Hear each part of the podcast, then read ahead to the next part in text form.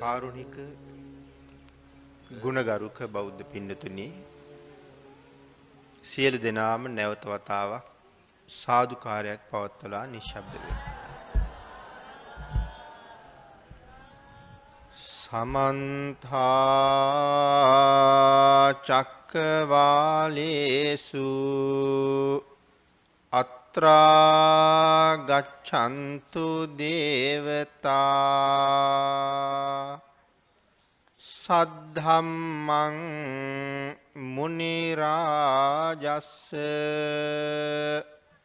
සුනන්තු සග්ග මොක්කදං ධම්මස්සවන කාලු අයං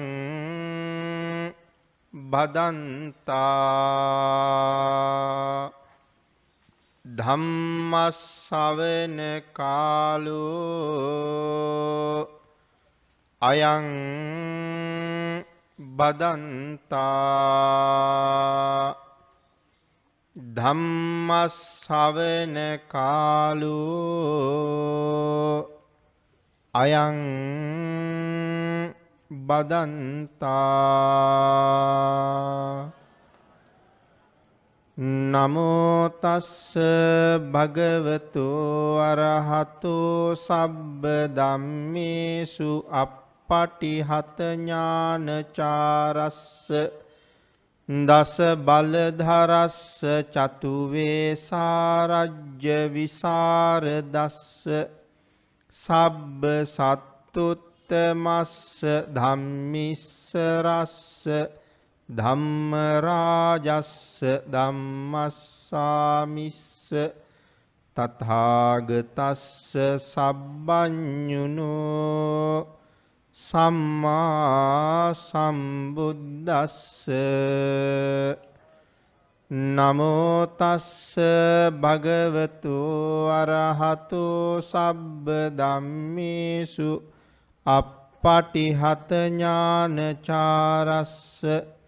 දස බලධරස්ස චතුවේ සාරජ්‍ය විසරදස්ස සබ්බ සත්තුත්තමස්ස ධම්මිස්සරස්ස ධම්මරාජස්ස ධම්මස්සාමිස්ස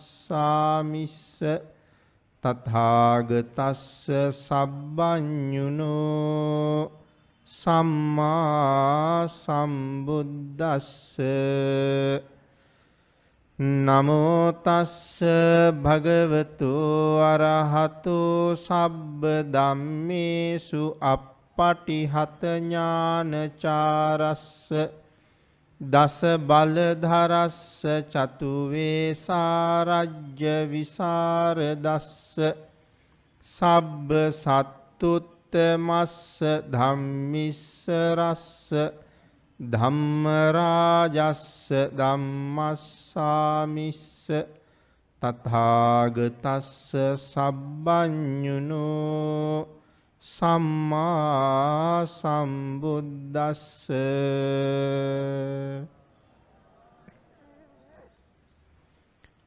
වැඩම කොට වදාළ කොළඹ හත ශ්‍රී සම්බෝධි විහාරාධිපති බෞද්ධයා මාධ්‍ය ජාලයේ වත්මන් අධ්‍යක්ෂ දුරන්දර අති ගෞරවනීය අවසරයි. අපේ බොරලන්දේ වජිරඥාන නායක මාහිමිපාණන් වහන්සේගෙන් අවසර. සද්ධර්ම ශ්‍රවණය කිරීම සඳහා මේ පිම්බිමට වැඩම කොට වදාළ අති ගෞරවනීය මහා සංඝරත්නය සියලු දෙනා වහන්සේගෙන්ම අවසරයි. දසසිල් මෑණියන් වහන්සේලා ඇතුළුව සද්ධර්ම ශ්‍රවණය කරන්න සූදානන් වන කාරුණික ගුණගරුක බෞද්ධ පින්නතුනි බොහෝම ශ්‍රද්ධාවෙන් යුක්තව මේ සියලු දෙනාම සැදී පැහැදී සූදානන් වෙන්නේ තථාගත ශාන්තිනායක සම්මා සම්බුදුරජාණන් වහන්සේ විසින් ලෝක සත්වයන් පිළිබඳව අප්‍රමාණ දයාවෙන් කරුණාවෙන් මෛත්‍රියෙන් යුක්තව අවබෝධ කරගෙන දේශනා කොට වදාළ පරම ගම්බීර වූ ශ්‍රී සද්ධර්ම රත්නයෙන් අබමල් රේණුවකටත් වඩා අඩු බොහෝම පුංචි කොටසක් දේශනා කරවගෙන ධර්ම ගෞරවය පෙරදැරි කරගෙන දේශනාගත ධර්මය ශ්‍රවණය කරන්නත් එසේ ධර්ම ශ්‍රවණය කිරීමෙන් ලැබෙන අවවාද අනුශාසනා තම තමන්ගේ ජීවිතවලට එකතු කරගෙන වඩාත් නිවැරදි මෙලව ජීවිතයක් සකස් කරගන්නත් නිවැරදි වූ මෙලව ජීවිතයක් තුළින් සුගතිගාමී වූ පරලොව ආයිති භවයකින් සැනසීමේ උතුම් පරමාර්ථයත් ඇතුවයි මේ සද්ධර්ම ශ්‍රවණය කරන්න සූදානන් වෙන්නේ. පිනතින ධර්ම ශ්‍රවණය කිරීම මහා ශ්‍රේෂ්ඨ පින්කමක් බව බෞද්ධයා මාධ්‍ය ජාලය තුළින්ම බොහෝ අවස්ථාවන් වල බොහෝ දේශනා මගින් ඔබ දැන ඉගෙනගෙන තියෙනවා. අපේ භාග්‍යතුන් වහස දේශනා කොට වදාලා අප්‍රමාණ ශ්‍රද්ධාවෙන් හරියටම සද්ධර්ම ශ්‍රවණය කරන ඇතැම් අය දේශනාව ශ්‍රවණය කරන අතරතුරදීම මගඵල ලබනවා. සද්ධර්මය සජ්්‍යායනා කරන අවස්ථාවත් මගඵල ලබනවා. ධර්ම දේශනා කරන අවස්ථාවත් මගඵල ලබනවා. මනාව ධර්මය ඉගෙන ගත්ත කෙනෙක් මේ ජීවිතයෙන් මගඵල නොලැබුවත් දෙව්ලොවදි ධර්මාවබෝධය ලබනවා මගඵල ලබනවා කියලා භාගිතුන් වහසේ දේශනාකුට වදාලා සෝතානු දත කියන සූත්‍ර දේශනාවෙන්. මේ පිඩතුන් සියලු දෙනාම මේ අයහපත් කාලගුණික තත්ත්වය ගැන පවා නොතකා මේ බොහෝම ශ්‍රද්ධාවෙන් දුර බැහැර ඉඳලා මේ ස්ථානයට පැමිණිලා මේ සූදානන් වෙන්නේ ඒ උතුම් වූ ධර්මය ශ්‍රවණය කිරීම සඳහා. ඒ වගේම අද ධර්මදේශනා පින්කමේ දායකත්වය දරණ සත්පුරුෂ පිරිස් කීප පලක් පිළිබඳව සිහිපත් කරන්නට යෙදුන. ධර්ම දානය ලෝක ධාතුවෙහි ඇති හැම දානයක්ම අභිභවනය කළ මහත්ඵල මහානිසංසදායක වූ එකම දානය බව අපේ භාග්‍යතුන් වහන්සේ වරක් සක්‍ර දේවේන්ද්‍රයන් වහන්සේටත් දේශනා කොට වදාලා. එහෙමනම් ඒ සත්පුරුෂ පිරිස මේ උතුම් වූ දේශනාව පැය පහක් පුරාවට මේ රැස්වෙච්ච පිරිසට විතරක් නෙවෙයි ලංකාවාසී ලෝකවාසී සද්ධර්ම ශ්‍රවණයට කැමති සියලු දෙනා වෙනුවෙන්ම ඒ සියලු දෙනාටම යහපතක් උදා කරවීම වෙනුවෙන්ම බෞද්ධයා රූපවාහිනී මාධ්‍ය ඔස්සේ ප්‍රචාරය කරවන්නත් ඒ වගේම බෞද්ධයා ගුවන් විදුලිය මාධ්‍ය ඔස්සේ ප්‍රචාරය කරවන්නත් කටයුතු සංවිධානය කළා. විශේෂයෙන් පින්කම සංවිධානය කරන්නට යෙදුනේ බෞද්ධයා මාධ්‍යජාලයේ තවත් එක ශාකාවක් හැටියට කුරුණෑගල ප්‍රදේශයේ ඇත්කඳ විහාර භූමියේ මීට වසර දෙකකට කලින් ආරම්භ කරන්නට යෙදුන මේ ශාකාව ආරම්භ කිරීම නිමිත්තෙන් ආරම්භ කරලා වසර දෙකක් ගතවීම නිමිත්තෙන්. එහෙමනම් මේෂා දීර්ඝ කාලයක් ලෝක සත්වයාට ධර්මය බෙදලා දුන්න අපේ නායක මාහිමිපාණන් වහන්සේ සඳහන් කළා වගේ අපේ රටේ මහත් හැරවුම් ලක්ෂයක් සනිටුහන් කළ බොහෝම උසස් මාධ්‍ය ආයතනයක් තමයි බෞද්ධයා මාධ්‍ය ජාලය. මෙහි නිර්මාතෘවරයන් වහන්සේ හැටියට අපවත් වී වදාළ අති ගෞරවනීය අපේ දරණාගම කුසල ධම්ම නායක මාහිමිපාණන් වහන්සේට මේ මහ පිංකමෙන් රැස් කරගන්න සියලුම පුණ්‍ය ධර්මයන් අනුමෝදන් වේවා. උන්වහන්සේ ප්‍රාර්ථනා කළ උතුම් බෝධිය උන්වහන්සේට වහවහා මුදුන්පත් කරගන්න මේ මහා පුණ්‍ය ශක්තිය උන්වහන්සේට අනුමෝදන් වේවා කියලා අපි සියලු දෙනාම ප්‍රාර්ථනා කරමු. පින්නතනි සද්ධර්ම දේශනාව සංවිධානය කළ සියලු දෙනාටමත් දායකත්වයේ දරන සත්පුරුෂ පින්නතුන් සියලු දෙනාටමත් සද්ධර්ම ශ්‍රවණය කරන ගෞරවනීය මහා සංඝරත්නයේ ඇතුළු ලොකු කුඩා ඔබ සියලු දෙනාටමත් මේ මහා කුසලයේ බලයෙන් ඊ타ම ඉක්මන් භවයක සැප සහිත ප්‍රතිපදාවකින් උතුම් නිර්වාණ ධාතුව අවබෝධ වේවා කියලා ප්‍රාර්ථනා කරමු. පින්නතින මේ උතුම් ධර්ම දේශනා පින්කම නම් කරලා තිබුණේ මුනිගුණ දේශනාවක් හැටියට. මේ ධර්ම දේශනාව සිදු කිරීම සඳහා මං අද යොදාගත්ත සූත්‍ර දේශනාව අංගුත්තර නිකායේ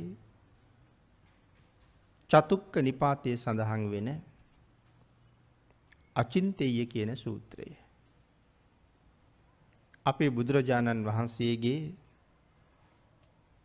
අනන්ත ගුණ ඒ අනන්ත වෙන්නේ කොහොමද? අචින්ත්‍ය වෙන්නේ කොහොමද කියන කාරණාව පැහැදිලි කරන්නයි මම මේ සූත්‍ර දේශනාව අද ධර්ම මාතෘකාව බවට පත් කරගත්තේ. මේ සූත්‍ර දේශනාව අපේ භාග්‍යතුන් වහන්සේ දේශනා කොට වදාarලි අචින්තනීය කරුණු හතරක් පදනම් කරගෙන. දේශනාව මේ විදිහට භාග්‍යතුන් වහන්සේ ආරම්භ කරලා තිබුණා. චත්තාරි මානි භික්කවේ අචින්තේයානි නචින්තේ තබ්බාති. මහණෙනි මේ ලෝකේ නොසෙවිය යුතු අචින්ත්‍ය ධර්ම හතරක් තියෙනවා. කෙනෙක් විසින් නොසෙවිය යුතු අචින්ත්‍ය ධර්ම හතරක් තියෙනවා කියලා සඳහන් කළා. යානි චින්තේන්තෝ උම්මාදස්ස විගාතස්ස භාගියස්ස කියලා සඳහන් කළා මේ කරුණු හතර පිළිබඳව යමෙක් හොයන්න පටන් ගත්තොත් උම්මා දස්ස උමතු තත්ත්වයට පත් වෙනවා. විගාතස්ස වෙහෙසට පත් වෙනවා. භාගියස්ස උමතු තත්ත්වයට පත් වෙනවා. වෙහෙසට පත් වෙනවා. ඒ වගේම සිහි විකල් බවට පත් වෙනවා. ඒ නිසා මේ කරුණු හතර හොයන්න එපා කියලා දේශනා කරලා තියෙනවා. කතමානි චත්තාරි. මොනවද ඒ හතර? පළවෙනි කාරණාව සඳහන් කරනවා බුද්ධානම් භික්කවේ බුද්ධ විෂයෝ අචින්තයෝ නච්චින්තේ තබ්බු. මේ බුද්ධ විෂය පිළිබඳව හිතන්න එපා. ඒක අචින්තනීය වූ කාරණාවක්. ඒ නිසා බුද්ධ විශේෂ හිතන්න එපා කියලා මෙතන සඳහන් කළා. මෙතන දෙවෙනි කාරණාව සඳහන් කරනවා ජායිස භික්කවේ ඥාන විෂයෝ මේ ධ්‍යාන ලබාගත් පුද්ගලයෙකුගේ ධ්‍යාන විෂය පිළිබඳව හොයන්න එපා කියලා දේශනා කරලා තියෙනවා. තුන්වෙනි කාරණාව සඳහන් කරනවා කම්ම විපාකෝ භික්කවේ අචින්තයෝ නචින්තේ තබ්බු. මේ කර්ම විෂය පිළිබඳවත් හිතන්න එපා එකත් හිතන්න බෑ. ඒකත් අචින්තනීය කාරණාවක් කියලා දේශනා කරනවා. හතරවෙනි කාරණාව සඳහන් කළා මේ ලෝක විෂය පිළිබඳව හිතන්නත් එපා. ඒකත් කවදාවත් හිතලා ඉවර කරන්න බෑ කියලා දැන් එතකොට මේ අචින්තනීය සූත්‍රයේ සඳහන් වන හිතන්න එපා කියන කරුණු හතර තමයි මේ සිහිපත් කළේ. බුද්ධ විෂය ගැන හිතන්න එපා. ධාන විෂය පිළිබඳව හිතන්න එපා. කර්ම විෂය පිළිබඳව හිතන්න එපා. ලෝක විෂය පිළිබඳව හිතන්න එපා කියලා සඳහන් කරලා තියෙනවා. හැබැයි සමහර වෙලාවට මේ සූත්‍රය හරියටම අවබෝධ කරගත්තේ නැත්තම් අපි මිත්‍යා දෘෂ්ටියකට යන්න පුළුවන්. ඇයි එහෙම වෙන්නේ? එහෙනම් බුද්ධ විෂය ගැන අපි හිතන්න එපාද කියන මිත්‍යා දෘෂ්ටියට අපි සමහරලාට යන්න පුළුවන්. මේ සූත්‍රයේ එහෙම වුණොත් හරියටම කරුණු අධ්‍යයනය කළේ නැත්තම් වරද්ද ගන්නවා. දැන් භාග්‍යතුන් වහන්සේ මෙතන දේශනා කරන්නේ බුද්ධ විෂය ගැන හිතන්න එපා කියලාද? බුද්ධ විෂය ගැන අපිට ඉගෙන ගන්න එපා කියලාද? අපිට හිතන්න එපා නම් ඉගෙන ගන්න එපා නම් භාග්‍යතුන් වහන්සේගේ ගුණ පිටකයට මේ තරම් සංග්‍රහ වෙන්නේ මොන නිසාද? එහෙනම් අපිට මේ හිතන්න එපා කියලා මෙතන සඳහන් කරලා තියෙන්නේ කවදාවත් මේ විෂය පිළිබඳව ඉවර වෙනකන් අපිට කල්පනා කරන්න බෑ. ඉවර වෙනකන් හිතන්න බෑ අපිට.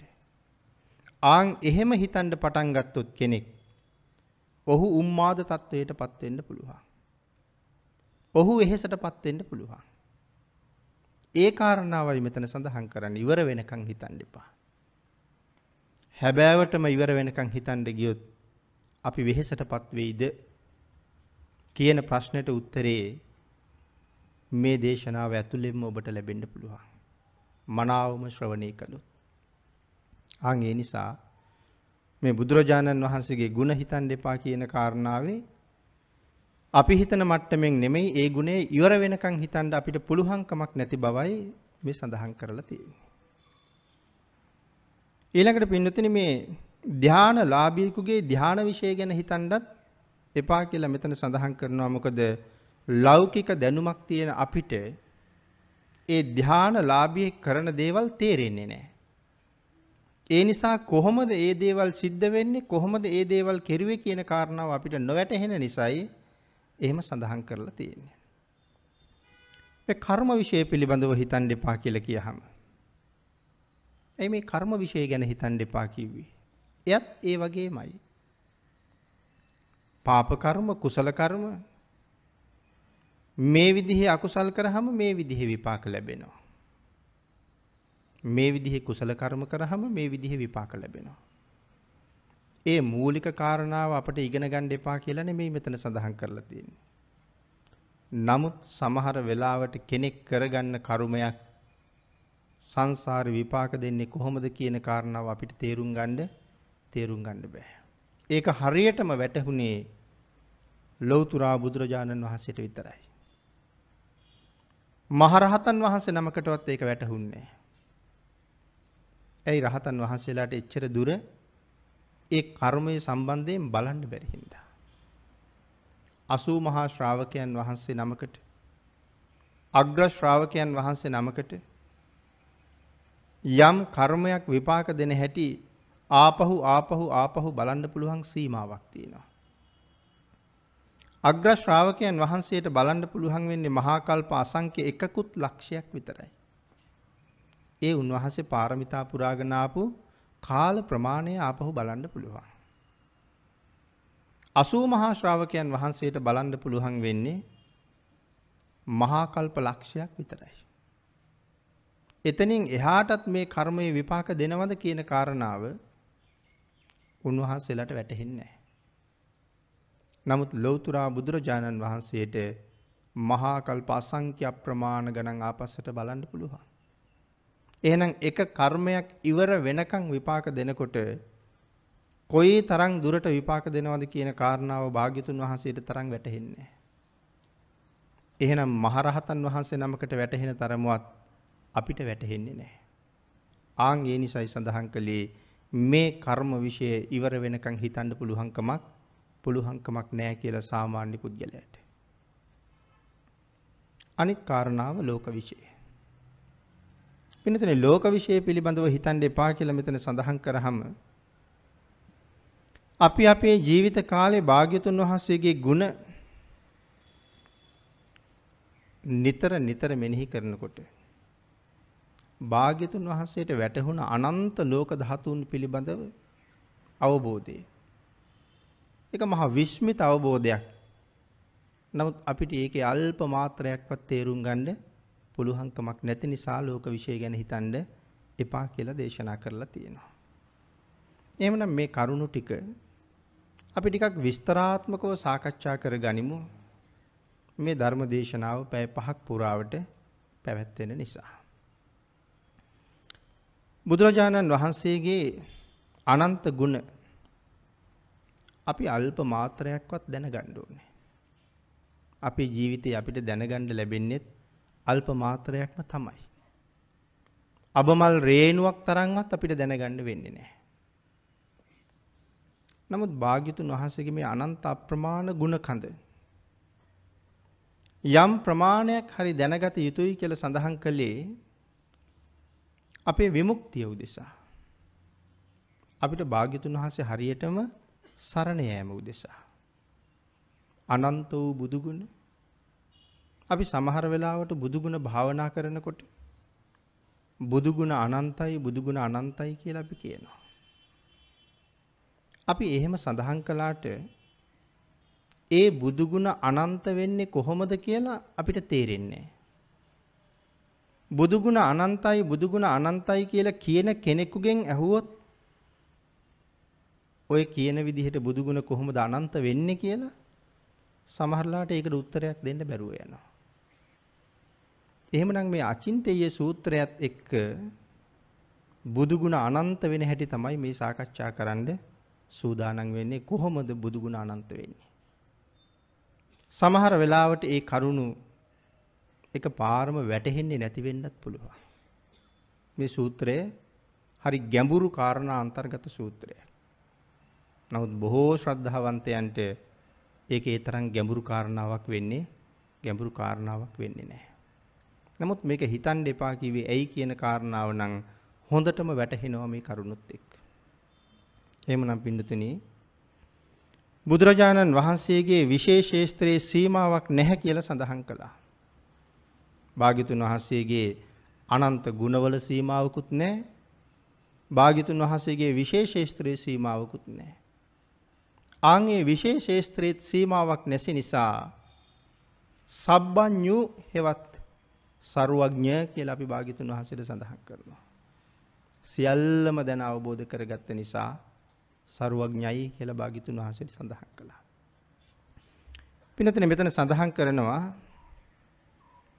මේ කෝටි ලක්ෂයක් සක්වලේ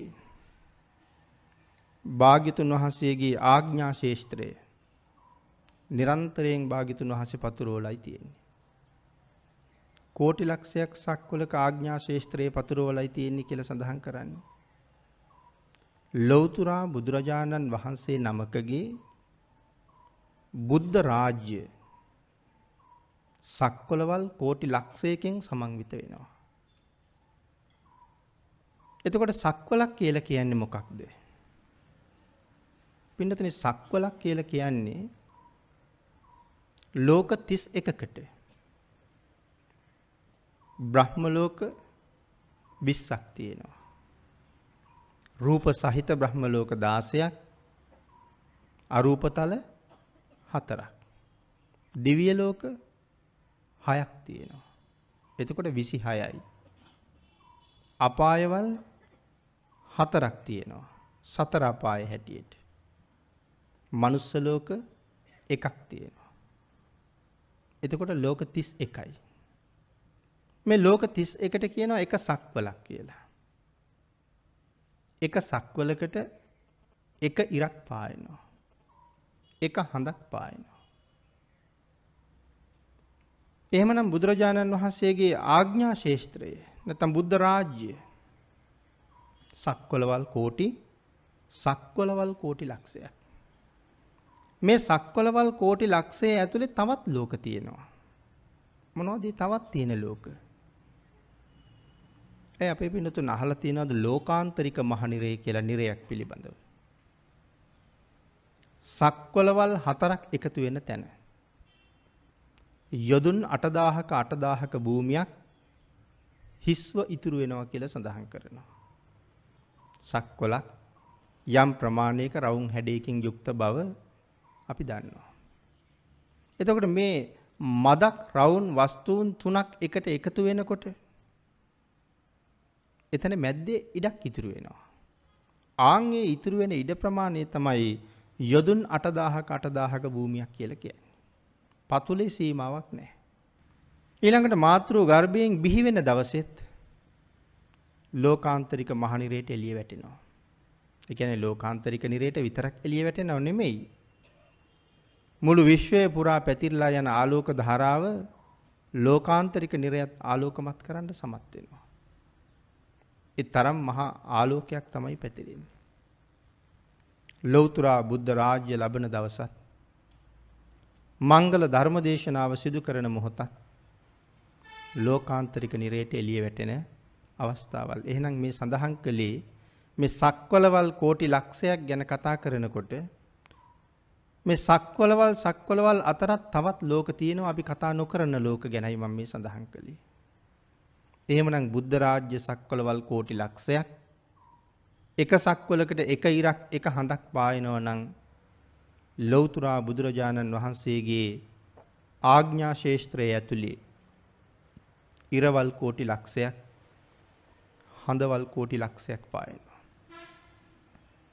එහෙමනම් බුදුරජාණන් වහන්සේ කියල අපි සඳහන් කරහම. ඒ රාජ්‍ය කොයි තරං විශාලද කියන කාරණාව අපිට කවදාවත්ම කල්පනා කරලා ඉවර කරන්න ඉවර කරන්න බෑ. මොකද මේ සක්කොලවල් ළඟළඟ නෑනේ. අපි ජීවත්වෙන මේ ලෝකෙ මේ සක්වල හැර තවත් කවුරුවත් මේ වෙනකං අපිට කියලා නෑනේ තවත් සක්වලක් හම්බ වුණා කියලා. මේ විද්‍යාඥෝ කාලෙන් කාලෙට කාලෙන් කාලට මෙච්චරක් මෙච්චරක් ග්‍රහලෝක හම්බ වුණා කියලා කියනවා. නමුත් තාම ඒ අයි කීවෙන තවත් එක මනුස්ස ලෝකයක් හම්බුනා අපිට කියලා. තවත් මනුස්ස ලෝකයක් හම්බ වනානම් ඒ හම්බ වෙලා තියෙන්නේ තවත් සක්වලක්.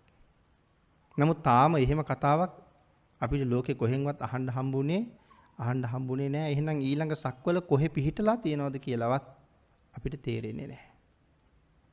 නමුත් මේක තමයි භාගිතුන් වහන්සේගේ බුද්ධ රාජ්‍ය සක්වලවල් කෝටි ලක්ෂයක්. ඊළඟට පින්නතුනි සඳහන් කරනවා බුදු පියාණන් වහන්සේ එක අවස්ථාවක දේශනා කළා මේ කෝටි ලක්ෂයක් සක්වල සියලු දෙනාම භාගිතුන් වහන්සේගේ ආග්ඥාව පිළිපදිනවා කියලා. පිළිපදින්න ඕන කියලා. ඒක ආග්ඥාවක්. සඳහන් කළා විශේෂ අධිෂ්ඨානයක් නොකර භාගිතුන් වහස කරන ප්‍රකාශයක් මේ කෝටි ලක්ෂයක් සක්වල පුරාම පැතිරෙනවා කියලා. විශේෂ අධිෂ්ඨානයක් නොකර කරන ප්‍රකාශය. අවශ්‍ය නම් මුළු විශ්ව ධාතුවේ මුණත් අනසක පතුරුවන්ඩ බුදුරජාණන් වහසට පුළුවන් කියල සිහිපත් කළා. ඒ කියන්නේ මේ කෝටි ලක්ෂයක් සක්වලේ ඔබ්බට තියෙන අනිත් අසංක්‍ය ගණන් අප්‍රමාණ තරං සක්වලවල් පුරාවට අනසක පතුරුවන්නත් පතුරුවන්නත් පුළුවන් විශේෂ අධිෂ්ඨානයක් කරලා. සාමාන්‍ය වෙලාවට එහෙම ආග්ඥා ශේෂත්‍රයේ පතුරුවන්නේ පතුරුවන්නේ නෑ. හේතුව මේ කෝටි ලක්ෂයක් සක්වලින් එහා පැත්තේ අපි මේ කතා කරන මොහොතෙත් තවත් ලොවතුරා බුදුරජාණන් වහන්සේ නමක් වැඩ ඉන්නවා වෙන්න පුළුවන්. ඒ මේ බුද්ධරාජ්‍යයෙන් එහා පැත්තේ. ඒ නිසා විශේෂ අධිෂ්ඨානයක් කරලා බලල තමයි එහෙම පතුරුවනෝ නං භාගිතුන් වහසගේ ආග්ඥාව පතුරුවන්න. එහෙම මේ කෝටි ලක්ෂයක් සක්වලෙන් එහා පැත්තේ තවත් බුදුරජාණන් වහන්සේලා වැඩඉන්ඩ පුළුවන් කියන කාරණාව අපේ භාග්‍යතුන් වහන්සේම අපිට තහවුරු කරවපු තැනක් තියෙනවා. මංහිතන හුඟක් දෙනාට මතකයි කියලා. මහා සමය සූත්‍රයේ දේශනා කරන වෙලාවේ. දෙවියන් බුදුරජාණන් වහන්සේගෙන් ප්‍රශ්න අහන්ඩ ලෑස්ති වෙලා ඉන්නවා. නමුත් දෙවියෝ කල්පනා කළා සමහර දෙවිවරු ලොකු ලොකු දෙවිවරු බුදුරජාණන් වහන්සේ මුණ ගැහිල කතා බහ කරලා ප්‍රශ්නහයි. නමුත් ඉතින් සාමාන්‍ය දෙවිය වෙච්ච අපිට එහෙම ප්‍රශ්නහන්ඩ ළඟට යන්ට අවස්ථාවක් හම්බ වෙන්නේ නැතිවෙයි කියලා. මේ දෙවියෝ එහෙම හිතන වෙලාවෙම තමයි බුදුරජාණන් වහන්සේ මේ රැස් වෙලා ඉන්න අප්‍රමාණ දෙවියන්ගේ සිතුවිලි මොනවද කියලා බැලුවේ. කොච්චර දෙවියෝ රැස් වුණාද? මේ සක්වලට රැස් වෙච්ච දෙවියන්ගේ ප්‍රමාණය.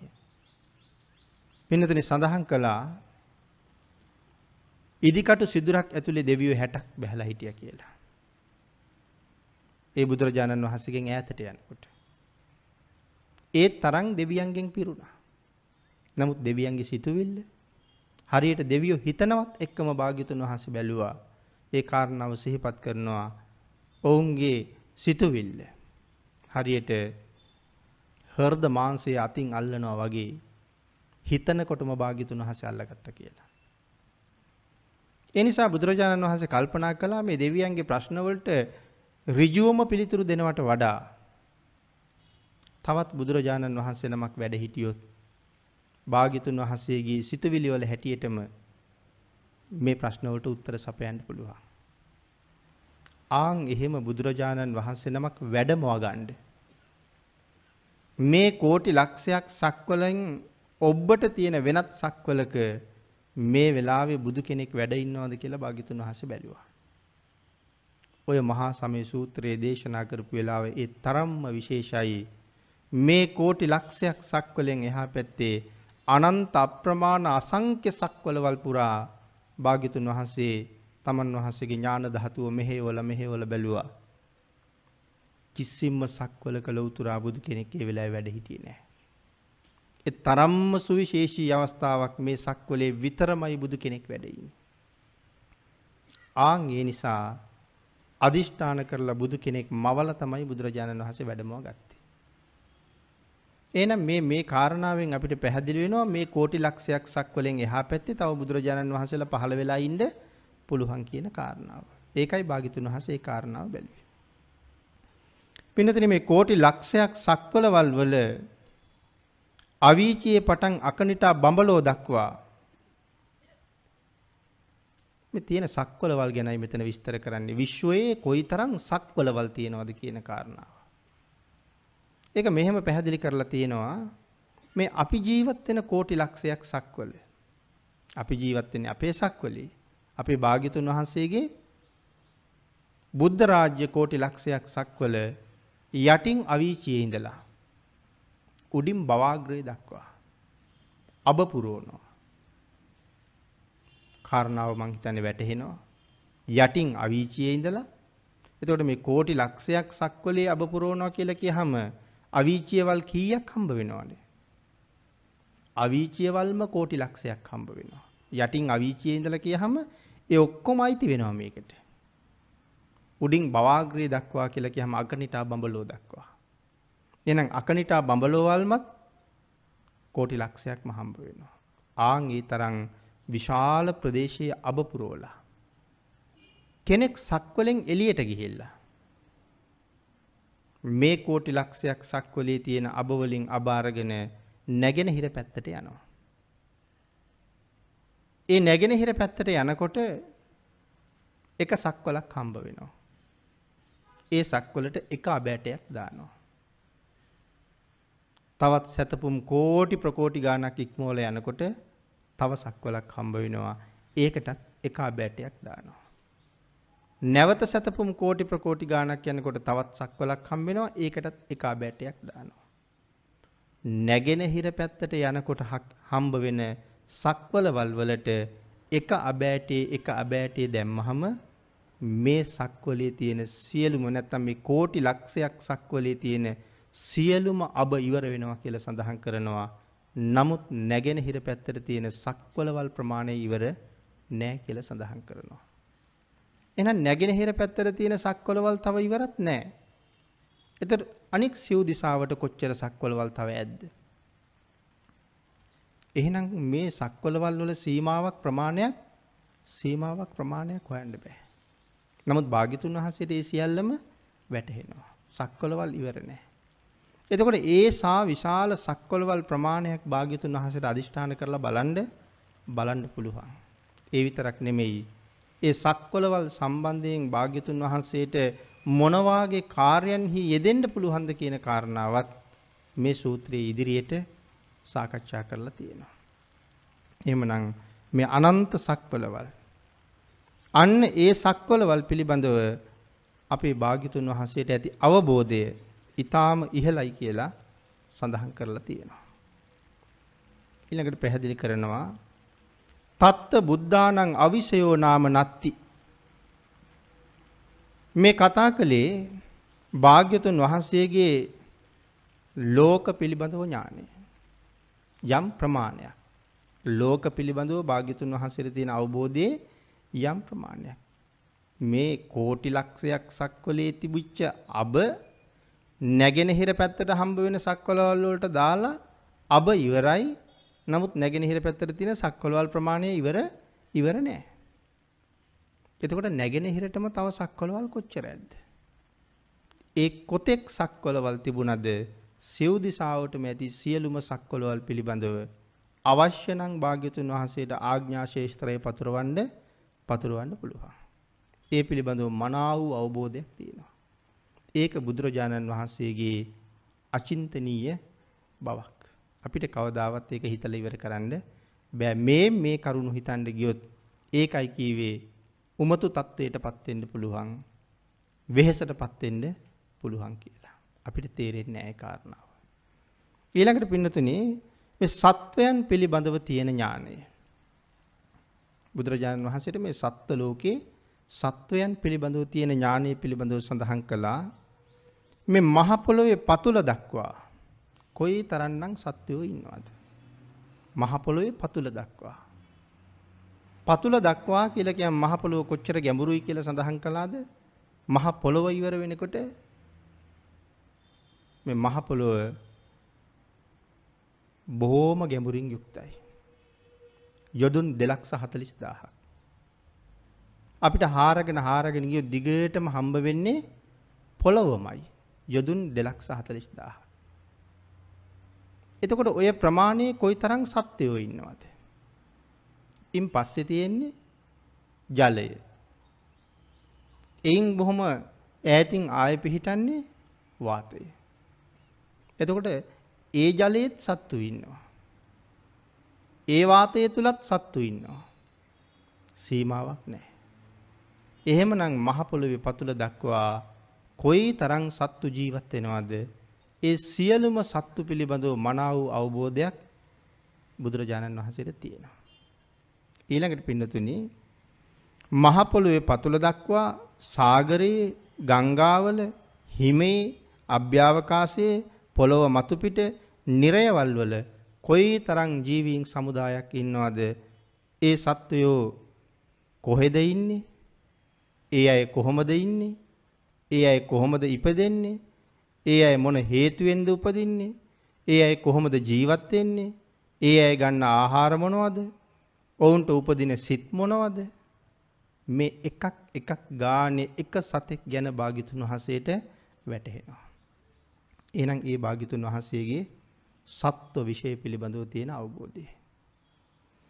ඊළඟට සඳහන් කළා ධාන විශේෂ පිළිබඳව තියෙන අවබෝධය. පිළිතුර එතන සඳහන් කරනවා අපි මුලින් සිහිපත් කළා මේ ධාන ලාභියෙකුගේ ධාන විශේෂ ගැනත් අපිට හිතන්න බෑ කියලා. එහෙනම් මෙතන භාග්‍යතුන් වහන්සේගේ ධ්‍යාන විශේෂ පිළිබඳව සඳහන් කරනකොට පළවෙනි කාරණාව හැටියට පැහැදිලි කරනවා අපේ බුදුරජාණන් වහන්සේ ගණ්ඩබ්බ රුක්ක මූලයේදී යමක මහා ප්‍රාතිහාර්ය දක්වපු හැටි. ලෞතුරා භාග්‍යතුන් වහන්සේ නමකට විතරක් දක්වන්න පුළුවන් අති සුවිශේෂී වූ ප්‍රාතිහාර්යයක් තමයි යමක මහා ප්‍රාතිහාර්ය. අපේ භාග්‍යතුන් වහන්සේ මුලින්ම යමක මහා ප්‍රාතිහාර්ය දැක්ුවේ බෝධි මූලයේදීමයි. ලෞතුරා බුද්ධ රාජ්‍ය ලබලා උන්වහන්සේ අචල වූ පල්ලංකය මත තවත් සතියක්ම ඒ විදිහටම වැඩ හිටියා.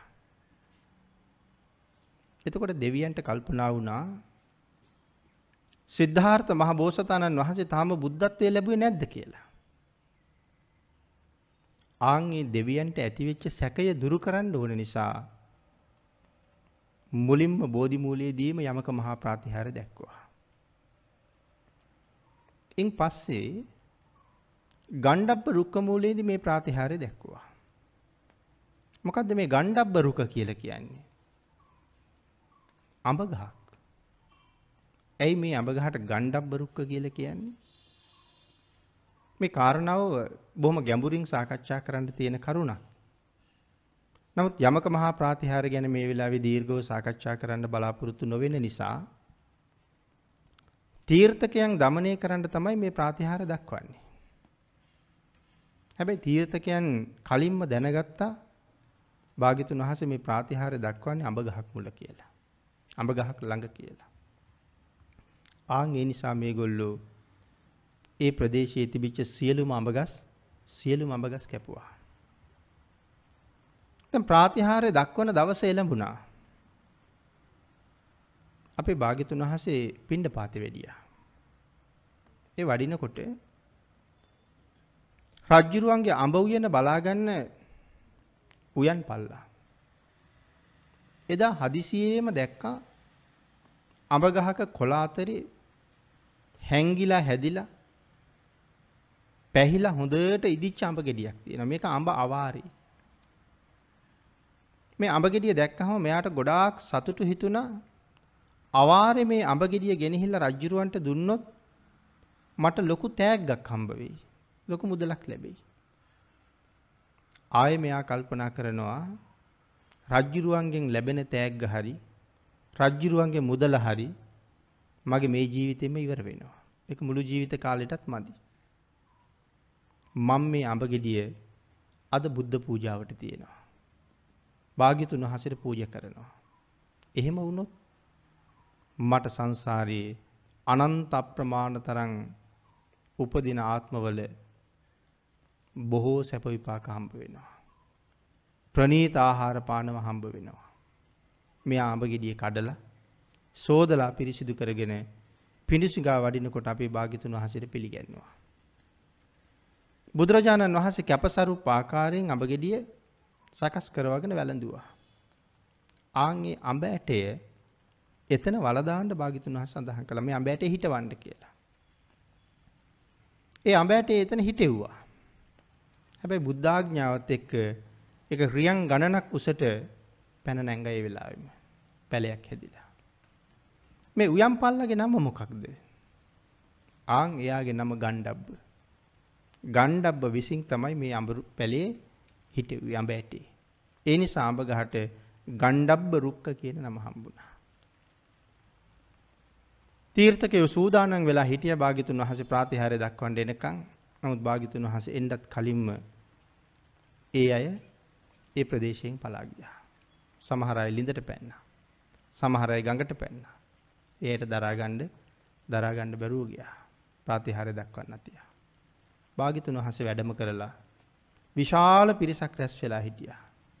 සඳහන් කරනවා යොදුන් 24ක තරම් ප්‍රමාණය සම්පූර්ණ මිනිස්සුන්ගෙන් පිරීලා කියලා. යොදුන් 24ක්. කෝටි ගණන් මහ ජනතාව එකතු වෙලා. භාග්‍යතුන් වහන්සේ ප්‍රාතිහාර්ය දැක්වුවා. යමක මහා ප්‍රාතිහාර්යය අති සුවිශේෂී වූ ප්‍රාතිහාර්යයක්. මේ ප්‍රාතිහාර්යයේදී භාග්‍යතුන් වහන්සේ තේජෝ කසිනේටත් ආපෝ කසිනේටත් සමවදිනවා. සමහර වෙලාවට භාග්‍යතුන් වහන්සේගේ නාභියෙන් ඉහළට විශාල ජල කඳක් පිට වෙනවා. නාභියෙන් පහළින් විශාල ගිනි කඳක් පිට වෙනවා. භාග්‍යතුන් වහන්සේගේ ශරීරයේ එක පැත්තෙන් ඉස්සරහින් ගිනි කඳක් පිට වෙනවා. අනිත් පැත්තෙන් ජල කඳක් පිට වෙනවා.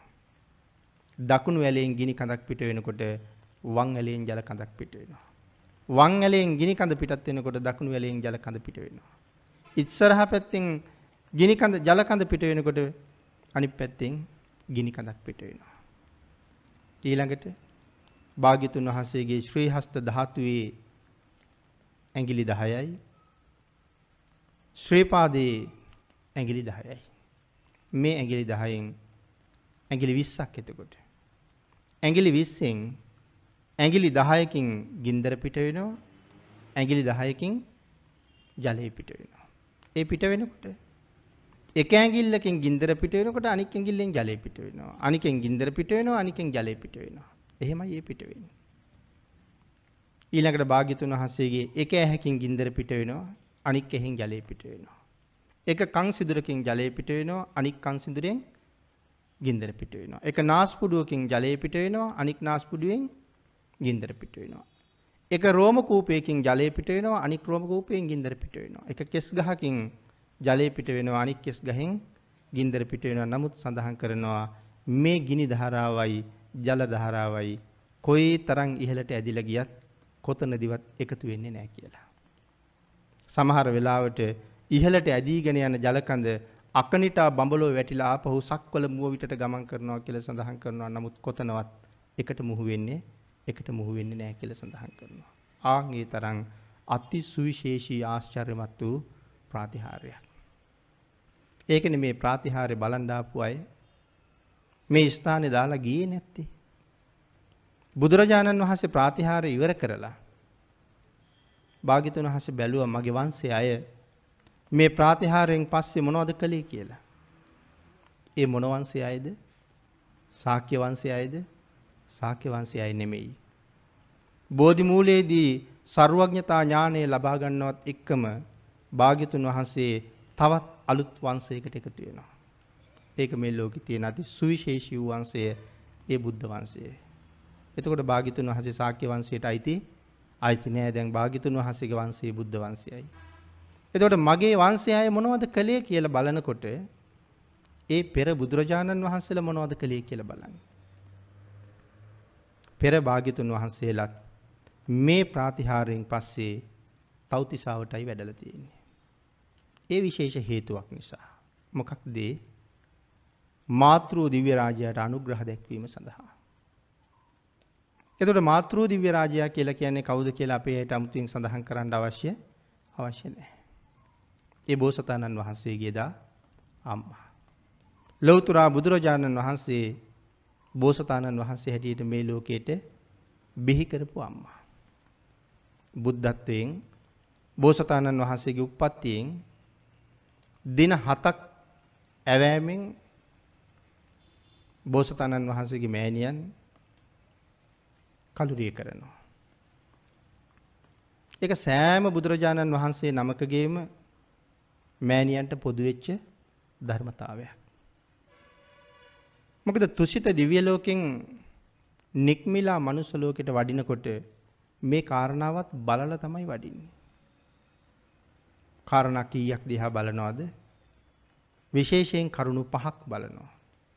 කාලය, දීපය, දේශය, කුලය, මව. එතකොට අම්මා දිහා බලනකොට විශේෂයෙන් අම්මගේ වයස බලනවා. සඳහන් කරනවානේ බෝසතාණන් වහන්සේ තරුණ අම්මා කෙනෙකුගේ කුසට වඩින්නේ නැහැ කියලා. මොකද ගැබ රැකගන්න සමත් සමත් නැති නිසා. මහා මායා දේවින් වහන්සේ මධ්‍යම වයසිනුත් තුනෙන් දෙකක් ගෙවලා හිටියා කියලා තමයි සඳහන් කරන්නේ. ඒ පිටකේ සඳහන් කරන හැටි. මධ්‍යම වයසිනුත් තුනෙන් දෙකක් ගෙවලා හිටියා කියලා. බුරුම රටේ මහතෙරවරු මේ කාරණාව ගණන් හදලා සඳහන් කරනවා බෝසතාණන් වහන්සේ කුසට වඩිනකොට මහා මායා දේවීන් වහන්සේගේ වයස අවුරුදු 55ක් කියලා.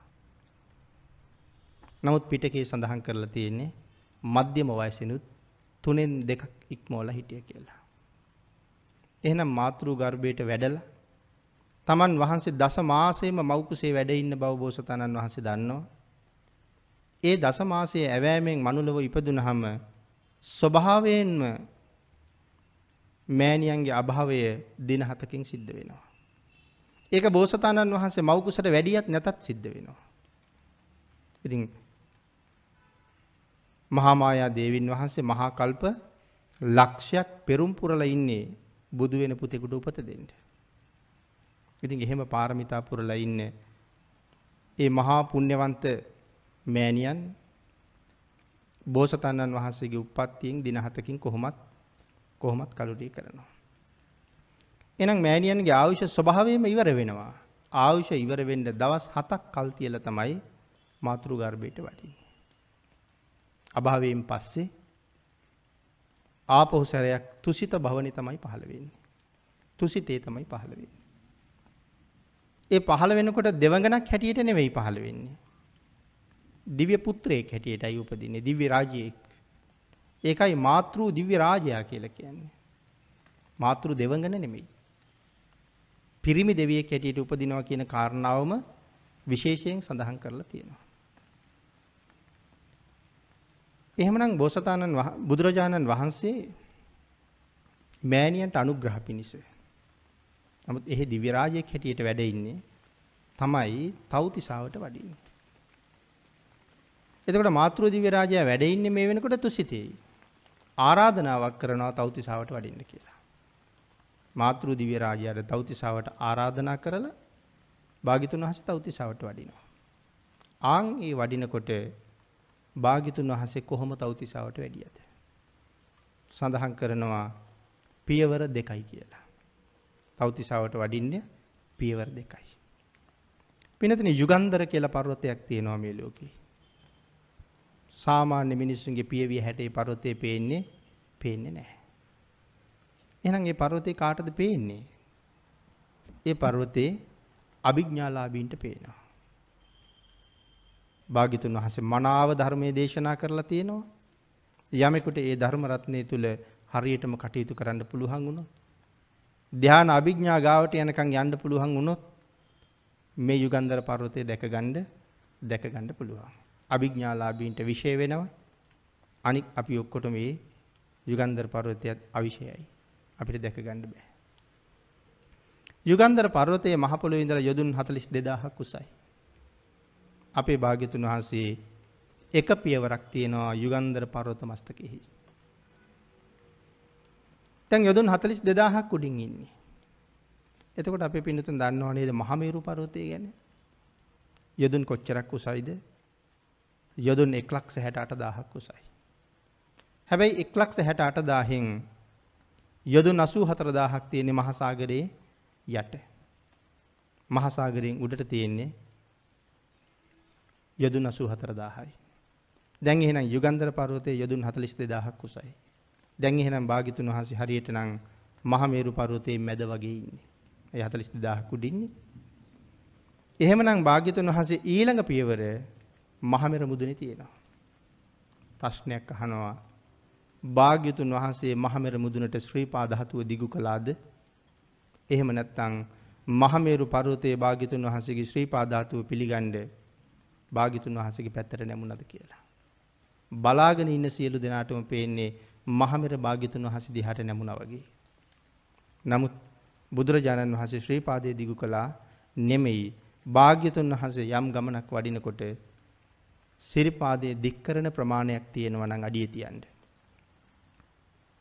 ආන් ඒ ප්‍රමාණයට වඩා කවදාවත් ඈතට සිරිපාදයේ දිගු කරන්නේ නැහැ කියලා සඳහන් කරනවා.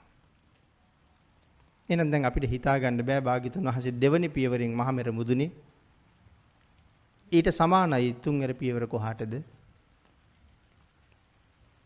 තව්තිසාවට. මොකද තව්තිසාව මනුස්ස ලෝකේ ඉඳලා කොච්චර උඩින්ද තියෙන්නේ? යොදුන් 84000ක් උඩින්. යොදුන් 42000ක් උඩින් චාතුම් මහරජිකේ තියෙනවා. එතන ඉඳලා යොදුන් 42000ක් උඩින් තව්තිසාව තියෙනවා. එහෙනම් මහමෙර මුදුනට පියවර දෙකයි තුන්වෙනි පියවරින් භාග්‍යතුන් වහන්සේ තව්තිසාවේ. එතකොට කාටවත් හිතාගන්න පුළුවන්ද භාග්‍යතුන් වහන්සේ කොහොමද පියවර දෙකකින් තව්තිසාවට වැඩි කියලා? ආන් ඒ නිසයි සඳහන් කළේ ධානලාභියෙකුගේ ධාන විශේෂ පිළිබඳව අපිට හිතන්න අපිට හිතන්න බෑ. භාග්‍යතුන් වහන්සේ සිරිපා දිගු කළාද?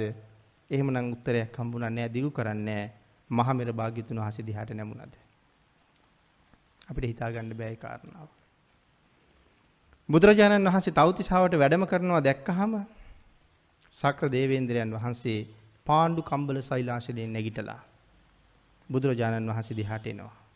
නිකන් නෙමෙයි විශාල දිව්‍ය පිරිසක් පිරිවරාගෙන පෙර ගමන් එනවා. මේ වෙනකොට තව්තිසාවට දෙවිවරු රැස් වෙලා ඉන්නවා 10000ක් සක්වලවල් වලින්. 10000ක් සක්වලවල් දෙවියෝ තව්තිසාවට වැඩලා. ආන් එතනත් සඳහන් කරනවා මේ 10000ක් සක්වලවල් වල දෙවියන්ට මේක සක්වලක තව්තිසාවේ වැඩ ඉන්න පුළුවන් වෙයිද? ඉඩමදි. ආන් ඒ හින්දා දෙවියෝ තමන්ගේ ඇඟ ආපහු කුඩා කරගන්නවා. දෙවියන්ගේ ශරීර හරි ලොකුයි. නමුත් ඊටාම නිහතමානීව ආයෙත් කුඩා කරගෙන සඳහන් කරනවා අයිදි කටු සිදුරක් ඇතුලේ දෙවියෝ 60ක් වැඩ හිටිය කියලා. එතරම් ශරීර කුඩා කරගෙන. සක්‍ර දේවේන්ද්‍රයන් වහන්සේ වැඩම කරලා භාග්‍යතුන් වහන්සේ පිළිගත්තා. අනිත් දෙවියන්ට හිතෙනවා භාග්‍යතුන් වහන්සේ දැන් ඇවිල්ලා වැඩ ඉන්නේ මේ පාණ්ඩු කම්බල සෛලාසනේ. අපරාධි භාග්‍යතුන් වහන්සේ මේකේ වැඩ හිටියාම ඉතුරු ඉඩට මොනව කරන්නද කියලා හිතෙනවා. ඒ විශාල ඉඩ ප්‍රමාණයක් ඉතුරු වෙයි කියලා දෙවියන්ට හිතෙනවා. මේ පාණ්ඩු කම්බල සෛලාසනේ කොච්චර ලොකුයිද කියලා සඳහන් කරලා තියෙන්නේ. යොදුන් 60ක් දිගයි කියලා සඳහන් කරනවා. යොදුන් 50ක් පළලයි යොදුන් 15ක් උසයි. යොදුන් 60ක් දිගයි යොදුන් 50ක් පළලයි යොදුන් 15ක් උසයි. දැන් එතකොට යොදුන් 60ක් දිග ආසනයේ භාග්‍යතුන් වහන්සේ වැඩ හිටියාම කොයි තරම් ඉඩ ප්‍රමාණයක් ඉතුරු වෙයිද කියන එක තමයි මේ දෙවියන්ට තියෙන සැකය. ඉතින් භාග්‍යතුන් වහන්සේ වැඩ හිටියාම අය තව කෙනෙකුට අතවත් තියන්න හම්බ වෙන්නේ නෑ මොකද තියෙන ගෞරවයෙන්. නමුත් භාග්‍යතුන් වහන්සේ අසනේ ළඟට වැඩම කරලා භාග්‍යතුන් වහන්සේගේ අතිරේක සිවුර භාග්‍යතුන් වහන්සේ අරගෙන අර අපි පුංචි පුටුවකට පිරුවටයක් කෙලනවා වගේ භාග්‍යතුන් වහන්සේගේ චීවර ධාතුව පාණ්ඩු කම්බල ශෛලාසනයට එළනවා. මුළු ආසනයේම බුදුරජාණන් වහන්සේගේ චීවරයෙන් වැහෙනවා. ඒ විතරක් නෙමෙයි අපි එළන පිරුවටේ පුටුවේ දෙපැත්තට වැක්කිරෙනවා වගේ භාග්‍යතුන් වහන්සේගේ පාංශු කූලය පාණ්ඩු කම්බල සෛලාසනේ වටේට වැක්කිරලා තියෙනවා. දෙවියන්ට හිතා ගන්නවත් හිතා ගන්නවත් බෑ. ඊළඟට භාග්‍යතුන් වහන්සේ මේ ආසනයේ මත වැඩ ඉන්නවා. පින්නතිනි තව කෙනෙකුට ඇඟිල්ලක් තියන්නවත් ඉඩ නැහැ. එහෙමනම් බුදුරජාණන් වහන්සේ පාණ්ඩු කම්බල සෛලාශනේ කුඩා කළාද?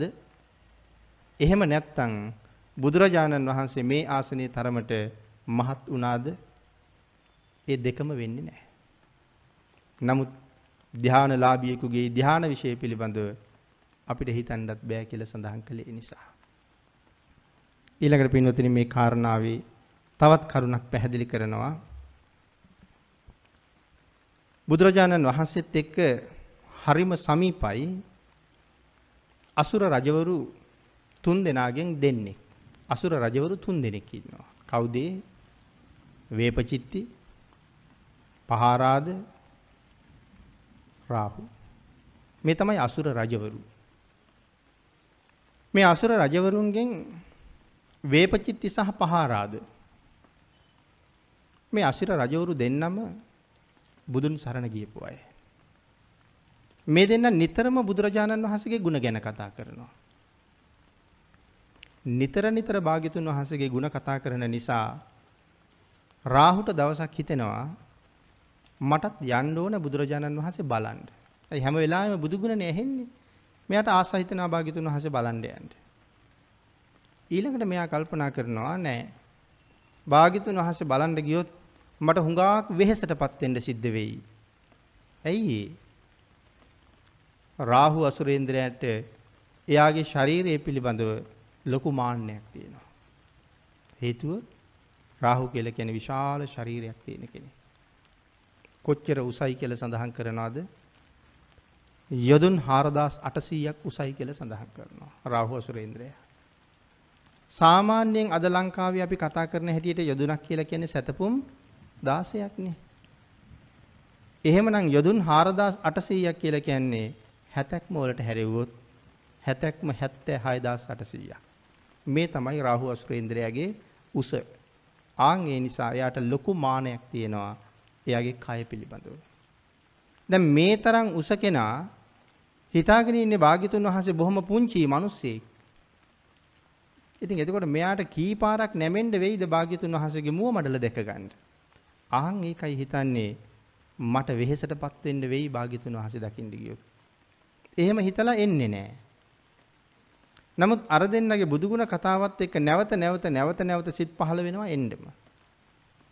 ඒ හින්දා දවසක් හිතනවා කොහොම හරි ගිහිල්ලා එනවා කියලා. බුදුරජාණන් වහන්සේ දන්නවා රාහු මම බලන් දෙනවා කියලා. ආන් ඒක නිසා අපේ භාග්‍යතුන් වහන්සේ කල්පනා කළා හිටගෙන හිටියත් යම් ප්‍රමාණයකින් මගේ උස මැන ගන්නවා. රාහු අසුරේන්ද්‍රයන්ට මයින්ඩ් වඩා භාග්‍යතුන් වහන්සේට උස යන්න පුළුවන්. ඒ කාරණාව සඳහන් කරන්නේ කොතනද? ඇයි භගවා ගුණේ විස්තර කරන තැන? භාග්‍යවත් ගුණ හයක් පැහැදිලි කරනවා. ඔය පැහැදිලි කරන තැනක තියෙනවා අනිමා, මහිමා. එයි මේ අනිමා කියලා කියන්නේ. භාග්‍යතුන් වහන්සේට පුළුවන් අටපිරිකර සහිතව අපේ ඇහි පිහාටුව උඩ වැඩ ඉන්න. නිකම්ම නෙමේ සතර ඉරියව්වෙම. සක්මන් කරන්නත් පුළුවන්. සැතපෙන්නත් පුළුවන්. ඉඳගෙන ඉන්නත් පුළුවන්. හිටගෙන ඉන්නත් පුළුවන්. අටපිරිකර සහිතව ඔබේ මගේ ඇහි පිහාටුව උඩ භාග්‍යතුන් වහන්සේට වැඩ ඉන්න පුළුවන්. ඒ චූටි වෙනකොට ලොකු වුණොත් අකනිටා බඹලෝ දක්වා උස යන්න පුළුවන් තනි ඇඟට කියලා සඳහන් කළා. තනි ඇඟකින් හිට ගන්න පුළුවන් අකනිටා බඹලෝ දක්වා. ඒ හින්දා මේ රාහු යම් ප්‍රමාණයක් භාග්‍යතුන් වහන්සේගේ උස මැන ගනී කියලා හිතුවා මිසක් එයාට ඒක ඉවර කරන්න පුළුවන් වෙනවා කියලා සඳහන් කළේ සඳහන් කළේ නෑ. ඉඳගෙන හිටියත් යම් ප්‍රමාණයකින් මැනගනී. එවනම් මොකක් කරනවද කියලා කල්පනා කළා. තීරණය කළා රාහු අසුරේන්ද්‍ර එන පැත්තට සිරිපා ධාතුව දිගු කරලා සැතපෙනවා කියලා. රාහු අසුරේන්ද්‍ර භාග්‍යතුන් වහන්සේ දැක ගන්න එනවා. භාග්‍යතුන් වහන්සේ සැතපීලා ඉන්නවා. භාග්‍යතුන් වහන්සේගේ සිරිපාද මණ්ඩලවල තියෙන මංගල ලක්ෂණ ඊටාම පැහැදිලිව රාහු අසුරේන්ද්‍ර දැක ගන්නවා. දැන් සිරිපා ධාතුව ළඟට ඇවිල්ලා ඉන්නේ. රාහුට හරි ආසයි මේ තරම් ලස්සන සිරිපතුලක් තියෙන මේ මහා පුරුෂයාණන් වහන්සේගේ මුව මඩල කොයි තරම්නම් ලස්සන නැද්ද? රාහු අසුරේන්ද්‍රයා භාග්‍යතුන් වහන්සේගේ සිරිපා ධාතුව ගාව හිටගෙන එයාගේ ඇඟිලි තුඩු වල නැගලා ඉස්සිලා බලනවා මේ මහා පුරුෂයාණන්ගේ මුව මඩල කොහෙද තියෙන්නේ කියලා. තුන් පාරක් ඉස්සි ඉස්සි බැලුවා. තුන්වෙනි පාර ඉස්සිලා බලනකොට භාග්‍යතුන් වහන්සේ ඇහුවා රාහු අසුරේන්ද්‍රය මොනවද බලන්නේ කියලා. ස්වාමීනි ඔබ වහන්සේගේ මුව මඩල බලා ගන්නයි උත්සාහ කළේ. මේ වෙනකොට රාහුගේ මාන බින්දිලා ඉවරයි. මොකද එයා හිතාගෙන හිටියේ භාග්‍යතුන් වහන්සේ කුඩයි මම හුඟක් ලොකුයි කියලා. එතකොට මේ කාරණාවෙනුත් පැහැදිලි කරලා තියෙන්නේ මේ ධ්‍යාන ලාභියෙකුගේ ධ්‍යාන විෂය මොන තරම් අචින්තනීයද කියලා. අපිට කවදාවත් මොක හිතලා හිතලා ඉවර කරන්න බෑ කියන කාරණාවයි එතන සිහිපත් කරන්නේ. ඊළඟට පින්නතුනි පැහැදිලි කරනවා බුදුරජාණන් වහන්සේලා නැත්නම් බෝසතාණන් වහන්සේලා බුද්ධත්වයෙන් පසු තමන් බුද්ධත්වයේ සඳහා වැඩ සිටි ආසනය. ඇයි ආසනය පහසුවෙන් අත්හැරියේ නැත්තේ? ඒ කියන්නේ ආසනය අත්හරින්න අපහසුවක් අපහසුවක් නැහැ. නමුත් බුද්ධත්වයේ ලැබලත් සතියක් මුළුල්ලේම මේ ආසනයේ උඩ වැඩ හිටියා. ඒකනේ දෙවියන්ට සැකයක් ඇති උනේ තාම බුදු උනේ නැද්ද කියලා. ඒ ආසනයේ මත වැඩ හිටියේ මේ විශ්වයේ ලබන්න තියෙනවා නම් උතුම් ආසනයක්. මේක තමයි ඒ ලබන්න තියෙන උතුම් ආසනය. මේ මේ ආසනය ලබා ගැනීම වෙනුවෙන් සමහර බෝසතාණන් වහන්සේලා මහා කල්ප අසංඛ්‍ය 4 ලක්ෂ එකක් පාරමිතා පිරුවා. ඒ මේ ආසනයේ උඩ වැඩ ඉන්න. පුංචි කාලයක්ද මහා කල්ප අසංඛ්‍ය 4 ලක්ෂ එකක්. හිතා ගන්න පුළුවන් දෝක කොච්චරද කියලා. මේකට එක උදාහරණයක් සඳහන් කළා. යදුනක් දිග පළල උස තියෙන මහා කන්දක්. කළු ගලක්. යදුනක් දිග පළල උස තියෙන මහා කළු ගලක්. අවුරුදු 100කට සැරයක් රෙදි කෑල්ලක් අරගෙන පිහිනවා. අවුරුදු 100කට එකපාරයි. මේ මහ පර්වතයේ මේ රෙදි කෑල්ලෙන් පිහලා පිහලා තිබුණ තැන හොයාගන්න බැරුව මහ පොළොවට සමතලා වෙන්න කොච්චර කාලාන්තරයක් පිහින්ඩ වෙයිද? 100ක් අවුරුද්දකට එකපාරයි. සඳහන් කරනවා ඒ පර්වතයේ මහ පොළොවට සමතලා වෙනවා. පිහලම. නමුත් මහා කල්පයක ආයුෂය තාම ඉවර නැහැ කියලා. එතකොට ඒ මහා කල්පයක ආයුෂය එවන් මහා කල්ප අසංඛ්‍ය ඒ කියලා කියන්නේ 1.0 එකසිය හතලිහ. එකයි බින්දු එකසිය හතලිහේ වූවා හතරකුත් තවත් ලක්ෂ එකක් සමහර බෝසතාණන් වහන්සේලා පාරමිතා පුරනවා මෙන්න මේ ආසනය වෙනුවෙන්. එහෙනම් මේ ආසනය වෙනුවෙන් ඒ තරම් පාරමිතා පුරලා ඒ ආසනයේ මස්තකෙහි වාඩි වෙච්ච ඒ මහා පුරුෂයන් වහන්සේ එහි සුවය භුක්ති විඳිමින් තමයි සතියක් මුළුල්ලේ තාමත් ආසනයේ මත වැඩ ඉන්නේ. සමහර බෝසතාණන් වහන්සේලා මහා කල්ප අසංඛ්‍ය 8යි ලක්ෂ එකක්. සමහර බෝසතාණන් වහන්සේලා මහා කල්ප අසංඛ්‍ය 16යි ලක්ෂ එකක්. මේ ආසනය වෙනුවෙන් පාරමිතා පිළුවා. හැබැයි මේ ලෝකේ කෙනෙකුට පිළිගන්න පුළුවන් වෙයිද ඒ ආසනයේ තනිකරම දියමන්ති වලින් පහළ වෙනවා කියලා කිව්වොත්. මේ ආසනේ මොනවද? දියමන්ති. මාණික්‍යමය ආසනයක්. අපි මේ ආසනයට කියන නම මොකක්ද එතකොට? අපි කියන්නේ වජ්‍රා වජ්‍රාසනය කියලා. එතකොට මොනවද වජ්‍ර කියලා කියන්නේ? වජ්‍ර කියන්නේ දියමන්ති වලට. එහෙමනම් බෝධි මූලයේ පහළ වෙන මේ ආසනය මාණික්‍යමය ආසනයක්. ආන් ඒ නිසා ඒ ආසනයේ උඩ බුද්ධත්වයෙන් පස්සෙත් සතියක් වැඩ ඉන්නවා. ඉන් පස්සේ භාග්‍යතුන් වහන්සේ මේ ආසනයෙන් නැගිටලා මදක් ආසනයෙන් ඔබට වැඩම කරලා නැවතත් මේ ආසනයේ දිහත් බෝධීන් වහන්සේ දිහත් විටින් විට බලමින් සතියක් කල් ගත කරනවා. මේ ආසනය ලබන්ඩ මේ ආසනය මත වැඩඉන්ඩ මම මොන්න තරං කාලයක් පාරමිතා පිරුවද. ආංගේ කාරණාව මෙනෙහි කර කර මෙනෙහි කර කර නැවත සතියක් වැඩඉන්නවා. පිනතුනි ආං ඒ නිසා සඳහන් කළා බුදු බව ලබපු සතිය මුළුල්ලේමත් උන්වහන්සේ මේ ආසනයේ මත වැඩ ඉන්නකොට කෝටි ලක්ෂ ගණන් සමාධීන්ට සමවැදෙමින් තමයි වැඩ හිටියේ කියලා.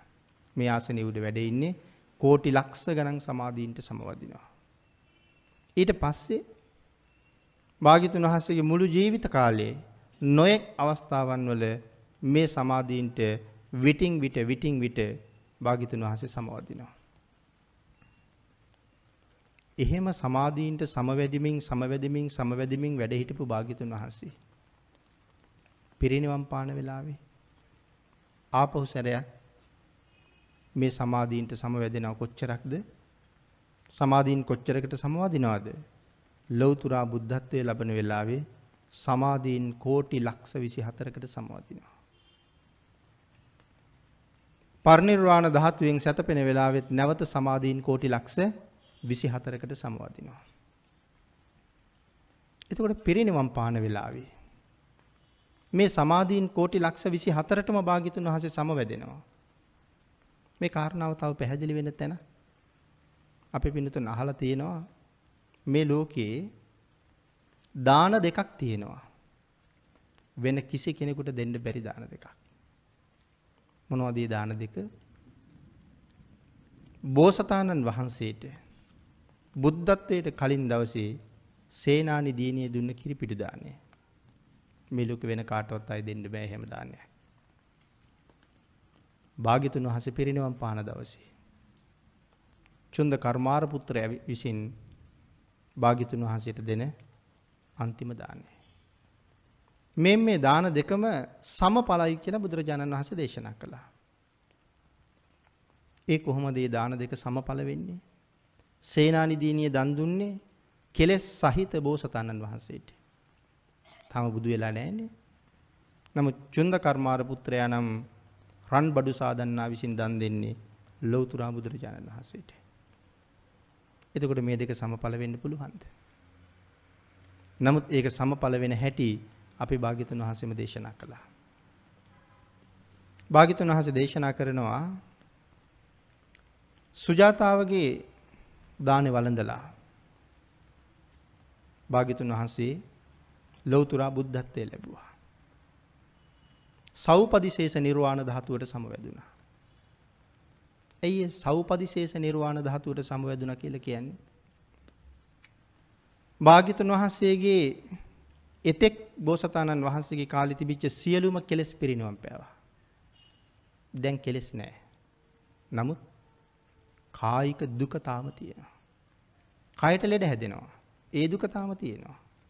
කෙලෙස් වලින් වෙන දුකක් මොකවත්ම මොකවත්ම නෑ කෙලෙස් පිරිනුවම් පාලා තියෙන එකට කියනවා සෞපදිශේෂ නිර්වාණ ධාතුවට පත් වෙනවා කියලා.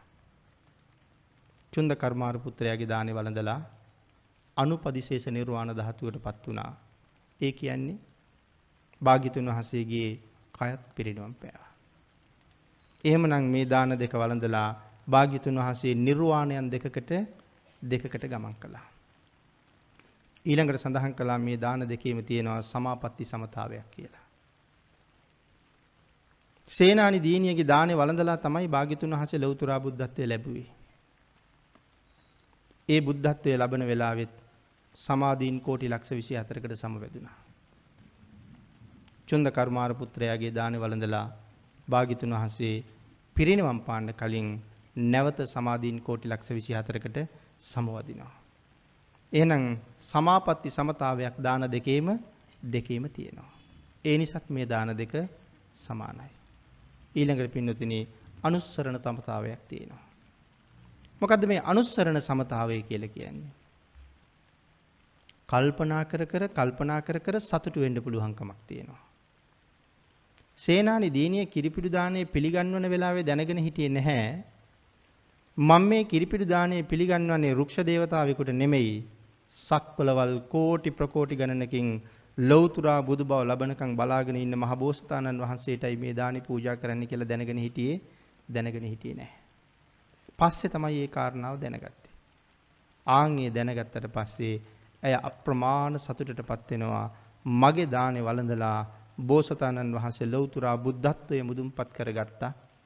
එතන ඉඳලා දවස් 49ක්ම මගේ දාණයෙන් භාග්‍යතුන් වහන්සේ යපුණා කියලා. ඒ නිසා හිත හිතා හිත හිතා ඇයට සතුටු වෙන්න පුළුවන්කමක් තියෙනවා.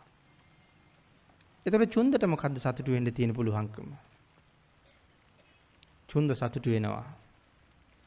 මහා කල්ප අසංඛ්‍ය 20යි ලක්ෂ එකක් තිස්සේ පාරමිතා පුරාගෙන පාරමිතා පුරාගෙන ආවේ ලෞතුරා බුද්ධ රාජ්‍ය ලබලා ලෝක සත්වයාට දහම් දෙසලා ලෝ සතුන් සුවපත් කරවලා තමන් වහන්සේ බලාපොරොත්තු වෙන උතුම් නිර්වාණය හොයාගෙන වැඩම කරන්නේ. එහෙමනම් චුන්ද කර්මාර පුත්‍රයාගේ දානේ වළඳලා භාග්‍යතුන් වහන්සේ භාග්‍යතුන් වහන්සේගේ මංගල්‍යයට සූදානම් වුණා. මහරහතන් වහන්සේලා 80 මහා ශ්‍රාවකයන් වහන්සේලා සංවේගයටපත් වෙන වෙලාවේ පෘතජන භික්ෂූන් වහන්සේලා දෙවියෝ බ්‍රහ්මියෝ හඬා වැළපෙන වෙලාවක මුළු ලෝක ධාතුවම කම්පා වෙන වෙලාවක භාග්‍යතුන් වහන්සේ හරි සතුටින් වැඩ ඉන්නවා. ඇයි අපි ඔක්කොට මේක මහලුකු දුකක්. නමුත් බුදුරජාණන් වහන්සේට ඒක මහලුකු සතුටක්. මොකද මහා කල්ප අසංඛ්‍ය 20යි ලක්ෂ එකක් තිස්සේ අනන්ත සසර අප්‍රමාණ දුක් විඳ විඳ උන්වහන්සේ මේ නිවනට යන්න මඟ හෙව්වා. දැන් උන්වහන්සේ උන්වහන්සේගේ මංගල්‍ය සාක්ෂාත් කරගන්න සූදානම් වෙන වෙලාව. ආන් මේ වෙලාවේ මේ සමාපත්තීන් කෝටි ලක්ෂ 24ටම සමවැදුන කියලා සඳහන් කරනවා. ඇයි ඒ සමවදින්නේ කියන කාරණාවට උත්තරයක් අපූර්වට දීලා තියෙනවා. අපි අතර ජීවත් වෙච්ච කෙනෙක් මේ උත්තරේ තියෙන අට කතාවේ. අපි අතර ජීවත් වෙලා ඉන්න අපේ දරුවෙක්. සදහටම දෙමව්පියන්ගෙන් ඥාතීන්ගෙන් සමු අරගෙන විදේශ රටකට යන්නයි යන්නේ. අය කවදාවත් මේ රටට එන්නේ එන්නේ නැහැ. සදහටම සමු අරන් යන්නයි යන්නේ. ගිහිල්ලා පහු වෙන්න නෙවෙයි. ආන් එහෙම යන කෙනෙක් මොන තරම් දුකටපත් වෙයිද? ඥාතීන් කී දෙනෙක් ගාවට යයිද? ගෙදර කී දවසක් දුකෙන් ඉඳෙයිද අම්මා තාත්තා දාලා යන්න වෙන්න නිසා. හැම නෑදෑයෙක් ගාවටම ගිහිල්ලා හැම යාළුවෙක් මිත්‍රයෙක් ගාවටම ගිහිල්ලා ආලිංගනය කරලා සිප වැළඳගෙන බොහොම කනගාටුවෙන් ඔවුන්ගෙන් සමු අරගෙන සමු අරගෙන එන්නේ ආයේ කවදාවත් නොඑන්න විදේශ රටකට යන්න. ඒ ඒ පුජ්‍යලයා. නමුත් මහා කල්ප අසංඛ්‍ය 20යි ලක්ෂ එකක් තිස්සේ මේ සංසාරේ පාරමිතා පූර්ණේ කරගෙන පූර්ණේ කරගෙන ඇවිල්ලා මෙතරම් සමාධීන්ට සමවදින්න පුළුවන් තරම් අප්‍රමාණ හැකියාවක් ලබා ගත්තා. අපිට වචන මාත්‍රයක් විතරක් වුණාට සමාධීන් කෝටි ලක්ෂ 24කටයි සමවදින්නේ. එහෙමනම් දැන් භාග්‍යතුන් වහන්සේ සූදානම් වෙන්නේ අය කවදාවත් මේ සමාධීන්ට සමවදින්නද? අය කවරදාකවත් මේ එකදු සමාධියකටවත් සමවදින්නේ නැති නිසා මෙන්න මේ වෙලාවේ ඒ සමාධීන් කෝටි ලක්ෂ විසි හතරටම සමවැදිලා සදහටම පිරිනුවම් පාණ්ඩ සූදානන් වෙන නිසා ඒ සමාධීන්ට සමෝධිනවා කියල සඳහන් කරනවා. එමනම් භාගිතුන් වහන්සේගේ මේ සමාධීන්ට සමවැදුනා අචල වූ පල්ලංකෙන් භාගිතුන් වහන්සේ බුද්ධත්වය ලැබූ පමණින්ම නැගිටින්නේ නැතුව වැඩ හිටියේ ආන් ඒ නිසා මේ පල්ලංකය ලබන්න කොයි තරම් මම කැපකිරීම කළාද කියන කාරණාව මෙනෙහි කරමින් සමාධීන් කෝටි ගණන් සමාධීන්ට සමවැදිමි. කියන කාරණාව ඊළඟට පින්නතුනි මෙතන සිහිපත් කරලා තියෙනවා. ඊළඟට සඳහන් කරනවා බුදුරජාණන් වහන්සේගේ ਸਰුවඥතා ඥාණය. මේ අචින්ත්‍ය කරුණ අපිට මේකක්වත් හිතලා ඉවර කරන්න එකක්වත් හිතලා ඉවර කරන්න පුළුවන් කමක් නැහැ. ਸਰුවඥතා ඥාණයට හා අනාවරණ ඥානයට සමවැදීමේදී ඤෙය්‍යපත පහක් පිළිබඳව සඳහන් කරනවා. ਸਰුවඥතා ඥානයට සහ අනාවරණ ඥානයට සමවැදෙන වෙලාවේ මේ ඤෙය්‍යපත පහක් පිළිබඳව සඳහන් කරලා තියෙනවා. සබ්බඤ්ඤු හෙවත් සරුවඥ කියලා කියන්නේ මෙන්න මේ ඤෙය්‍යපත නිසා කියලා විස්තර කරනවා. ඊළඟට සඳහන් කළා ඕනෑම දෙයක් හිතන පමාවට භාගිතුන් වහස වැටහෙනවා. හිතන පමාවට වැටහෙනවා. අය ඒක පිළිබඳව අමුතුවෙන් මෙනෙහි කරන්න දෙයක් නෑ සිතුවිලි මාත්‍රයෙන් ඒ කාරණාව භාගිතුන් වහසට වැටහෙන නිසා ඒක බුදු කෙනෙකුට මිසක් පසේ බුදුරජාණන් වහන්සේ නමකටවත් වෙන්නේ නෑ කියලා සඳහන් කළා. හිතන පමාවට වැටහීම. බුදු කෙනෙකුට විතරමයි එහෙම වැටහීමක් ඇති වෙන්නේ. ඊළඟට පින්නතුනි දීඝනිකායේ තියෙනවා අපේ බුදුරජාණන් වහන්සේගේ මහා පුරුෂ ලක්ෂණ 32ක් පිළිබඳව තොරතුරු දක්වලා. මේ මේ වැටහීමේ ශක්තියින් ලබාගත් හැටි මහා පුරුෂ ලක්ෂණ 32ක් පිළිබඳව තොරතුරු දක්වලා තියෙන සූත්‍රය මොකක්ද? ලක්කන සූත්‍රය. ලක්කන සූත්‍රයේ තමයි ඒ තොරතුරු දක්වලා තියෙන්නේ. එතන සඳහන් කළා ඒ ඒ ලක්ෂණය නිසා ගිහි වුණොත් කොහොමද පැවිදි වුණොත් කොහොමද කියන කාරණාව වෙනම සඳහන් කළා. මේ ලක්ෂණ පහළ වීම නිසා ගිහි ජීවිතය ගත කෙරුවොත් මොකද වෙන්නේ? පැවිදි වුණොත් මොකද වෙන්නේ? කියන කාරණා දෙක විස්තර කළා. ගිහි ජීවිතය ගත කෙරුවොත් සක්විති රජෙක්. පැවිදි වුණොත් ලෞතුරා බුදු වෙනවා. මේ ලක්ෂණ 32 පහළ වීම නිසා. ඊළඟට මේ කාරණාව සඳහන් කරනවා අපි භාග්‍යතුන් වහන්සේ මේ වාගේ ශක්තියන් සහ ලක්ෂණයන් ලැබුවේ කොයි කොයි විදිහේ පින්කම් කරලාද කියලා. මේ ලක්ෂණ පහළ වෙන්න කරපු පින්කම් මොනවද? පින්නතුනි එක පුණ්‍ය කර්මයක් දෙකක් කෙරුවා කියන කාරණාව නෙමෙයි සඳහන් කරලා තියෙන්නේ. මෙතන සඳහන් කරනවා කටත්තා උපචිතත්තා උස්සන්නත්තා විපුලත්තා කියලා ආකාර හතරක්. මොකද මේ කටත්තා කියලා කියන්නේ.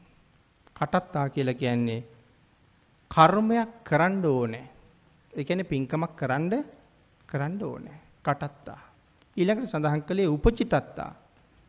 එකවරක් කරලා මදි බොහෝ වාර ගාණක් කරන්න ඕනේ.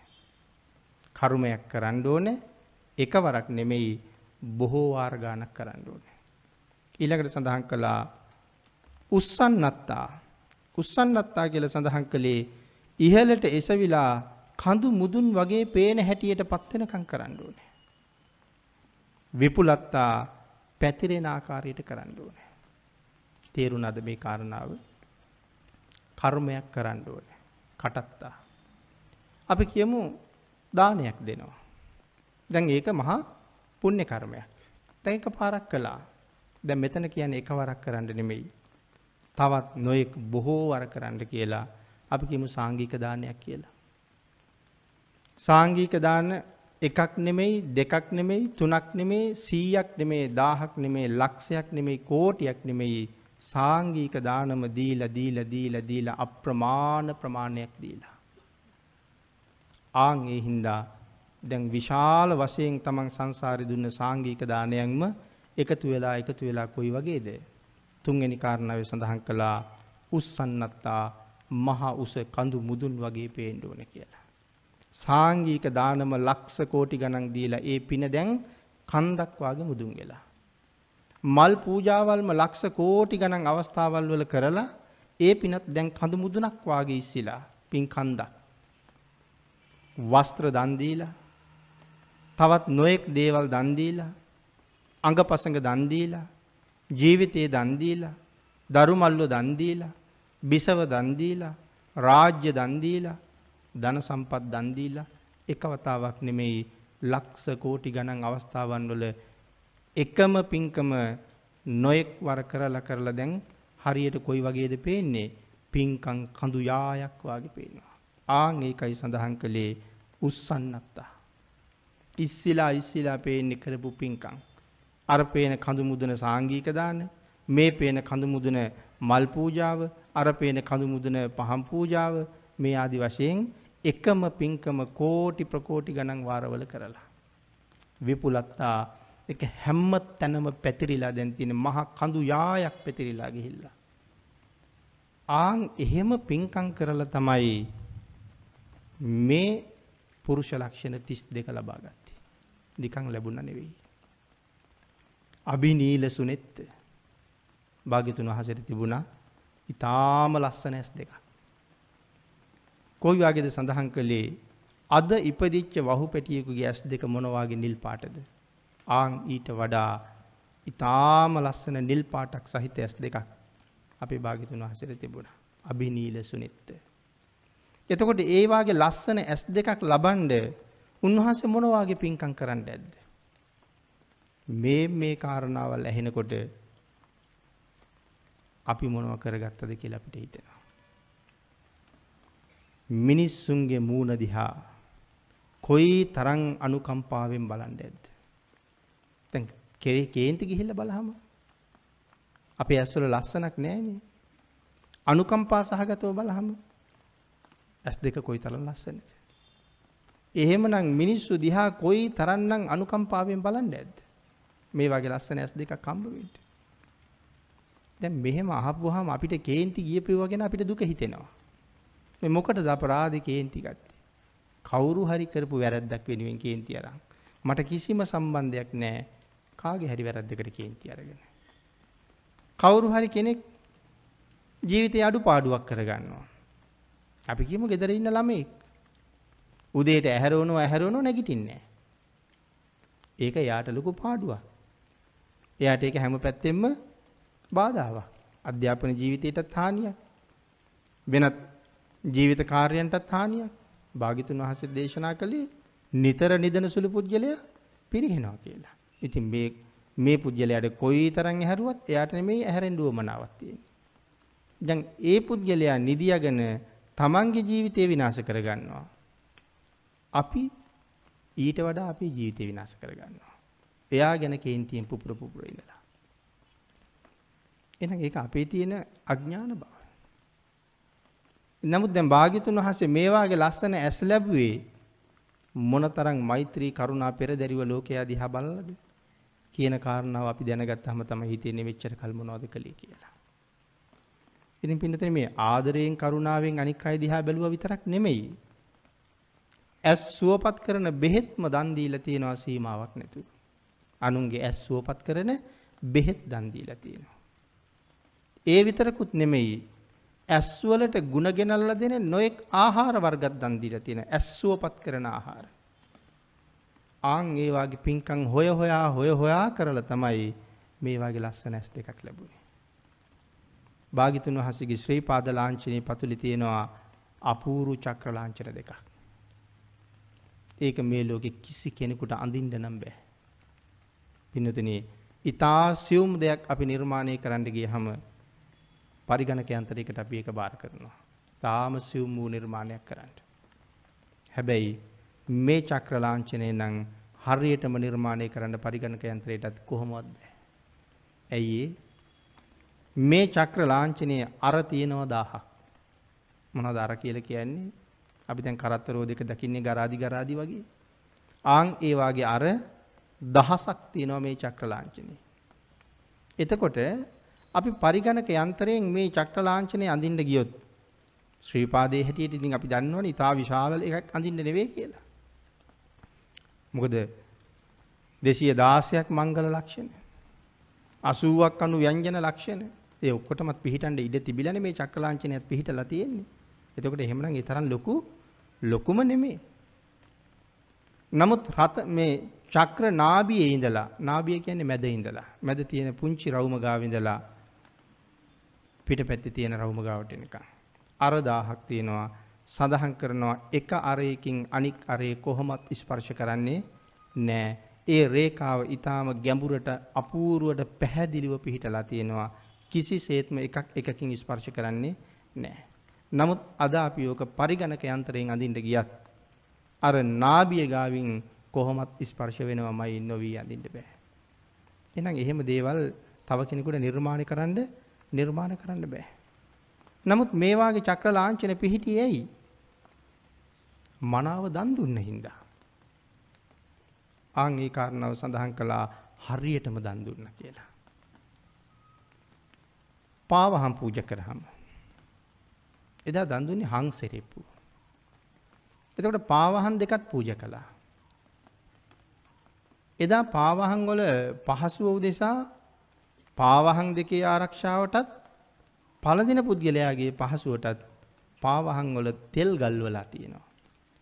පාවහන් වල ගල්වන තෙල් වෙනම තිබිලා තියෙනවා. එහෙනම් අතීතයේ අපිට වඩා හුඟක් දියුණුයි කියන එක මනාවම වැටහෙනවා. එහෙමනම් පාවහන් දෙකක් දන් දුන්නා. පාවහන් වල ගල්වන තෙලුත් දන් දුන්නා. ඒ විතරක් නෙමෙයි හං සෙරෙප්පුව බිම තිබුණොත් සත්තුන්ගෙන් හානි වෙන්න පුළුවන්. සෙරෙප්පුව බහලන කොපුවකුත් දන් දුන්නා.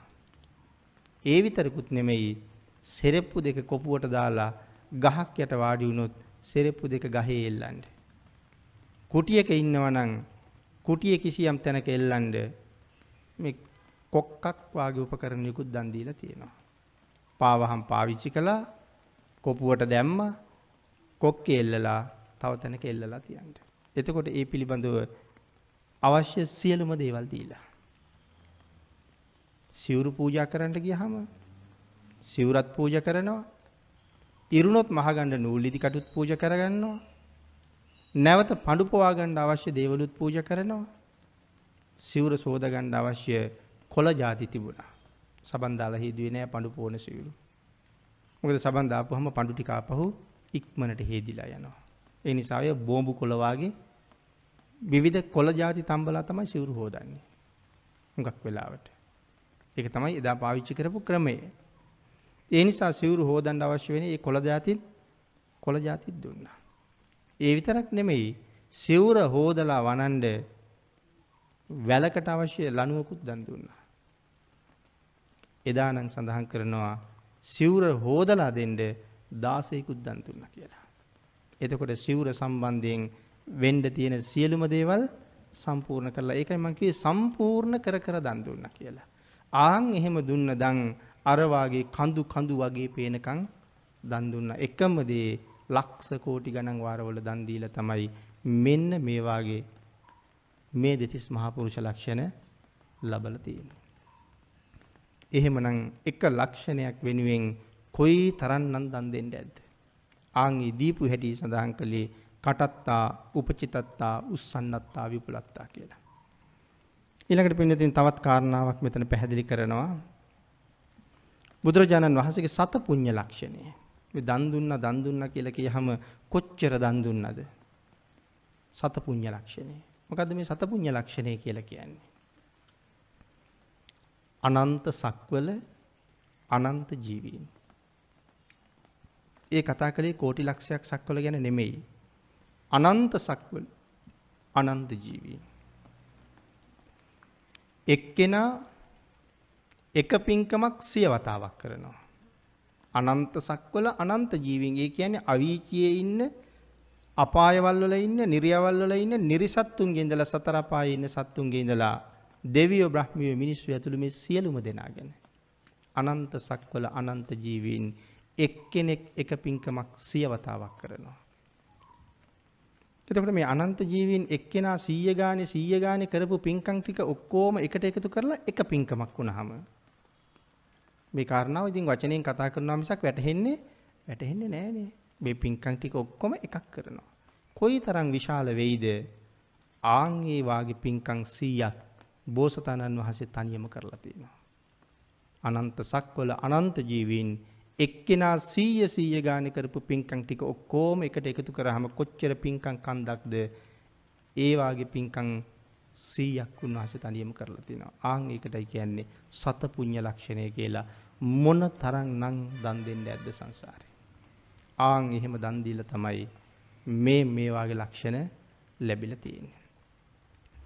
ඊළඟට පින්නතුනේ සඳහන් කරනවා තවත් අචින්තනීය කාරණාවක් තවතිසාවට වැඩම කරලා අභිධර්මයේ දේශනා කරපු අවස්ථාව. දැන් අපි ඉස්සලා තවතිසාවට වැඩම කරපු හැටි සඳහන් කළා. එහි වැඩියේ මාතෘ දිව්‍ය රාජයාට ධර්ම දේශනා කරන්නට. අනිකුත් දෙවියෝ ප්‍රධානව. ඒ අභිධර්ම දේශනාව සිද්ධ කරනකොට භාග්‍යතුන් වහන්සේ තවතිසාවේ වස් සමාදන් වෙනවා. ඒ වස් සමාදන් වුණාම තුන් මාසයක් වුණාම දවස් 90ක් බුදුරජාණන් වහන්සේ එහි වැඩ ඉන්නවා. අර වැඩපු දෙවියෝ ප්‍රමාණය අපි සඳහන් කළා ඉදිකට සිදුරක් ඇතුලේ දෙවියෝ 60ක් කියලා. මේ දෙවිවරු වාඩි වෙලා බණ අහනවා. ඒ දෙවියන්ට ආහාර ඕනේද? පින්නතේ තව්තිසාවේ නම් එක ආහාර වේලක් ඕන වෙන්නේ අපේ අවුරුදු 100කට. අපේ අවුරුදු 100කට එක වේලයි. මොකද තව්තිසාවේ එක දවසකට මනුස්ස වර්ෂ 100ක් ඕනේ. දෙවියන්ට දවසකට වේලක් අනුභව කරන්නම ඕනේ. ඒ වේල අමතක වුණොත් එහෙම චුත වෙනවා. දවසකට වේලක් ඕනෙමයි. එහෙමනම් අපේ අවුරුදු 100ක් තවතිසාවට එක දවසයි නම් භාග්‍යතුන් වහන්සේ වැඩ ඉන්නේ තුන් මාසයයි. ඒ තුන් මාසයයි කියන්නේ මනුස්ස ලෝකේ තුන් මාසයක්. මනුස්ස ලෝකේ දවස් 90ක්. එහෙනම් දෙවියන්ට කෑම ඕන වෙනවද? දෙවියන්ට කෑම ඕන වෙන්නේ නැහැ. චාතුම් මහා රාජිකේ කට්ටිය එහාට වැඩම කරලා හිටියත් මනුස්ස ලෝකයේ අවුරුදු 50ක් එහාට එක දවසයි එහෙනම් ඒ දෙවියන්ට කෑම ඕනෙත් නැහැ. ඒ වුණාට භාග්‍යතුන් වහන්සේ මිනිසෙක්. භාග්‍යතුන් වහන්සේට ආහාර ඕනේ. අවශ්‍ය නම් අදිෂ්ඨාන කරලා ආහාර ගන්න නැතුව ඉන්න පුළුවන්. නමුත් භාග්‍යතුන් වහන්සේ එහෙම විශේෂිත දේවල් සුවිශේෂී කාරණාවක් සඳහා මිස සාමාන්‍ය වෙලාවට භාවිතා කළේ භාවිතා කළේ නැහැ. ඒ නිසා බුදුරජාණන් වහන්සේට දානේ වළඳන්න ඕනේ. එතකොට භාග්‍යතුන් වහන්සේ දවස් 90ට එක වතාව ගානේ 90 වතාවක් මේ ධර්ම දේශනාව මග නැවැත්තුවා එහෙමනම්. එහෙම වුණා නම් දේශනාවේ තරම් සාර්ථක වෙන්නේ නැහැ කියලා භාග්‍යතුන් වහන්සේ හිතුවා. එතකොට භාග්‍යතුන් වහන්සේ දානෙට වැඩි නැද්ද? දාන්ට වැඩියා. කොහොමද භාග්‍යතුන් වහන්සේ වඩින්නේ එතකොට? දෙවියන්ට ධර්ම දේශනා කරනවා. ඒ කරන ගමන් භාග්‍යතුන් වහන්සේ රූපාවචර ධානයකින් තවත් බුදුරජාණන් වහන්සේ නමක් මවනවා. අනික් පැත්තෙන් ඒ භාග්‍යතුන් වහන්සේට දේශනා කරන ධර්මය අදිෂ්ඨාන කරනවා. මවාපු බුදුරජාණන් වහන්සේ ධර්ම දේශනා කරන්නේ නැහැ. දැන් මේ ලෝකේ අපි රොබෝ යන්ත්‍ර වගේ දේවල් හදන්නේ. යන්ත්‍රය හදලා අපි යම් දප්ත ප්‍රමාණයක් ඒකට දෙන්න ඕනේ. ඒ අපි දුන්න දත්ත ප්‍රමාණයට අනුව විතරක් ඒ යන්ත්‍රය ක්‍රියාත්මක වෙනවා. එයින් පරිබාහිර දෙයකට ක්‍රියාත්මක වෙන්නේ නැහැ. එහෙනම් නිර්මාණය කරපු වස්තුවට හිතලා වැඩ කරන්න බෑ. එහෙමනම් මවාපු බුදුරජාණන් වහන්සේ හිතලා ධර්ම දේශනා කරන්නේ නැහැ. උන්වහන්සේට දේශනා කරන්න භාග්‍යතුන් වහන්සේ ධර්මයේ අදිෂ්ඨාන කරන්න ඕනේ. එහෙමනම් භාග්‍යතුන් වහන්සේගේ අදිෂ්ඨාන ශක්තිය කොහොමද පින්නතුනේ? භාග්‍යතුන් වහන්සේ ඊටා සුළු වේලාවකටද පින්ඩ පාතේ වඩින්නේ. සඳහන් කරනවා නෑ. ඒ පින්ඩ පාතේ වඩින්න ලෑස්ති වෙලා භාග්‍යතුන් වහන්සේ ස්නානය කරනවා. ස්නානය කරලා උතුරු කුරු දිවයිනට පින්ඩ පාතේ වැඩලා ආපහු අනෝතප්ත විලගාවට වැඩලා භාග්‍යතුන් වහන්සේ දානේ වළඳනවා. භාග්‍යතුන් වහන්සේට උපස්ථාන සඳහා වෙනම දෙවිවරු කණ්ඩායමක් එනවා. ආන් ඒ දෙවිවරු දානේ වැළඳුවාට පස්සේ මේ නාගලතා දන්ත කාෂ්ඨක වාගේ දේවල් දැහැටි දඬු භාග්‍යතුන් වහන්සේට ආපහු පිළිගන්වනවා. ඊළඟට භාග්‍යතුන් වහන්සේ ශ්‍රී මුක ධාතුව පිරිසිදු කරගෙන ඒ කටයුතු නිමා වෙනකොට සැරියුත් මහරහතන් වහන්සේ මෙතෙන්ට වඩිනවා. භාග්‍යතුන් වහන්සේ මේ සමීපයේ තියෙන චන්දන වනයේකට වඩිනවා කියලා සඳහන් කරනවා. ඒ කියන්නේ සඳුන් වනයේකට. ආන් ඒ සඳුන් වනාන්තරයේදී භාග්‍යතුන් වහන්සේ මෙතෙක් දෙවියන්ට දේශනා කරපු ධර්මය. ඒ දේශනා කරන්නේ අභිධර්මය. ආන් ඒ ධර්මය සැරියුත් මහරහතන් වහන්සේට උගන්වනවා. ඒ කියන්නේ මහා දීර්ඝව උගන්වනවද මාතෘකා ටික විතරයි උගන්වන්නේ. ඒ ටික කරලා සැරියුත් මහරහතන් වහන්සේට ඒ කරුණු ටික පැහැදිලි කරලා දීලා ඊළඟට භාග්‍යතුන් වහන්සේ භාවනාවට සමවදිනවා. ඒ කාරණා ටිකත් නිමා වෙලා තමයි නැවත බුදුරජාණන් වහන්සේ ධර්මාසනයට වඩින්නේ. එහෙමනම් මේ කටයුතු ටිකට අපි හිතුවොත් යටත් පිරිසෙන් පැය පහක්වත් ගත වෙනවා කියලා.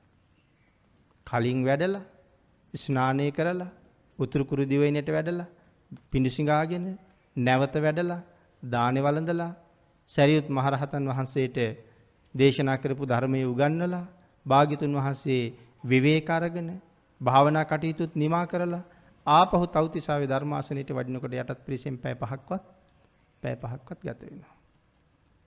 එතකොට පැය පහක් කතා කිරුවොත් වචන කොච්චර කතා කරයිද? පිනතුනි අපේ වචන වාගේ නෙමෙයි භාග්‍යතුන් වහන්සේගේ වචන ඉතාමත්ම වේගවත්. එහෙමනම් අර නිර්මිත බුදුරජාණන් වහන්සේට දේශනා කරන්න මොන තරම් ධර්මයේ අදිෂ්ඨාන කරන්න ඕනේද? ධර්මයේ අදිෂ්ඨාන කරන එක විතරක් නෙවෙයිනේ පින්නතුනි. නිර්මිත බුදුරජාණන් වහන්සේගේ ශ්‍රී මුඛයෙන් මේ බණපදේ පිට වෙනකොට ශරීරයෙන් විහිදෙන රශ්මි කදම්බේ මොකද්ද? මේ බණපදේ පිට වෙනකොට ශරීර ධාතුවෙන් පිට වෙන රශ්මිය මොකක්ද ඒකත් අදිෂ්ඨාන කරන්න ඕනේ. මේ බණපදයේ මේ තප්පරයට දේශනා කරන්නේ ඒ බණපදයේ ඒ තප්පරයේ දේශනා කරනකොට ශ්‍රීමුක ධාතුව කොහොම කොහොම පිහිටනවද? තොල්පෙති කොහොම පිහිටනවද? ඒ හඬ කොහොම පිට වෙනවද? මේ එකක් එකක් ගානේ අදිෂ්ඨාන කරන්න ඕනේ. නමුත් ඒ සියල්ලමත් එක්ක පැය පහකට අදිෂ්ඨාන කරනවා කියලා කියහම ඒක හිතාගන්න පුළුවන්ද කාටවත්? එහෙනම් ඒක ලෞතුරා බුදුරජාණන් වහන්සේ නමකට විතරක්ම විෂය වෙච්ච මේ ලෝකේ අනික් සියලු දෙනාටම අචින්තනීය වූ කාරණාවක්. මේ ධර්මස්කන්ධ අදිෂ්ඨාන කිරීම. ආන් ඒ නිසා ඊළඟට පැහැදිලි කළා ධාතුන් වහන්සේලා අදිෂ්ඨාන කිරීම. කොහොමද මේ ධාතුන් වහන්සේලා අදිෂ්ඨාන කරන්නේ? අපේ බුදුරජාණන් වහන්සේගේ ධාතුන් වහන්සේලා විසිරෙනවා. අල්පායුෂ්ක බුදුරජාණන් වහන්සේ නමක් නිසා. ධාතුන් වහන්සේලා කොයිතරම් ප්‍රමාණයක් විසිරෙනවද? ධාතුන් වහන්සේලා ද්‍රෝණ 8ක් භාග්‍යතුන් වහන්සේගෙන් විසිරෙන ප්‍රමාණය ද්‍රෝණ 8ක්. මෙතන මෙතන සඳහන් කරනවා ද්‍රෝණ 8ක් කියලා කියහම ඒ කොච්චර ප්‍රමාණයක්ද? කොච්චර ධාතුන් වහන්සේලා විසිරෙනවද? විශේෂයෙන් විසිරෙන්නේ නැති ධාතුන් වහන්සේලා නොබිඳෙන ධාතුන් වහන්සේලා හත් නමක් වැඩ ඉන්නවා. මොනවද මේ නොබිඳෙන ධාතුන් වහන්සේලා? සතර දළදා වහන්සේ. අකු ධාතුන් වහන්සේලා දෙනම ලලාට ධාතුන් වහන්සේ. මේ මේ ධාතුන් වහන්සේලා හත් නම නොබිඳෙන ධාතුන් වහන්සේලා. ඊළඟට සඳහන් කළා කෝටි ලක්ෂයක් සක්වලේ ප්‍රධානතම ධාතුන් වහන්සේ බවට පත්වෙන්නේ. භාගිතුන් වහන්සේගේ නලන් තලේ. ඒ තමයි සරුවඥ ශරීරයෙන් විසිරෙන විශාලතම සරුවඥ ධාතුන් වහන්සේ. අපි කියන්නේ ලලාට ධාතුන් වහන්සේ කියලා. ඉතින් මේ ධාතුන් වහන්සේ යම් සක්වලකට ලැබෙනවා නම් ඒ සක්වලේ අය කොයිතරම් පුණ්‍යවන්තද කියන කාරණාව හිතන්නවත් හිතන්නවත් බෑ අපිට. භාග්‍යතුන් වහන්සේගේ විශාලතම සර්වඥ ධාතුන් වහන්සේ. ඊළඟට පින්නතුනි දන්ත ධාතුන් වහන්සේලා හතර නමක් මේ සක්වලට ලැබෙනවා. දන්ත ධාතුන් වහන්සේ හතර නමක් මේ සක්වලට ලැබෙනවා. තව දන්ත ධාතුන් වහන්සේලා කී නමක් එතකොට ඉතුරුද? 36 නමක් ඉතුරුයි. ඒ 36 සක්වලවල් પરම්පරාවෙන් බෙදිලා බෙදිලා යනවා. වෙනත් වෙනත් සක්වලවල් වලට බෙදිලා යනවා. ආන් ඒක පිළිබඳව මහා පරිනිර්වාණ සූත්‍රයේ මෙන්න මෙහෙම දක්වලා තියෙනවා. ඒ ධාතුන් වහන්සේලා බෙදුන හැටි. එතන දක්වනවා චත්තා ලීසා සමාදන්තා. භාගිතුන් වහන්සේගේ ධාතුන් වහන්සේලා හතලිහක්. කේසා ලෝමාච සබ්බසු අනික් සියලුම කේස ධාතුන් වහන්සේලා සහ ලෝම ධාතුන් වහන්සේලා. දේවා හරින්සු ඒක එකං චක්කවාල පරම්පරා. සඳහන් කළා එක සක්වලකට එක ලෝම ධාතුන් වහන්සේ නමක් ලැබිච්ච සක්වලවල් තියෙනවා.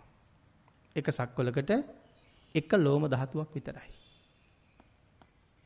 එක සක්වලකට එක කේත කේස ධාතුන් වහන්සේ නම විතරක් ලැබිච්ච සක්වලවල් ප්‍රමාණයෙන් සීමාවක් නැති තරම්.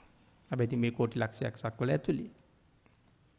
හිතන්නකො පින්නතුනි එක සක්වලකටම හම්බ වුණේ එකම එක ලෝම ධාතුන් වහන්සේ නමයි කියලා කියහම ඒ සක්වලවල් වල ජීවත් වෙන මිනිස්සුන්ට මුළු ජීවිත කාලෙන් එක දවසක්වත් මේ සර්ව ධාතුන් වහන්සේට වැඳගන්න අවස්ථාව ලැබිච්ච නැති අය කොච්චර ඇද්ද?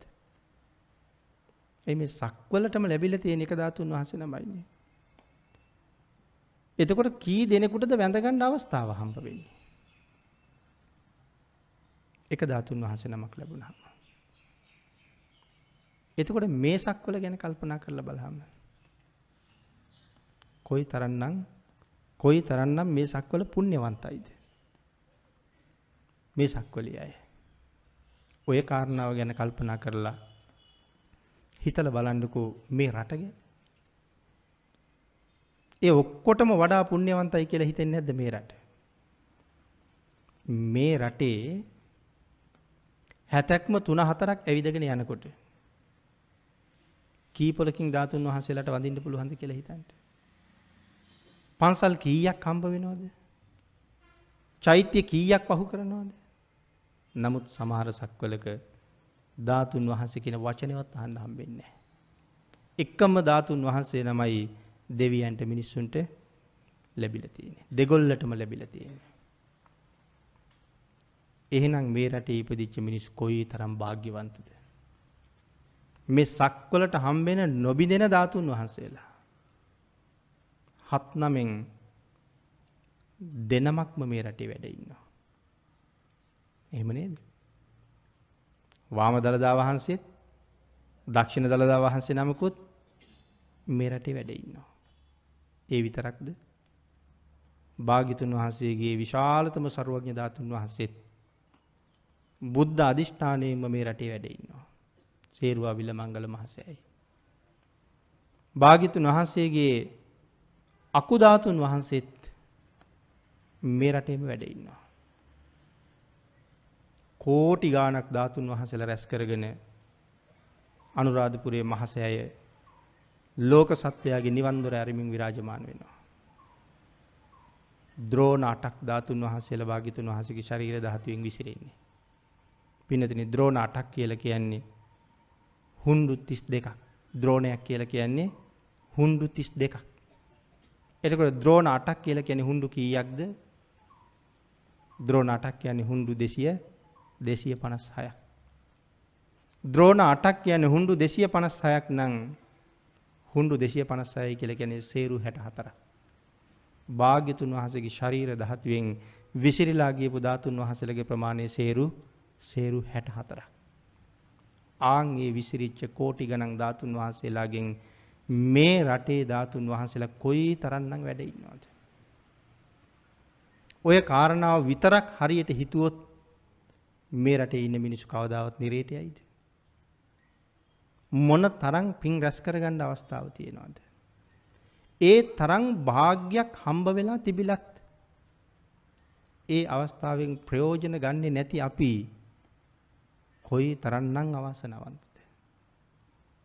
මන් තව ඉස්සරහට තව එක කාරණාවක් පැහැදිලි කරන්නම් අපිට අපි ගැන හරියට හිතුවොත් මාස ගානක් අඩන්ඩ හිතෙනවා ඒ කාරණාවත් එක්. මොනවද ජීවිතයේ මෙච්චර කල් කරලා තියෙන කියලා. අපි කාරණාවත් අවශ්‍ය තැනට අහම සාකච්ඡා කරමු. එනම් මේ අවස්ථාවෙන් අපි ප්‍රයෝජන ගන්න බව ඒ තරම් ලොකුවට පේන්න නන්නේ. ඊළඟට පිඩතුනේ බුදුරජාණන් වහන්සේගේ අධිෂ්ඨානයක් තියෙන්ඩ ඕන මේ මේ ධාතුන් වහසල මේ මේ තැන්ගොල වැඩඉන්න ඕන කියලා. ඒ සරුවක්ඥ ධාතුන් වහසගේ ස්වභාවයමයි භාගිතුන් වහසගේ අධිෂ්ඨානයක් නැත්නම් කොහොමවත් ඒ ධාතුන් වහන්සේ එතන වැඩ ඉන්නේ වැඩ ඉන්නේ නැහැ. එතකොට බුදුරජාණන් වහන්සේ මේ ධාතුන් වහන්සේලා අදිෂ්ඨාන කළා. මාගේ ශරීරයෙන් විහිදෙන මේ කෝටි ප්‍රකෝටි ගණන් ධාතුන් වහන්සේලාගෙන් අහවල් ධාතුන් වහන්සේ මේ එක එක ධාතුන් වහන්සේ නමක් ගැන භාග්‍යතුන් වහන්සේ දන්නවා. මෙච්චර ප්‍රමාණයක් විසිරෙනවා. මේ ද්‍රෝණ අටක් තුළ මෙච්චරක් ධාතුන් වහන්සේලා වැඩ ඉන්නවා. ඒ කොච්චරක්ද කියන එක භාග්‍යතුන් වහන්සේ දන්නවා. ආන් ඒ වැඩ ඉන්න ප්‍රමාණයෙන් අහවල් ධාතුන් වහන්සේ. ඒ ධාතුන් වහන්සේ කොතනින්ද බිඳුනේ? මහා ලොකු ඉලෑටයකින් බිඳලා ගියපු පුංචි ධාතුන් වහන්සේ නමක්ද? උකුල්ලටෙන් බිඳලා ගියපු පුංචි ධාතුන් වහන්සේ නමක්ද? එහෙම නැත්නම් මේ වැලමිට ගාවින් බිඳලා ගියපු පුංචි ධාතුන් වහන්සේ නමක්ද? මේ ශරීරයේ කොතනින්ද ඒ ධාතුන් වහන්සේ බිඳුනේ? ඒ එක එක ධාතුන් වහන්සේ නමක් ගැන මෙනෙහි කර කර අදිෂ්ඨාන කරලා තියෙනවා ආන් ඒ ධාතුන් වහන්සේ අහවල් පුද්ගලයාට අනුග්‍රහ පිණිස ඔහු ළඟ වැඩ ඉන්න ඕන මෙච්චර කාලයක්. පින්නතුනි ඒ කියන්නේ භාග්‍යතුන් වහන්සේ අපි දැක්ක කියන එක නෙමේද? ඒ කියන්නේ භාග්‍යතුන් වහන්සේ මේ ධාතුන් වහන්සේලා අදිෂ්ඨාන කරනකොටම අපි දැක්ක කියන එකයි. අහවල් පුද්ගලයා ළඟ මෙච්චර කාලයක් මේ ධාතුන් වහන්සේ වැඩ ඉන්න ඕනේ. නියම සරුවඥ ධාතුන් වහන්සේලාට පුද පූජා කරන අය මේ කාරණාව හොඳටම දන්නවා. අපෙන් අඩුපාඩුවක් වෙච්ච ගමන් ධාතුන් වහන්සේ ආපහු වඩිනවා. ඒක තමයි හැබෑම ස්වභාවය. ඒ අඩුපාඩුව සමහර වෙලාවට වෙනව ඇත්තේ භාග්‍යතුන් වහන්සේ අදිෂ්ඨාන කරපු මන් ළඟ වැඩ ඉන්න ඕන කාලයක් ඉවර වෙලා වෙන්න ඇති. මොකද ඊළඟට තවත් පුද්ගලයෙකුට අනුකම්පා පිණිස ඒ ධාතුන් වහන්සේ වඩින්න ඕනේ. ඒ කාරණාවත් සම්පූර්ණ වෙමින් වෙන්න ඇති වඩින්නේ හැබෑ සරුවඥ ධාතුන් වහන්සේ එහෙම වැඩ ඉන්නේ වැඩ ඉන්නේ නෑ වෙනසක් වෙච්ච ගමන් වඩිනවා. භාග්‍යතුන් වහන්සේ නමුත් අපි ගාව වැඩ ඉන්න කාලෙත් දන්නවා අපි ගාවින් ධාතුන් වහන්සේ වඩින දවසක් දන්නවා. සමහර අය ළඟ මුළු ජීවිත කාලෙම වැඩ ඉන්නත් පුළුවන් සංසාරේ පින් කර කර කරපු ප්‍රාර්ථනාවල් හින්දා. එහෙමනම් මේ විදිහට මේ ධාතුන් වහන්සේලා අදිෂ්ඨාන කරනවා කියන එකම පුදුම අචින්තනීයයි. ඒ කාරණාවත් අපිට කවදාවත් කවදාවත්ම හිතලා ඉවර කරන්න බැරි නිසායි මේ සූත්‍රයේ මුලින්ම සඳහන් කළේ ඉවර වෙනකන් මේක කාරණාවක්වත් කිසි කෙනෙකුට හිතන්න හිතන්න බෑ. එහෙම වුණොත් උම්මාද තත්වයටපත් වෙනවා කියලා. ඒ ටික කාලයකටත් නෙමෙයි පින්නතුනේ අදිෂ්ඨාන කළේ. අවුරුදු 5000ක් තරම් කාලයකට මේ ධාතුන් වහන්සේ කොයි කොයි කොයි කොයි තැන්වල වැඩ ඉන්න වැඩ ඉන්න ඕනේද කියන කාරණාව. ඊළඟට පැහැදිලි කරනවා බුදුරජාණන් වහන්සේලා ලෝකෙ පහළ වෙන්නේ ධාතුන් වහන්සේලා විසිරවන්න නම් නෙමෙයි කියලා. එහෙනම් මොකටද ලෝකෙ පහළ වෙන්නේ? ඒ කායන පරමාර්ථය ලෝකයට නිර්මල ධර්මයේ දේශනා කරන එක. ලෝකයට නිවන් මඟ පැහැදිලි කරලා දෙන එක. ලෝක සත්වයාගේ නිවන් දොර ඇරලා දෙන එක තමයි බුදුරජාණන් වහන්සේගේ එකම එකම පරමාර්ථය බවට පත් වෙන්නේ. ඊ타ත්ම දුක් සහිතව වෙහෙසිලා වෙහෙසිලා මහන්සි වෙලා මහන්සි වෙලා උන්වහන්සේ මේ කටයුතු සම්පූර්ණ කරගන්නේ ලෝක සත්වයට තියෙන අනන්ත අනුකම්පාව නිසා. ධර්ම දේශනා කරන්නමයි. තනියම නිවන් දකින්න අවස්ථා කොච්චර සැලසුණාද? කෝටි ප්‍රකෝටි ගණන් අවස්ථා තනියම නිවන් දකින්න ලැබිලා තියෙනකොට උන්වහන්සේ මග ඇරියා. ඒ මගෑර මගෑර මගෑර මගෑර ආවේ මොකටද? අපි සුවපත් කරවන්නමයි. අපේ නිවන් දොර ඇරලා දෙන්නමයි. ඒ නිර්මල ධර්ම රත්නය ලෝකයට දානය කරන්න උවමනා නිසාමයි. එනම් භාග්‍යතුන් වහන්සේගේ ප්‍රධාන කාර්යභාරය වෙලා තියෙන්නේ ලෝක සත්වයා සසරින් එතර කරන එකයි. හැබැයි පින්නතුනේ ඒ තරම් දීර්ඝ කාලයක් අපනින් අපිට වචනයෙන් කියන්න තිය හිතා ගණ්ඩුවත් බැරි තරම් කාලයක් උන්වහන්සේ පාරමිතා පූරණය කරගෙන ඇවිල්ලා. ලෝක සත්වයා සූපත් කරන්න ධර්ම දේශනා කරහම. තවත් කෙනෙක් භාග්‍යතුන් වහන්සේ දේශනා කරපු නිර්මල බණපද වෙනස් කරලා ඒ අතරට තමන්ගේ වචන එකතු කරනවා නම් ඒක කොයි වගේ තත්ත්වයක්ද? පිනතුනේ ඒක ධර්මයේ ඍජුවම සඳහන් කරන්නේ ඒ පුද්ගලයා වෑයම් කරන්නේ භාග්‍යතුන් වහන්සේගේ පාරමිතාව නිෂ්ඵල කරන්නයි කියලා. මේ සා කාලයක් පාරමිතා පිරුවේ ලෝකයා සුවපත් කරන්නයි. නමුත් මොවුන් උත්සාහ කරන්නේ ආන්ගේ පාරමිතාව නිෂ්පල කරන්නයි.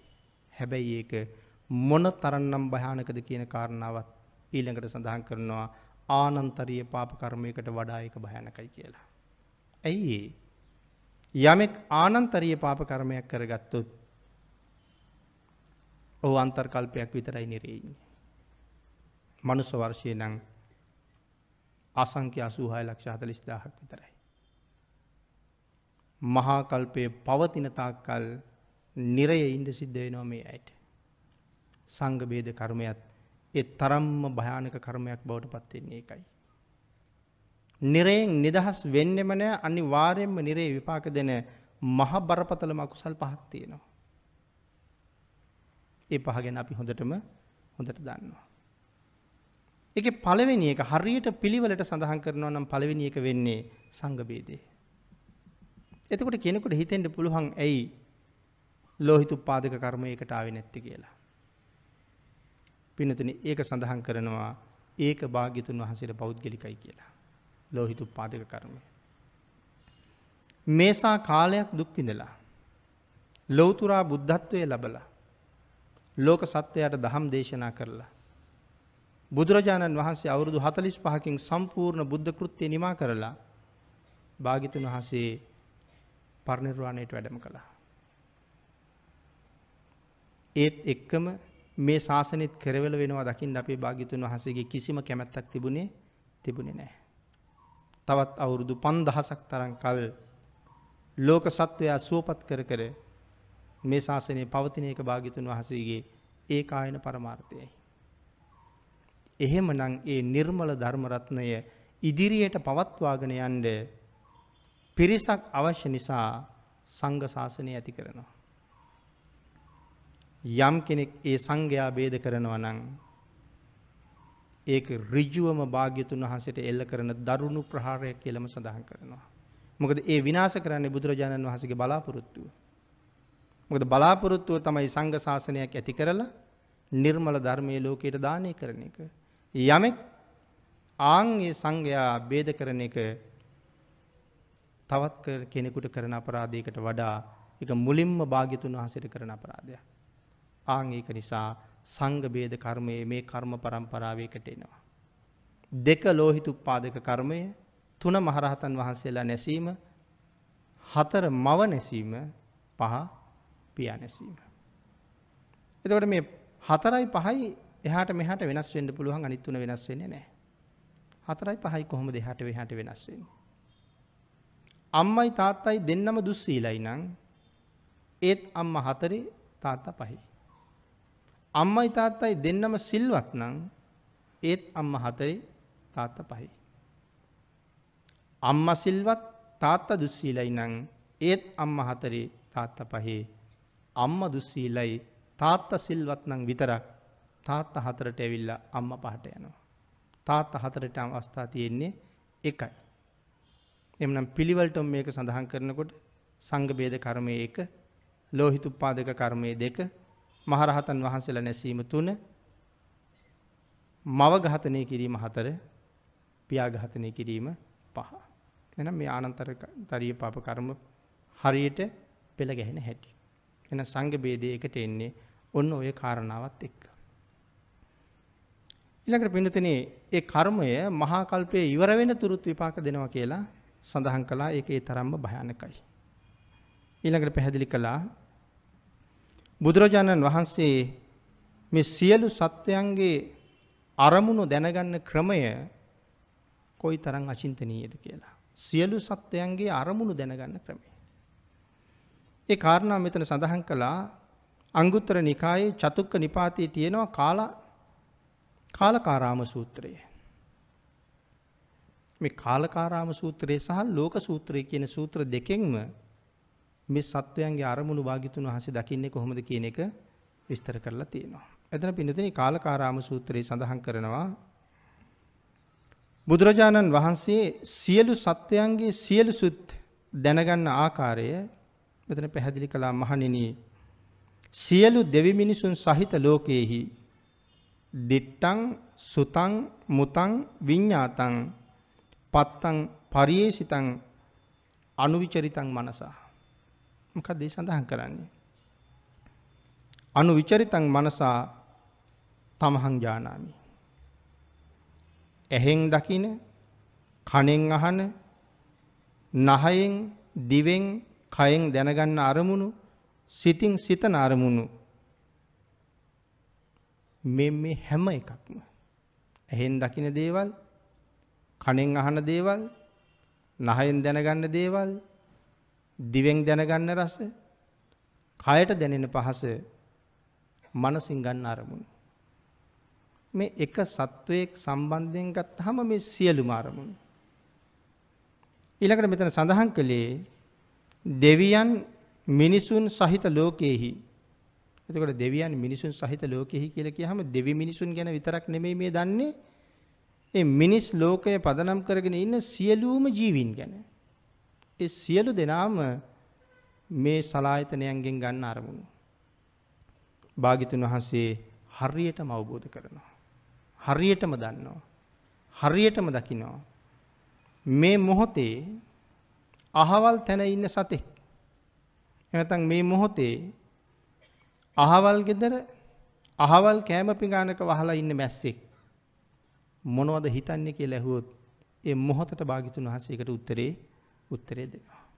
අහවල් තැනක අහවල් වැවක ඉන්න මෙන්න මේ විදිහේ මාළුවෙක් සාගරයේ ඉන්න අහවල් මාළුවෙක් මේ වෙලාවේ හිතන්නේ මොනවද? දකින්නේ මොනවද කියලා ඇහුවොත් ඒ මොහොතට ඒ මොහොතට භාග්‍යතුන් වහන්සේ උත්තරේ දෙනවා. පින්නතුනි මහ පොළොවෙන් මතුවලා ආපු පණුවෙක් පෙන්නලා ඇහුවොත් ස්වාමීනි මේ පණුවා මේ වෙලාවේ මොනවද හිතන්නේ? අපිට නම් හිතෙනවා ඇත්තටම පණුවට හිතෙනවද මොකවත් කියලා. නමුත් පණුවටත් හිතෙනවා. ආන් ඒ පණුවා මේ මොහොතේ හිතනදී අපේ අතේ වහලා ඉන්න මදුරුවා සමහර වෙලාවට වහපු ගමන් විදින්නේ නැහැ. තැනක් විදින්න හදලා ආයතනයකට ගිහිල්ලා ආයතනයකට ගිහිල්ලා ඇවිදලා ඇවිදලා ගිහිල්ලා විදිනවා. භාග්‍යතුන් වහන්සේට පෙන්නලා ඇහුවොත් මේ මදුරුවා මොනවා හිත හිතාද මේ තැන තැන යන්නේ කියලා.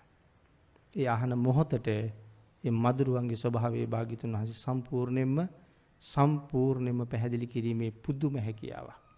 එහෙමනම් දෙවියන් මිනිසුන් සහිත ලෝකේ ජීවත් වෙන මේ සියලුම සත්වයන්ගේ සියලුම අරමුණු සලායතනයන්ගෙන් ගත්ත සියලුම අරමුණු දැකගන්න භාග්‍යතුන් වහන්සේට ෂණයක්වත් ගත වෙන්නේ නැහැ.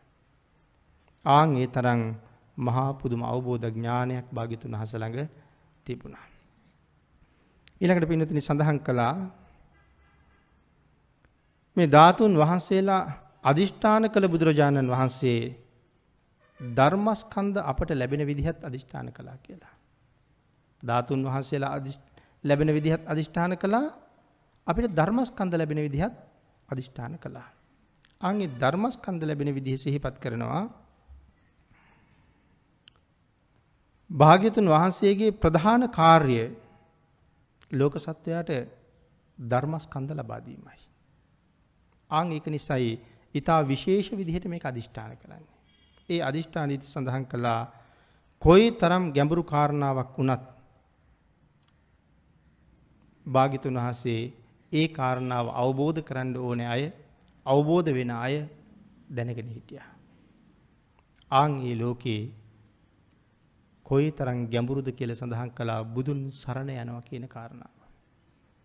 කොයි තරම් අමාරුද බුදුන් සරණ යනවා කියන කාරණාව බුද්ධං සරණං ගච්ඡාමි කියලා කීවට බුදුරජාණන් වහන්සේගේ සරණ මේ වෙලාවේ අපිට ලැබෙනවද? මේ වෙලාවේ අපි බුදුරජාණන් වහන්සේ සරණ ගිහිල්ලාද කියන කාරණාව හරියටම දැනගන්න ඕනේ කියලා. එහෙනම් භාග්‍යතුන් වහන්සේ හරියටම සරණ යන හැටි මීට කලින් ඕන තරම් සාකච්ඡා කරලා තියෙනවා. සැක නැතුව බුදුරජාණන් වහන්සේ පිළිගන්න පුළුවන් නම් දැන් මේ හරීම ගැඹුරුයි කියලා සඳහන් කළානේ තෙරුවන් සරණ යන එක. දැන් මෙතෙක් අපි සාකච්ඡා කරගෙන ආපු මේ කරුණු කල්පනා කරලා බලන්නකෝ අහගෙන හිටියට මෙච්චර වෙලා හැබැවින්ම සියලුම කරුණු එකක් නෑර සැක නැතුව පිළිගන්න පුළුවන්ද කියලා. තමන්ගෙන් අහලා බලන්න ඕනේ තමන්ට ඒ කරුණ පිළිගන්න පුළුවන්ද මෙහෙම වෙනවා කියහම. ඒ එක කාරණාවක් නමුත් පිළිගන්න බැරි නම් එතන තියෙන්නේ බුද්ධ රත්නයේ විශ්වාස නැති එක. ආන් එයාට බුද්ධං සරණං ගච්ඡාමි කියලා කිව්වට සරණ පිහිටන්නේ සරණ පිහිටන්නේ නැහැ. විතිකිච්ඡා සහිතයි. භාග්‍යතුන් වහන්සේ පිළිබඳව සැකයි. ආන් ඒ නිසා තෙරුවන් සරණ යනවා කියන කාරණාව ඊතරම්ම ඊතරම්ම ගැඹුරුයි ලෝකේ. ඒකයි සඳහන් කරන්නේ බුද්ධං සරණං ගච්ඡාමි කියලා කීවට මේ වෙලාවේ අපට සරණ ලැබෙනවද කියලා අපි දන්නේ කියලා. හරියටම සරණ ගිහිල්ලාද? බුදුරජාණන් වහන්සේ අපිව දැකලා තියෙන්නේ අපිට හිතනවා භාග්‍යතුන් වහන්සේ අපි දැකලවත් නැහැ. දැකලවත් නැතුව කොහොමද අපිට භාග්‍යතුන් වහන්සේගේ සරණ ලැබෙන්නේ? පින්නතුනේ අපිට එහෙම හිතුණට බුදුරජාණන් වහන්සේ අපි දැක්කේ අද නෙවෙයි. භාග්‍යතුන් වහන්සේ අපි ගැන දන්නේ හුඟක් හුඟක් අතීතේ ඉඳලා. අද ගැනත් දන්නවා හෙට ගැනත් දන්නවා දවසක ඔබත් මමත් පිරිනිවන් පාන දවස වෙනකම්ම භාග්‍යතුන් වහන්සේ අපි ගැන හොඳටම හොඳටම දන්නවා අඩුවක් නැතුව. ආන් ඒ නිසා මෙතන සඳහන් කරනවා මේ ත්‍රිපිටකයේ තියෙන ධර්මය කිසි කෙනෙකුට පුළුවන්කමක් නැහැ කාලීන කරන්න. ඇයි මේ ධර්මයේ දේශනා කරලා තියෙන්නේ? තුන් කාලයටම ගැලපෙන්න. ඒකයි මං කිව්වේ අපි ගැනත් පිරිනිවන් පානතුරුම භාග්‍යතුන් වහන්සේ දන්නවා. භාග්‍යතුන් වහන්සේගේ ධර්මය එදාටත් අදටත් හෙටටත් මනාවම ගැලපෙනවා. ඒ නිසා අපි සන්දිට්ටිකෝ අකාලිකෝ ඒහි පස්සිකෝ ඕපනයිකෝ පච්චත්තං වේදි තබ්බෝ විඤ්ඥෝහි එල සඳහන් කළා. එනම් අකාලිකයි ධර්මය. ධර්ම රත්නය වදින්ට කියලා අකාලිකෝ කියල කියන අපි ඕන තරං දන්නවා දකිනවා ධර්ම දේශනාවක බැනර එකක් තියෙන තැන කාලීන ධර්ම දේශනාවක් කියලා ලියලා තියෙනවා. එහෙමනම් මේ බැනර් එක ලියපු කෙනා භාග්‍යතුන් වහන්සේ සරුවඥයි කියලා දන්නේ නැති කෙනෙක්. යම් ආයතනයකින් ඒක මුද්‍රණය කරගත්තා නම් මුද්‍රණය කරපු කරපු පුද්ගලයා දන්නෙත් නෑ භාග්‍යතුන් වහන්සේ සරුවඥයි කියලා. ආන් ඒක හින්දා කාලීනයි කියලා එකතු කරලා. කාලීන ධර්මයක් නෑ මේ ධර්මය අකාලිකයි. ඉතින් වැඩියෙන් ওই බැනර් පෝස්ටර් දකින්නේ අපි අතර. ඒ කියන්නේ තාම අපේ රටේ ඉන්න බෞද්ධයන්ගෙන් වැඩි පිරිසක් භාග්‍යතුන් වහන්සේගේ සර්වඥ බව පිළිගන්න සූදානම් නැති බවයි ඒකෙන් පේන්නේ. එහෙමනම් අපිට භාග්‍යතුන් වහන්සේගේ සරණ කොහෙන්ද කියන කාරණාව ආපහු ආපහු ඉස්මතු කරලා බලන්න ඕනේ. ඒ නිසා මේ ධර්මයේ කිසිම කාලීන බවක් කාලීන බවක් නැහැ. ඒ විතරක් නෙමෙයි ඕනෑම පුද්ගලයෙක් දොරටු හයෙන්ම ගන්න සියලුම තොරතුරු බුදුරජාණන් වහන්සේ අවබෝධ කරලා ඉවරයි කියලා සඳහන් කරනවා. එතකොට කොහෙන්ද මේ ධර්ම කාරණාවට විතරක් කාලීනයි කියන්නේ. ඕනෑම පුද්ගලයෙක් දොරටු හයෙන්ම ගන්න අරමුණු කියලා කියහම අපි එක පුද්ගලයෙක් අරගන්න. මේ එක පුද්ගලයෙක් දොරටු හයෙන්ම අරමුණු ගන්නවා කියලා කියහම මේ ජීවිතය ගැන විතරක් නෙමෙයි ඒ කතා කරන්නේ. ඒ පුද්ගලයා කවදා හරි නිවන් දකින්නකම්ම මනුස්ස වේවා තව භවයක දිව්‍ය වේවා තව භවයක තිරිසං වේවා තව භවයක නිරේ වේවා තව භවයක പ്രേත ලෝකයක අසුර ලෝකයක වේවා කවද නමුත් ඔහු නිවන් දකින්න තුරුම ඔහු මේ සලායතනයන්ගෙන් ගන්න සියලුම අරමුණු භාග්‍යතුන් වහන්සේ දැකලා ඉවරයි. ඔබත් මමත් නිවන් දකින්නේ කවදද? ඒ කවුරු ළඟද? ඒ කොතනද? ඒ මොන බණපදයේ ඇහැම ශ්‍රවණය කිරීම නිසාද කොයි භාවනාව වැඩිම නිසාද ඒ නිවන මට හම්බ වෙන්නේ මහ රැයකද පාන්දරකද මද්දහනකද වහින වෙලාවකද මේ සියලුම කරුණු භාග්‍යතුන් වහන්සේ මේ එක එක එක එක පුද්ගලයෙක් වෙනුවෙන් දන්නවා. ආන්ගේ තරම් මහ පුදුම අවබෝධයක් මේ සියලුම සත්වයන් පිළිබඳව තියෙනවා. මිනිස්සු ගැන විතරක් නෙමෙයි දෙවියෝ ගැන විතරක් නෙමෙයි මුලින් සඳහන් කරපු හැටියට පන්නු වගේ පළගැටියගේ නිවන ගැන පවා භාග්‍යතුන් වහන්සේ දැකලා ඉතින් ඒ අයත් කවදා හරි දවසක නිවන් දකිනවා. ඒකත් බුදුරජාණන් වහන්සේ මනාවම දන්න බව සිහිපත් කළා. ඒ අවබෝධය භාග්‍යතුන් වහන්සේට ලැබුණේ බුදු වුණාගෙන් පස්සේද? නෑ ඒ අවබෝධය දැක්කෙත් ඔබත් මමත් ගැන දැක්කෙත් එදා බෝධි මූලයේදී වැඩ ඉන්න වෙලාවෙමයි. අර පල්ලංකේ මත වැඩ ඉන්න වෙලාවෙමයි මේ සියලුම කාරණා භාග්‍යතුන් වහන්සේ දැක්කේ. ආන් ඒ නිසා ඒ කාරණාව තුලත් තියෙන පින්නතුනි අපිට හිතා ගන්න බැරි මහා අචින්තනීය බවක්. ඊට අමතරව යමක් දැකලා අපිට ඇති වෙනවා නම් පින්නතුනි සතුටක්. යම් දෙයක් දැකලා අපිට ඇති වෙනවා නම් සතුටක්. ඒ සතුට ඇති වෙන්නේ සංසාරේ අපි කරගත්ත පිනක් නිසා. යම් දෙයක් දැකලා අපිට ඇති වෙනවා නම් දුකක්. ඒ දුක ඇති වෙන්නේ සංසාරේ අපි කරපු අකුසල කර්මයක් නිසා. සතුටක් ඇති වෙනවා නම් ඒක කුසල කර්මයක්. දුකක් ඇති වෙනවා නම් ඒක අකුසල කර්මයක්. ඊළඟට සඳහන් කළා මේ ලෝකේ ඉන්න මේ මිත්‍යා දෘෂ්ටික පිරිස් මේ තරම් සැප විඳින්නේ මොන හේතුවක් හින්දාද කියලා. මිත්‍යා දෘෂ්ටික පිරිස් මේ තරම් සැප විඳින්නේ මොන හේතුවක් නිසාද? මං හිතන්නේ බෞද්ධයයි සම්මත අපිට තියෙන ලොකු ප්‍රශ්නයක්. ධර්මයෙන් අපිට උගන්වනවා සිල්වත් වෙන්න සිල්වත් වෙන්න ධනවත් වෙනවා කියලා. එතකොට අපිට ප්‍රශ්නයක් නැගෙනවා කිසිම සීලයක් නැති තිසරණ පිළිබඳව දන්නේවත් නැති අය අපිට වඩා හුඟ හුඟ ධනවත්. සම්මා දිට්ඨික වෙලා ඉපදිච්ච අපි මිත්‍යා දෘෂ්ටික ධන කුවේරයන් ළඟ ගිහිල්ලා ජීවත් වෙන්න නොයෙක් රැකියාවක් කරනවා. විදේශගත වෙලා සමහරලාට නොයෙක් රැකියාවලට තේනවා. සමහරලාට ගෙදර ඇවිල්ලා කියන්නත් බෑ මං එහෙ කලේ මොනවද කියලා වළං හොදපුවා. රෙදි හොදපු දේවල්. දැන් එතකොට සම්මාදිට්ඨික වෙලා මෙහෙ ඉපදිලා මිත්‍යා දෘෂ්ටික කෝටිපතියෝ ගාවට ගිහිල්ලා අපි බැල මෙහෙවරකම් කරනවා අපේ ජීවිතය ගත කරන්න. සමහර එහෙම ගියපු අය එහෙන් ආපහු වෙනකොට ආගමත් අතෑරලා එනවා. ඇයි? ඒගොල්ලන්ට තමන්ගේ ආගමෙන් මොකවත් හම්බෙලා නැති වුණාට ඒ ඒ ආගම් වලින් හුඟක් සැප සම්පත් හම්බ වෙලා.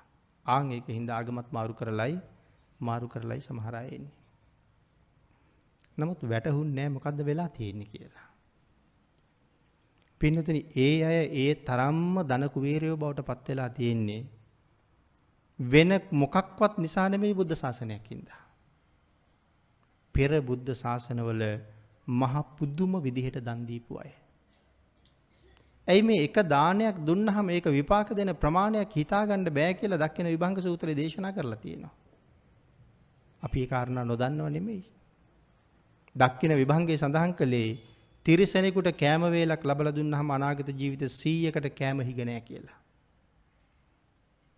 දුස්සීල මිනිහෙකුට කෑම වේලක් දුන්නාම අනාගත ජීවිත 1000කට කෑම හිග නැහැ කියලා. පෘතජන සීලවන්තයෙකුට එක වේලක් කෑම දුන්නාම අනාගත ජීවිත ලක්ෂයකට කෑම හිග නැහැ කියලා. තිසරණ නැති වුණාට අහසින් යන එක තවුසෙකුට කෑම වේලක් දෙන්න පුළුවන් වුණොත් අනාගත ජීවිත කෝටි ලක්ෂයකට කෑම හිග නැහැ. දැන් එතකොට බලන්නකෝ.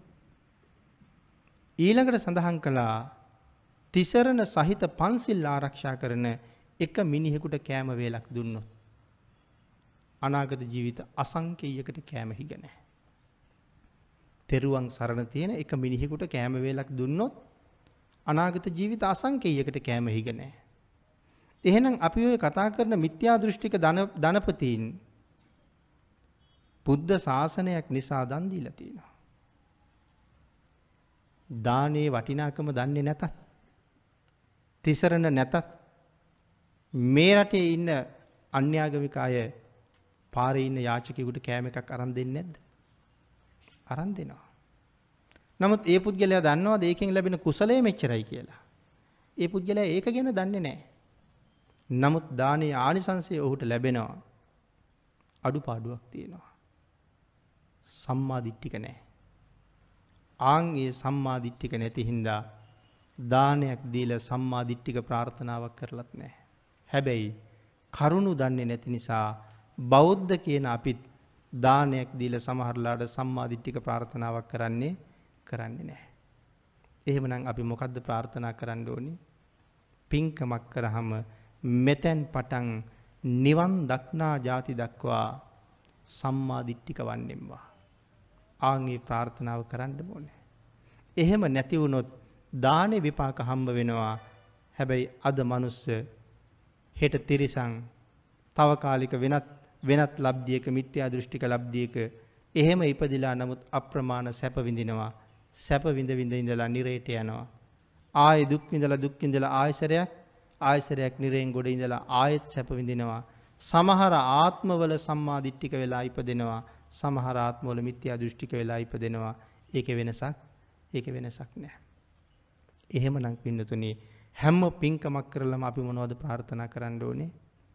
අපි ප්‍රාර්ථනා කරන්න ඕනේ මෙතෙන් පටන් නිවන් දක්නා ಜಾති දක්වා සම්මා දිට්ඨික වන්නෙම්වා.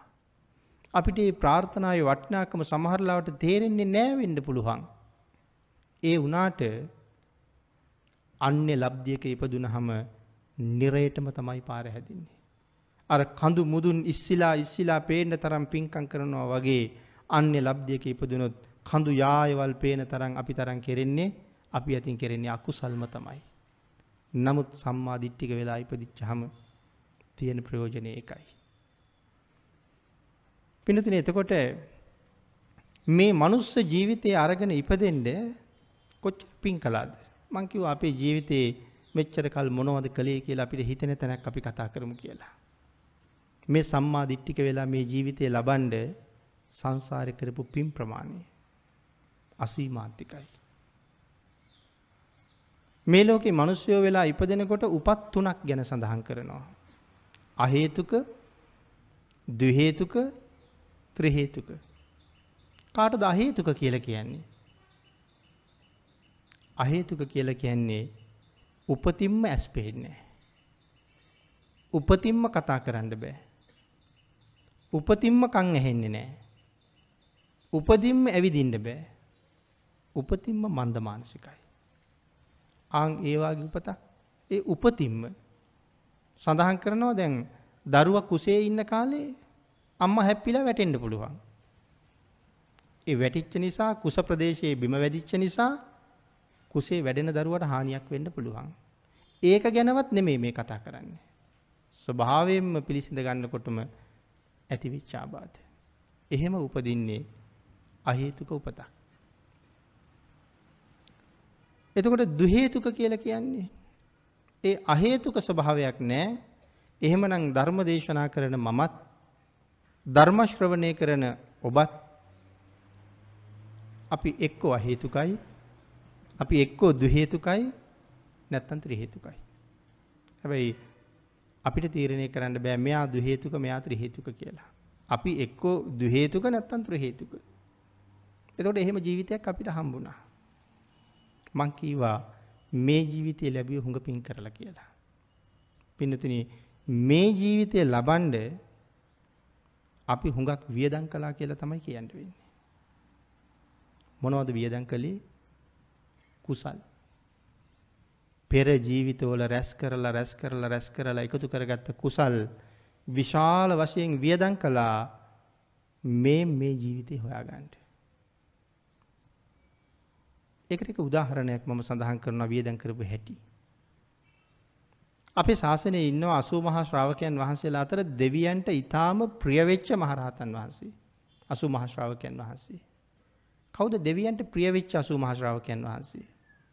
දෙවියන්ට ප්‍රිය වූවන් අතර අග්‍රස්ථානය ලැබුවේ පිළින්දිවච්ච මහරහතන් වහන්සේ. උන්වහන්සේ ශ්‍රාවක බෝධිය ප්‍රාර්ථනා කරගෙන පාරමිතා පුරන කාලේ පදුමුත්තර බුදුරජාණන් වහන්සේගේ කාලේ. ඒ කියන්නේ ඔය කියන්නේ මුල්ම අවස්ථාවේ. ਸਰව දානයක් දෙනවා. බුදුරජාණන් වහන්සේ ඇතුළු ලක්ෂයක් මහරහතන් වහන්සේලාට ආසන පනවලා වඩා හිඳවලා කුඩ ඉහළලා ඒ දානෙට පූජා කරන ਸਰවදානයක් කියලා සඳහන් කළේ. සියලුම දේවල් ඒ කුඩේ එල්ලනවා. එහෙම සකස් කරගෙන මේ මහත් චත්‍ර පූජාවත් එක්ක මේ දානේ පූජ කළා. ආන් ඒකේ ආනිසංසය හින්දා නිවන් දකින අන්තිම ආත්මට එනකම් සුගතියේ ඉපදිච්ච හැම ආත්මයකම මනුස්ස ලෝකෙ ඉපදිච්ච හැම ආත්මයකම හිසට ඉහලින් කුඩ ලක්ෂයක් ඉහලෙනවා. ඒ චත්‍ර පූජාව නිසා. හිසට ඉහලින් කුඩ ලක්ෂයක් ඉහලෙනවා. දැන් ඉතින් මේ අඩුපාඩු හොයන කෙනෙකුට සමහරලා හිට හිතෙන්න පුළුවන්. එතකොට ඒ කුඩ ලක්ෂය ගෙට ඇතුල් වෙනකොට උළුව සෙවැදුන්නේ නැද්ද? ඔය වගේ දේවල් නේ අද හොයන්නේ හුඟක් අය. පාරේ යනකොට ගහේ හැප්පුන්නේ නැද්ද? එහෙම වෙන්නේ නැහැ පින්නතුනි. මේවා සංසාරේ පිං හඳ කිරණ මහ පොළොවට පතිත වෙනකොට ගහේ හැප්පිලා කුඩු වෙන්නේ නැහනේ. නැත්තම් මෙතන ගහක් තියෙනවා කියලා මග ඇරලා යන්නෙත් නැහනේ. ඉතුරු කොටස ගහ උඩට වැඩෙනවා. ගහ යට හේවන හැදෙනවා. වටේට හඳ කිරණ තියෙනවා. මේ කුසල් නිසා එහෙම බාධා ඇති වෙන්නේ නෑ හිසට ඉහලින් කුඩ ලක්ෂයක් ඉහලෙනවා. දැන් එතකොට නිවන් දකින අන්තිමාත්මේ පිළින්දි වච්චි මහරහතන් වහන්සේගේ හිසට ඉහලින් කුඩ ඉහළුණා කියලා අපි කොතනවත් අහලා කොතනවත් අහලා නැහැ. ආන් ඒ කාරණාව ඇහුවා. ස්වාමීනි මෙච්චර කල් හිසට ඉහලින් කුඩ ලක්ෂයක් ඉහළුණා නම් ඇයි මේ ජීවිතයේ ඒ කුඩ ලක්ෂයට මොකද වුනේ කියලා. ආන් ඒකට අපූර්ව උත්තරයක් ලැබෙනවා පින්නතුනි. මේ ජීවිතෙත් කුඩ ලක්ෂයක් ඉහලෙන්න තිබුණා. නමුත් කුඩ ඉහළුන් නැත්තේ කුඩ ඉහලෙන්ඩ විපාක දෙන්න තිබිච්ච පින වෙනත් කාරණාවක් සඳහා වියදං වුණා. කුඩ ඉහලෙන්ඩ තිබිච්ච පින වෙන කාරණාවකට වියදං වුණා. මොකේටද වියදං වෙලා තියෙන්නේ? අරිහත් චත්‍රය ලබා ගැනීම උදෙසා ඒ පින්කන්ද එකට වියදං වුණා කියලා. ඒ හින්දා කුඩ ඉහලෙන්නේ දැන් තේරෙනවද අපි කරපු පින් මේ ජීවිතය ලබන්න කොච්චර වියදම් වෙනවද කියලා. පින්නතින් මතක තියාගන්න ඔබටත් කෝටිපතියෝ ප්‍රකෝටිපතියෝ වෙලා ඉපදිලා සැප විඳින්න සංසාරේ පින් තිබ්බා. අපිට හිතෙන්නේ අන්‍ය ආගමිකයන්ට වඩා බෞද්ධයෝ හරි දුප්පත් කියලා. දුප්පත් නෑ අපි. අපි මේ විදිහට ඉන්න හේතුවක් තියෙනවා. වෙන දෙයක් නෙමෙයි සම්මාදිට්ඨිකයෙක් වෙලා ඉපදෙන්න අපි කරපු පින් වියදම් වෙලයි තියෙන්නේ. මිත්‍යා දෘෂ්ටිකයෙක් වෙලා ඉපදෙන්න ඒගොල්ලන්ට පින් වියදම් උන් නැති නිසා පෙර කරපු පින් ඒගොල්ලන්ට විපාක දීලා අද කෝටිපතියෝ වගේ ජීවත් වෙනවා. නමුත් ඔබටත් මටත් සම්මාදිට්ඨික වෙලා ඉපදෙන්න අපි කරපු කුසල් කෝටි ප්‍රකෝටි ගණනින් වියදම් කරලා තියෙනවා. ඒකයි මං කිව්වේ දැන් තීරණය කරන්න මේ ජීවිතේ එච්චර වියදම් කරලා ගත්ත ජීවිතයක් නම් කොයි මගේ ජීවිතේට මං කරපු සාධාරණේ කියලා අහලා බලන්න ඕනේ. හරියටම Tamanට කතා කරලා අහන්න ඕනේ මේ වෙනකොට ජීවිතේ මම නිවැරදිවම තෙරුවන් සරණ ගිහිල්ලාද සම්මාදිට්ඨික වෙලා ඉපදිලා. ඒ කාරණාවටත් සමහරට ප්‍රශ්නයක් තියෙන්න පුළුවන්. ඊළඟට අහලා බලන්න භාග්‍යතුන් වහන්සේ කොච්චර දේශනා කළාද පන්සිල් රැක ගන්න කියලා. ජීවිතේ මේ වෙනකොට අවුරුදු 35ක් 40ක් 45ක් 60ක් 65ක් 70ක් ගෙවිලා ගිහිල්ලා හොඳට කල්පනා කරලා බලන්න එක දවස් 10ක් එක දිගට පන්සිල් රැකගත්ත දවස් 10ක් මගේ මේ ජීවිතේ තියෙනවද කියලා. ආන් එතකොටයි තේරෙන්නේ මේ වටිනා සම්පතට මොකද්ද වුනේ කියලා. මනුස්ස ජීවිතය කියලා කියන්නේ අමිල වස්තුවක්. ඔක කවදාවත් මිල කරන්න බෑ. රං රිදී මුතු මැණික් ඔක්කොටම මිලක් තියෙනවා. පිනතුනි මේ වටිනා වස්තුව පරිස්සම් කරගන්න කිසිම කල්පනාවක් නැහැ. කෝටි ගාණක් දීලා වාහනයක් අරගෙන ආපුවම ඒක පරිස්සම් කරන තරම් හිතලා බලන්නකෝ පාරේ අතුපාත් වෙලා තිබුණොත් ඒ වාහනේ අපි ඒ ගමන යන්නේ ඇයි අතු ගෑවිලා වාහනේ සීරෙනවා. මොකද ඒක කෝටි ගාණක් වටිනවා. ඒක මග තියලා වෙනත් කුලියට යන වාහනයකින් අපි ගමන යනවා. ඔය කෝටි ගාණක් වටින වාහනේ වලවල් තියෙන පාරකට ගත්තොත් මිනිහෙක් පයින් යනවට වඩා හෙමින් තමයි වලකින් වලකට ගොඩ කර කර ගොඩ කර කර මේ වාහනේ පදවන්නේ. ඒ තරම්ම වාහනේට ගරු කරනවා. ප්‍රිය කරනවා. ගේ ඇතුලි සතියක් දෙකක් නිකන් තිබ්බොත් දෙතුන් පාරක්වත් අරගෙන හොදනවා දූවිලි ටික. ආයි හොදලා ගෙට දානවා. දූවිලි ටිකක්වත් වහන්න දෙන්නේ නැහැ. සමහර ඒවා කවර දාලා වහලා තියලා තියෙන්නේ. නමුත් ඒක වටින්නේ කෝටි ගාණයි. නමුත් මගේ ජීවිතය අමිල වස්තුවක්. එහෙනම් සංසාරේ කියන මේ මාර්ගයේ අපේ ජීවිතේ නැමැති යාත්‍රාවත් අපි පදවනවා. හැබැයි මේ යාත්‍රාව වලවල් වලට වැටෙනවා. අර වාහනේ වලක වැදිලා යන්තම් චුට්ටක් යට ගෑවුනොත් එතනම හිටවලා රිංගලා බලනවා මොකද්ද වුනේ කියලා. අපේ මාර්ගයේ දස අකුසල් කියන දැවැන්ත වලවල් තියෙනවා. මේ වාහනේ නම් ඒ වලවල් වල වැටිලා නිකන් සීරිලා නෙමෙයි පතුරු පතුරු ගැලවිලා තියෙන්නේ. අරවාහනේ නම් කොහැරි ගෑවිලා යන්තන් ඉරක්ගියොත් ඒ ගමම්ම කොහැරි තැනකට ගිහිල්ල පින්තාරු කරනවා. හැබැයි දැන් බලහම අපේ වාහනේ එහෙම පහසුවෙන් පින්තාරු කරන්න පුළුහම් බවක් නෑ මොකද දැන් වාහනේ කාලීවර වෙලා. තැලිල්ල තැලිල්ල තැලිල ගිහිල්ල වාහනේ. නමුත් වටිනා ජීවිතයට වෙච්චිදී. භාගිතුන් වහසගේ ධර්මය මෙ දැන් පටන් ගන්න පුළුවන්. හෙටට කල්තියන්න නැතුව. අතීතය කුණු ගොඩක්මයි. අවසන්ඩ ගියොත් දුර්ගන්ධමයි. ඊයේ වෙච්ච දේවල් ගැන හිතන්න නැතුව අද ජීවිතයේ හරියට හදාගන එක පැයක් හරියට පොරොන්දු වෙන්න පුළුවන්නම් තෙරුවන් සරණ ගිහිල්ලා මෙතැන් පටන් දිවිහිමියෙන් මේ සිල් පද පහාරක්ෂා කරනවා කියලා නිරයට යන්ඩ තියෙන දොරවල් වහන්ඩ තරන්ගේ කුසලයට පුදුම පුදුම ශක්තියක් තියෙනවා. අන්න එවන් ජීවිතයක් අරගෙන උපදින්ඩයි මේ තරං සංසාරි කුසල් වියදන් කිරුවේ. ආංගේ කුසල් වියදන් කරපු ජීවිතයට ඔබෙන් ඉෂ්ට වෙන්න ඕන හැබෑම සාධහරණ ඉෂ්ට කරගන්න පුළුවන් වුණොත් ඔබටත් සතුටු සිතින් මරු වැළඳ ගන්න පුළුවන් දවසක් එනවා. එතෙන්ට යන්නේක තමයි අපේ බලාපොරොත්තුව පරමාර්ථය. පින්නතුනි අද මෙහෙනම් අපි යාචකයෙකුට හරි කෑම ටිකක් දෙනවා. ඒ වුණාට ඔය සමහර රටවල් වල යාචකයෙකුටවත් කෑම දෙන්න ඒ රටවල මිනිස්සු බයයි.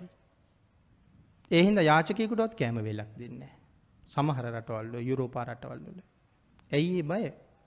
යාචකයෙකුට කවුරු හරි කෑම එකක් දීලා මොකක් හරි හේතුවකින් ඒ යාචකයා මරණයටපත් වුණොත් අර කෑම දුන්න මිනිසයා සම්පූර්ණ වග කියන්න ඕනේ. ඒ කෑම නිසාද මරණයටපත් වුණේ කියලා. ආන් ඒක හින්දා ඒ මිනිස්සු දුප්පතිකුටවත් කෑම වේලක් දෙන්නේ දෙන්නේ නැහැ. බලන්න කොයි තරම් අවාසනාවන්තද කියලා. නමුත් අපේ රටේ අපි මේ ධර්මයත් එක්ක දන්නවා ඒ දුප්පතාට කෑම වේලක් දුන්නාම අපිට කොච්චර සංසාරයට ආනිසංස ලැබෙනවද කියලා. නමුත් භාග්‍යතුන් වහන්සේගේ ධර්මයේ එතකොට තමයි තේරෙන්නේ කොයි තරම් ශ්‍රේෂ්ඨද මේ ධර්මයේ මොන තරම් උත්තරීතරද කියලා. පිනතනේ මේත් එක පැහැදිලි කරපු තවත් කරුණු කාරණා රාශියක් තියෙනවා භාග්‍යතුන් වහන්සේගේ අචින්තනීය බව පිළිබඳව. අපේ බුදුරජාණන් වහන්සේගෙන් ඇවිල්ලා එක බ්‍රාහ්මණයෙක් ප්‍රශ්න කිහිපයක් අහනවා. මේක සඳහන් වෙන්නේ පින්නතුනි තේවිජ්‍ය වච්චගොත්ත කියන සූත්‍රයේ. බුදුරජාණන් වහන්සේ ළඟට ඇවිල්ලා මේ වච්චගොත්ත බ්‍රාහ්මණය අහනවා ස්වාමීනි ගිහි බැඳීම් වලින් සහිතව බැඳීම් වලින් යුක්තව සියලුම දුකින් නිදහස් වෙච්ච කෙනෙක් ඉන්නවද කියලා. ගිහි බැඳීම් තියාගෙන සියලු දුක් වලින් නිදහස් වෙච්ච කෙනෙක් ඉන්නවද කියලා අහනවා. භාග්‍යතුන් වහන්සේ සඳහන් කළා නෑ වච්ච. ගිහි බැඳීම් සහිතව සියලුම දුක් ප්‍රහාණය කරපු කිසි කෙනෙක් නෑ. ඒ කියන්නේ ගිහි බැඳීම් සහිතව රහත් වෙච්ච කවුරුවත් කවුරුවත් නැහැ. සියලු දෙනාම රහතන් වහන්සේ නමක් බවට පත් වුණා නම් ඒ ගිහි බැඳීම් ඔක්කොම අත්හැරපු දවසේ. එතකොට කෙනෙක් අහන්න පුළුවන් එතකොට ගිහි අය රහත් වෙන්නේ කොහොමද කියලා. හැබැයි ගිහි අය රහත් උනේත් ඒ ගිහි බැඳීම් ටික අත්හැරලා. නැතු ඒ බැඳීම් ටික තියාගෙන රහත් උනේ නැහැ. හැබැයි ගිහිව ඉඳගෙන රහත් වුණොත් එක්ක පිරිනිවම් පාන්න ඕනේ. එහෙම නැත්නම් පැවිදි වෙන්න ඕනේ. ඒ අරිහත් චත්‍රයේ බර ගිහි ජීවිතයට උහුලන්න බෑ. එක්කෝ එදාම පැවිදි වෙන්න ඕනේ. එහෙම නැත්නම් එදාම පිරිනිවම් පාන්න ඕනේ. එහෙනම් වච්චර සඳහන් කළා වච්ච මේ ගිහි බැඳීම් සහිතව කවුරුවත් දුක කෙරවල කරලා නැහැ. ඊළඟට වච්චගොත්ත බ්‍රාහ්මණය අහනවා ස්වාමීනි ගිහි බැඳීම් සහිතව සුගතියට ගියපු අය ඉන්නවද කියලා. අන් ඒ වෙලාවේ බුදුරජාණන් වහන්සේ සඳහන් කළා එක්කෙනෙක් දෙන්නෙක් නෙමෙයි 100ක් 1000ක් නෙමෙයි ලක්ෂයක් කෝටියක් නෙමෙයි කෝටි ප්‍රකෝටි ගණන් දෙනා ගිහි බැඳීම් සහිතව ඉඳගෙන සුගතියට ගියාවච්ච කියලා. පින්නතන ගිහි ගෙදර ඉඳලා පින් කරලා ඕන තරම් සුගතියට ගියපු අය ඉන්නවනේ. දිව්‍ය ලෝකෙ ගියපු අය ඉන්නවනේ. එහෙනම් එක්කෙනෙක් දෙන්නෙක් නෙමෙයි ලක්ෂ කෝටි ගණන් දිව්‍ය ලෝකෙ ගියා ගිහි බැඳීම් වලින්. ඊළඟට අහනවා යම් ආජීවකයෙක් එහෙම නැත්නම් වෙනත් ආගමික ශාස්ත්‍රවරයෙක් හෝ ශ්‍රාවකයෙක් දුක කෙරවල කරලා තියෙනවද කියලා. යම් ආජීවකයෙක් අන්‍යාගමික ශාස්තෘුවරයෙක් හෝ ශ්‍රාවකයෙක් දුක කෙරවල කරලා තියනවද ස්වාමීනි. භාගිතුන් වහ සඳහන් කළ නෑ වච්ච. කිසි කෙනෙක් එහෙම කරලා නෑ. ඊළඟට මෙයා බුදුරජාණන් වහන්සේගෙන් අහනවා ස්වාමීනී යම් ආජීවකයෙක් ස්වර්ගයේ ඉපදුනා කියලා කොහෙවත් සඳහන් කරලා තියෙනවාද. මේ කාරණාව වැටහුණා දපේ අයට. ගිහි ගෙදර ඉඳලා රහත් වෙච්ච කිසි කෙනෙක් නෑ. ගිහි බැඳීම් ඔක්කොම අත්හැරපු කෙනෙක් තමයි රහත් වුණේ. නමුත් ගිහි බැඳීම් තියාගෙනත් සුගතියේ ඉපදිච්ච අය ඕන තරම් ඉන්නවා. ඊළඟට වච්චගොත් අහනවා අන්‍ය ආගමික ශාස්තෘවරයෙක් හෝ ශ්‍රාවකයෙක් සුගතියේ ගියා කියලා නැත්නම් අන්‍යාගමික ශාස්තෘවරයෙක් හෝ ශ්‍රාවකයෙක් දුක නැසුවා කියලා කොතනවත් සඳහන් කරනවද කියලා ඇහුවා. නෑ වච්චේ. අන්‍යාගමික ශාස්තෘවරයෙක් ශ්‍රාවකයෙක් කවුරුවත් දුක නැසලා දුක නැසලා නෑ. ඊළඟට අහනවා අන්‍ය ආගමික ශාස්තෘවරයෙක් හෝ ශ්‍රාවකයෙක් සුගතියට ගියාද කියලා. ඒ වෙලාවේ භාග්‍යතුන් වහන්සේ පිළිතුරක් දෙනවා වච්ච මම දැන් මතක් කරනවා මෙතන් පටන් මහා කල්ප 91ක් ආපස්සට. වච්චකොත්තර කියනවා මම දැන් ආවර්ජනය කරනවා මෙතන ඉඳලා මහා කල්ප 91ක් ආපස්සට. ආන්ගේ ආවර්ජනය කරනවා කියපු ගමන් වච්චකොත්තර කියනවා වච්ච මේ මහා කල්ප 91 පුරාවට එකම එක ක්‍රියාවාදී කර්මවාදී ශාස්තෘුවරයෙක් විතරක් සුගතිය ගිහිල්ල තියෙනවා කියලා. මහාකල්ප අනු එකක් ඇතුළේ අන්‍ය ලබ්ධික වූ ක්‍රියාවාදී කර්මවාදී එක ශාස්තෘුවරයෙක් සුගතියට ගිහිල්ල තියෙනවා. එතකොට දැන් තේරෙනවාද සම්මාධිට්ටික වෙලා ඉපදිච්චකේ වටිනකම. අපිත් ඔය විදිහට අන්‍ය ලබ්ධික වුණාන. අපිට නිවනකුත් නෑ අපිට සුගතියකුත් නෑ මේ ජීවිතෙන් පස්සේ මොකක්ද හම්බ වෙන්නේ මෙයින් පස්සේ නිරේ හම්බ වෙනවා. සතරාපාය උරුම වෙනවා ආය කොයි ක්‍රමයකින් හරි මනුස්ස වෙනවා ආය සතරාපාය උරුම වෙනවා. එහෙමනං කවුද මේ අන්‍ය ලබ්ධික සුගතියට ගියපු එකම ශාස්තෘුවරයා සඳහන් කරනවා ඒ පුද්ගලයා අන්‍ය ලබ්ධික වුණාට පව්පින් දෙක පිළිගත්ත කියලා. අන්‍ය ලබ්ධිකයි නමුත් කර්මය පිළිගන්නවා. මේ පව කරහම මෙහෙම දුක් විඳින්න වෙනවා. මේ විදිහ දේවල් කරහම සුගතිය යනවා කියන එක පිළි අරගත්තා. එවනට එයා සම්මාදිට්ටිකද සම්මාදිට්ටික නෑ. හැබැයි අද හොයල බලහම සම්මාදිට්ටික කියන අපි අතර කර්මය පිළිගන්න අය කොච්චර හිගද කියන කාරණාව හොයල බැලුවොත් වැඩි පිරිසක් ඉන්නවා. කර්මයයි කර්මඵලයයි පිළිගන්නේ පිළිගන්නේ නැති අය. ආං ඒ නිසා ඒක බොහොම අවාසනාවන්ත තැනක තියෙන. ආං ඒ නිසා තමයි මේ දක්කිනා විභංගේ සඳහන් කලා කියලා අපි මුලිනුත් සඳහන් කළා එක දානයක් දුන්නහම. දැන් සෝවාන් ආරයන් වහන්සේට සකදාගාමි අනාගාමි අරිහත් පසේබුදු සම්මා සම්බුද්ධ කියන මහෝත්තමයණන් වහන්සේලාට දන් දුන්නහම විපාක දෙන සීමාවවත් සීමාවවත් හිතාගන්න බෑ. එහෙනම් මිත්‍යා දෘෂ්ටික අන්‍ය ලබ්ධික වෙච්චාය මේ තරම් ධනපති වෙලා තියෙනෙත් මේ බුද්ධ ශාසනය නිසාම නිසාම තමයි අන්‍ය ශාසනයක තියෙනවනම් පිනතින හොඳ වචනයක්. ඒ හැම හොඳ වචනයක්ම බුද්ධාගමී කියල පෙන්නෙනවා. හැම හොඳ වචනයක්ම බුදුරජාණන් වහන්සේගේ වචන. භාග්‍යතුන් වහසගෙන් හොරකං කරගත්ත වචන තියෙන්නේ. ඒ කාරණාව අපූරුවට පෙළගස්සලා තියෙන්නේ එක තැනක් පෙන්න්නට පුළුවන් මජ්‍යමනිකායේ මාගන්දී සූත්‍රයේ. අපේ භාගිතුන් වහසේ මාගන්දිය බ්‍රහ්මණයට ධර්ම දේශනා කළා. ඒ දේශනාව අවසාන කරගෙන යනකොට භාගිතුන් වහසේ මාගන්දිය බමුණට සඳහන් කළා ආරෝග්‍ය පරමාලාබා නිබ්බානම් පරමංසුකං. මේ කාරණාව අහලා මාගන්දිය කෑ ගහලා hina වෙලා කියනවා ස්වාමීනි ඔය කාරණාවේදී ඔබ වහන්සේත් මමත් සමානයි කියලා. මොන කාරණාවේදීද බ්‍රාහ්මණ? ආරෝග්‍ය පරමාලාබා නිබ්බානම් පරමංසුකං ස්වාමීනි ඕක අපේ පොත්වලත් තියෙනවා. බුදුරජාණන් වහන්සේ ඇහුවා මාගන්දිය මොකක්ද ඕකේ තේරුම? තේරුම දන්නේ මාගන්දිය ඔය පද දෙක විතරද තියෙන්නේ කො අනිත් පද දෙක? ස්වාමීනි ඒකත් නෑ. ඔය දෙක විතරයි තියෙන්නේ. භාග්‍යතුන් වහන්සේ සඳහන් කළා මාගන්දිය මේ අන්‍ය තීර්ථක මහන බමුණෝ හරියට අන්ධයෝ වගේ. පෙර බුදුරජාණන් වහන්සේලාගේ ශාසන වලින් මේ වචන හොරකම් කරලා අරගෙන තියෙනවා තේරුම දන්නෙත් නෑ සම්පූර්ණක් නෑ කියලා. ඒ කාරණාව භාග්‍යතුන් වහන්සේ ඊට පස්සේ දිගින් දිගට පැහැදිලි කරලා සඳහන් කරනවා මේ ලෝකයේ අන්‍ය ශාසනයක තියෙනවා නම් හොඳ වචනයක් ඒ හැම වචනයක්ම භාග්‍යතුන් වහන්සේගේ කියලා. බුද්ධ ශාසනික වචන කියලා. ඊළඟට පින්නතුනි භාග්‍යතුන් වහන්සේ මේ කාරණාව පැහැදිලි කරනකොට නැවත සඳහන් කළා මෙන්න මේ ශාසනය හැර සම්මාදිට්ඨිකව වෙන කොහෙවත් පහළ වෙන්නේ නැහැ කියන කාරණාව. එහෙමනම් මේ ශාසනයේ සම්මාදිට්ඨිකව පහළ වෙච්ච තැන ඔබත් මමත් ඉන්න වාග්ය ලබලා තිබ්බ කියන කාරණාව තුල භාග්‍යතුන් වහන්සේ අපි ගැන කොයි තරම් අපූර්වට දකින්න ඇද්ද? භාග්‍යතුන් වහන්සේගේ කරුණාව මේ වෙලාවෙත් අපිට කොයි තරම් ලැබෙනවද නමුත් අපිට ඒක හිතා ගන්නවත් බෑ. සමහර වෙලාවට සමහර කෙනෙක් පාරේ යනකොට වාහනයක හැප්පිලා. ඒ මනුස්සයා පාරෙන් එළියට විසි වෙලා කකුල කැඩිලා. නමුත් මැරිලා නෑ. සමහර කෙනෙක් ගහෙන් වැටුණා. කොන්ද කැඩිලා මුළු ජීවිතේම එක්තැන් උනේ නෑ. ඒ වුණාට එක්ක ඔළුව තුවාල වුණා. නැත්තම් අතක් කැඩුණා. ඒ වගේ දෙයක් වුණා. සමහර කෙනෙක් පලංචියකින් වැටුණා. සමහර කෙනෙක් කන්දකින් වැටුණා.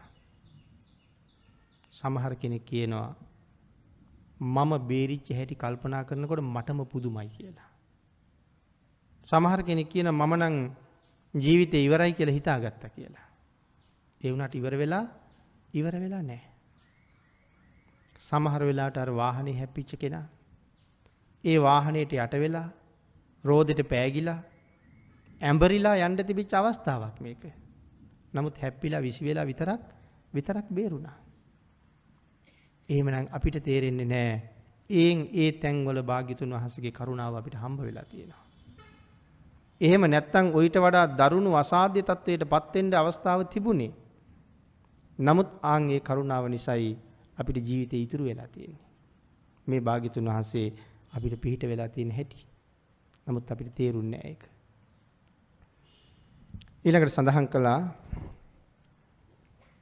අපි භාග්‍යතුන් වහන්සේ කොයි තරම් මහා කරුණාවක් උන්වහන්සේ ළඟ තිබුණද කියලා. අපි ඔකට උදාහරණයක් හැටියට මෙහෙම හිතන්නකෝ. සමහර වෙලාවට ඇමති කෙනෙක් එහෙම නැත්නම් අගමැතිතුමා ජනාධිපතිතුමා මේ රටේ තවත් මහ ධනපතියෙක් ලොකු ප්‍රභූවරයෙක් කවදාවත් අපේ දුක බලන්න අපි ගාවට එනවද? අපේ අවශ්‍යතා හොයලා බලලා අපිට කරලා දෙන්න අපි ගාවට එනවද? අපි ජීවත් වෙන හැටි බලන්න අපි ගාවට එනවද? කවදාවත් එන්නේ නැහැ. හැබැයි ඒගොල්ලෝ කවුද? ඒගොල්ලෝ මහ ජනතාවගේ නියෝජිතයෝ විතරයි. නියෝජිතයෝ විතරයි. මහ ලොකු බලයක් ශක්තියක් තියෙන අයත් නෙමෙයි රටේ අයිතිකාරියොත් නෙමෙයි. රටේ අයිතිකාරයා කියන්නේ රජුරවන්ට. දැන් රජවරු නෑනේ. දැන් ඉන්නේ නියෝජිතයෝ. එතකොට භාග්‍යතුන් වහන්සේගේ රාජ්‍ය කොහොමද? සක්වලවල් කෝටි ලක්ෂයක මහරජුරුව. එතකොට භාග්‍යතුන් වහන්සේ වඩින්නේ නැද්ද? අහිංසකයන්ගේ දුක බලන්න. භාග්‍යතුන් වහන්සේ අහිංසකයෝ දිහා කොයි තරම්නම් බැලුවද? උදේ පාන්දර අවදි වෙලා තමන් වහන්සේගේ සුගන්ධ කුටියේ දොරකඩ ඉඳලා සක්වල කෙරවල දක්වාම බලනවා. කාටද මං අද පිහිට වෙන්න ඕනේ කියලා. හැන්දෑවට භාග්‍යතුන් වහන්සේ සක්වල කෙරවල ඉඳලා තමන් වහන්සේගේ සුගන්ධ කුටිය දක්වාම බලනවා කාටද අද පිහිට වෙන්නේ කියලා. මේ වෙලාවේ කාටද පිහිට වෙන්නේ කියලා. ආන් ඒ බලනකොට පිහිට අවශ්‍ය වෙන අය බුදුරජාණන් වහන්සේ දකිනවා. එක මොහොතක්වත් කල් පහු කෙරුවද ඒ අය හොයාගෙන යන්න සුදුසු වෙලා වෙනකන් සමහරලාට භාග්‍යතුන් වහන්සේ බලාගෙන හිටියා. එහෙම නැත්තම් දැක්ක ගමන් ඒ පුද්ගලයා හොයාගෙන වැඩියා. ඒක රෑද ඒ වහින වෙලාවද ඒකක්වත් භාග්‍යතුන් වහන්සේ සැලකුවේ සැලකුවේ නැහැ. මාගන්දිය කියන බ්‍රාහ්මණයට පිහිට වෙන්න සවැත් නුවර ජේතවනාරාමේ දිව්‍යමය කුටියක් වාගේ තියෙන භාග්‍යතුන් වහන්සේගේ සුගන්ධ කුටියෙන් එළියට බැහැලා කල්පනා කළේ මා විසින් මේ තරන් කාලයක් පාරමිතා පුරලා ලොවතුරා බුදු බව ලැබුවේ සසරින් මිදෙන්න වුන් සසරින් මුදවන්ඩ මිසක් මෙවන් කුටියක් ඇතුළේ සැපවිඳින්ට නෙවෙයි. භාගිතුන් වහසේ ශ්‍රාවස්තිය ඉඳල කුරු රටට යනකං පාගමනින්ම වැඩිය මාගන්දිය හොයාගෙන. අපේ බුදුරජාණන් වහන්සේ අංගුලි මාල දැක්ක වෙලාවේ අංගුලි මාල කොයි තරන්නම් භයානකද භාගිතුන් වහන්සේ අංගුලි මාල හොයාගෙන පාගමනින් මේ මහවනන්තරයට ඒ මහවනන්තරයට වැඩිය. අංගුලි මාල දැක්ක භාගිතුන් වහස වඩිනවා. අංගුලි මාලට භාගිතුන් වහස ගැන ලොකුත් තරහක් ඇති වුණා. මානයක් තියෙනවා තමන් ගැන තමන්ට බයි කවුරුවත් මේ කැලේට එන්නේ කියලා. ආන්ගේ නිසා මේ ශ්‍රමණයා මට එරෙහි වෙලා එනවා වගේ. මං ඉන්න බව දන්නේ නැතුව නෙමෙයි හරියට මාත් එක හැප්පෙන් දෙනවා වගේ මේ ශ්‍රමණය. එහෙමනම් මා විසින් මේ ශ්‍රමණයක් ඝාතනය කළ යුතුමයි කියලා හිතුණා. එහෙම හිතිලා තමයි භාග්‍යතුන් වහන්සේ ලං වෙනකොට කඩුවා මෝරාගෙන පස්සෙන් ගලවන්න පටන් ගත්තේ. 이르දියක් දැක්කුවා. අඟුලිමාලට භාග්‍යතුන් වහන්සේට ලං වෙන්න බැරුව ගියා. අඟුලිමාලගේ මාන ක්‍රමක්‍රමයෙන් බිඳුණා. මොකද දුවන මුව පිටිපස්සේ ලෙව්වා. කොටියෝ අල්ලලා පොළොවේ ගැහුවා. සිංහයෝ ඇත්තු අල්ලා පොළොවේ ගහපු මට මේ ශ්‍රමණයට ලං වෙන්න බෑ නේද කියලා ක්‍රමක්‍රමයෙන් ක්‍රමක්‍රමයෙන් හිතුණා. එහෙනම් මට වඩා ශ්‍රමණයා ශක්තිමත් කියලා හිතෙන්ද හිතෙන්ද යාගේ මාන බිඳුණා. ආන් ඒ වෙලාවේ නතර වුණා. නතර වෙලා භාග්‍යතුන් වහන්සේට කතා කළා තිට්ඨ ශ්‍රමණ තිට්ඨ ශ්‍රමණ නවතින්න ශ්‍රමණය නවතින්න කියලා.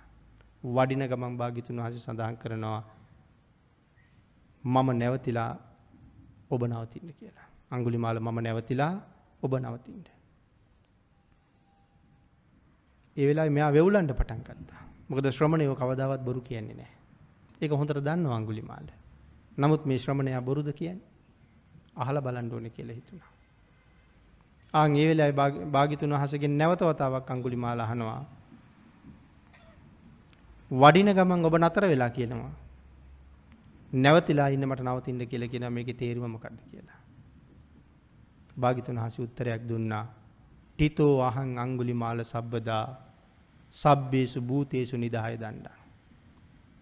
තුවංච පානේසු අසඤ්ඤතෝසී තස්මාටිතෝ හන්තු මට්ටිතෝසී. මේ මේ ප්‍රකාශය ඇහෙනවත් එක්කම සඳහන් කරන අංගුලිමාල වෙවුලන්ට පටන් ගත්තා කියලා. ඇයි මේ ප්‍රකාශයම සිංහනාදයක්.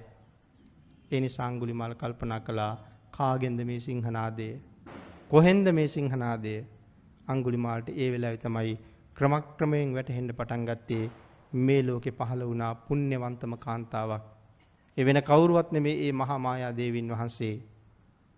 මහා මායා දේවින් වහන්සේ මේ ලෝක ධාතුවට දානය කළ එකම එක පුත්‍රරත්නයක්. ඒ තමයි සිද්ධාර්ථ බෝසතාණන් වහන්සේ. එහෙමනම් මට මේ ඇහෙන්නේ වෙන කාගේවත් සිංහනාදයක් නෙමෙයි. මේ ඇහෙන්නේ මහා මායාය පුත්තස්ස සිද්ධත්තස්ස සමන රඤ්ඤෝ ඒතං ගජ්ජිතං මහා මායා දේවින් වහන්සේගේ පුත්‍ර රත්නය වෙච්ච සිද්ධාර්ථ ශ්‍රමණ මහරජුරුවන්ගේ සිංහනාදයයි මට ඇහෙන්නේ කියලා කල්පනා වුණා. ආන් ඒ වෙලාවෙම ආයුධ ඔක්කොම බිම දැම්මා. චිරස්සං වතමේ මහිසෝ මහේසින් මහාවනං සමනෝ යම් පච්චුපාදී. බොහෝ කාලයකට පස්සේ මේ මහා ශ්‍රමණයන් වහන්සේ මටම අනුකම්පා පිණිස මේ මනන්තරයට වැඩිය. ඔබ වහන්සේගේ ධර්මය නැමති ගාථා අහලා මම ඔබ වහන්සේ සරණ ගිහිල්ලා සසරින් මිදෙනවා ස්වාමීනි කියලා වැඳ වැටුණා. එහෙමනම් මේ වාගේ අය දරුණු අය හොයාගෙන ගිහිල්ලා භාග්‍යතුන් වහන්සේ ඒ අයට පිහිට උනේ භාග්‍යතුන් වහන්සේ සතු අප්‍රමාණ වූ කරුණාව නිසා. එහෙමනම් තුන් ලෝකයක අධිපතියා තමන් යටතේ ඉන්න අය පිළිබඳව කොයි තරන්නම් අනුකම්පාවක් තිබ්බද. කොයි තරන්න ලෙංගතුකමක් තිබුණද. ඒ සසරින් බුදවන්ඩ භාගිතුන් වහසේ කොයි තරං දුක්විඳල තියෙනවද බුද්ධත්වය ලබාපු ආත්මය. ලොවතුරා බුදු බව ලබල අපේ බුදුරජාණන් වහන්සේ ඒත් දවසකට සැතපුනේ පැයයි විනාඩි විස්සයි කියල කියන්නේ. බුදු බව ලබලත් පැයි විනාඩි විස්සයි සැතපිලා තියෙන ඒත් හැමදාම නෙමේ කලාතුරකින් දවසක.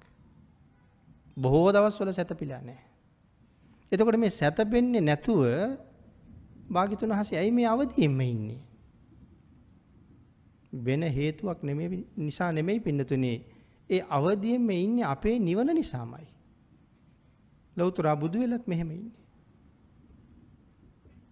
එතකොට අපිට හිතන්න වෙනවා ලෞතුරා බුද්ධ රාජ්‍ය ලබාගත්ත භාග්‍යතුන් වහන්සේ අපි සසරින් එතර කරවන්ඩ පැය විසි හතරකට උන්වහන්සේ සැතපුනේ පැයි විනාඩි විස්සයි නං. පැය හතාටක් ගුලි වෙලා වකුටු වෙලා නිදාගන්නේ මොන ආරක්ෂාව තියෙන හින්දද කියලා. අපිට අපි ගැන දුක හිතෙනවා එතකොට. අපේ නිවන වෙනුවෙන් අපිට වඩා භාග්‍යතුන් වහස තාමත් වෙහෙසෙනවා. ඒ භාගිතුන් වහස සසර හැටි දන්න නිසා. නමුත් අපිට ඒ සසර තියෙන භයානකත්වය තාම වැටහුණේ නැති හින්දද කොහෙද.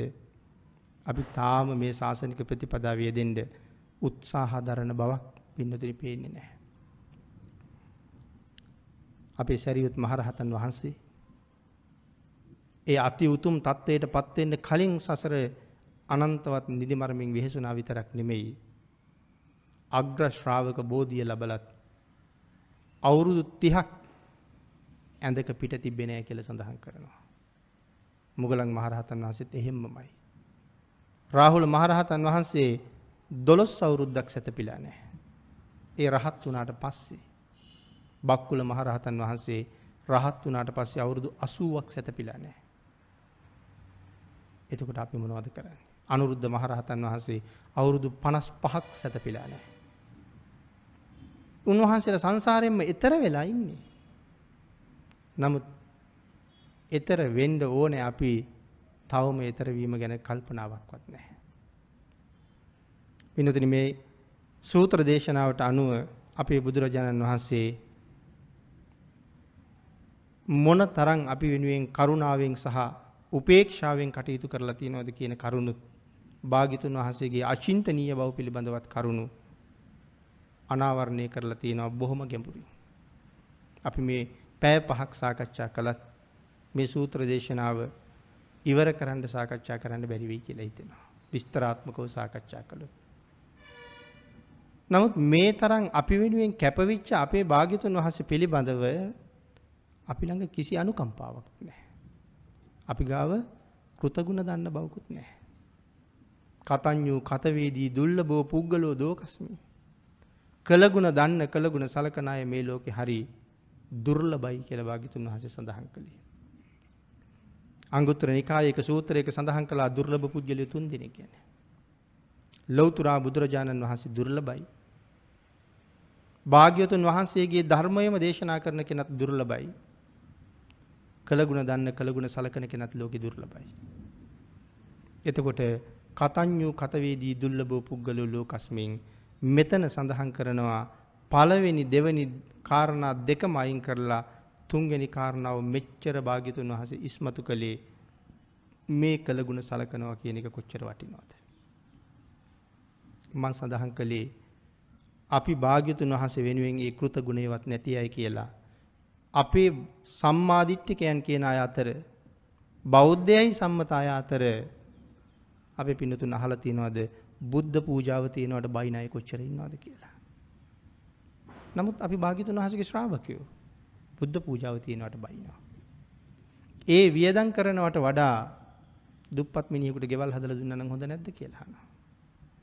භාගිතුන් වහසට මන්දිරයක් හදනවට වඩා අහිංසක මිනිස්සුට එකට කණ්ඩ දුන්නාම හොඳ නැද කියලාහන. කෘතගුණ නැතිකම.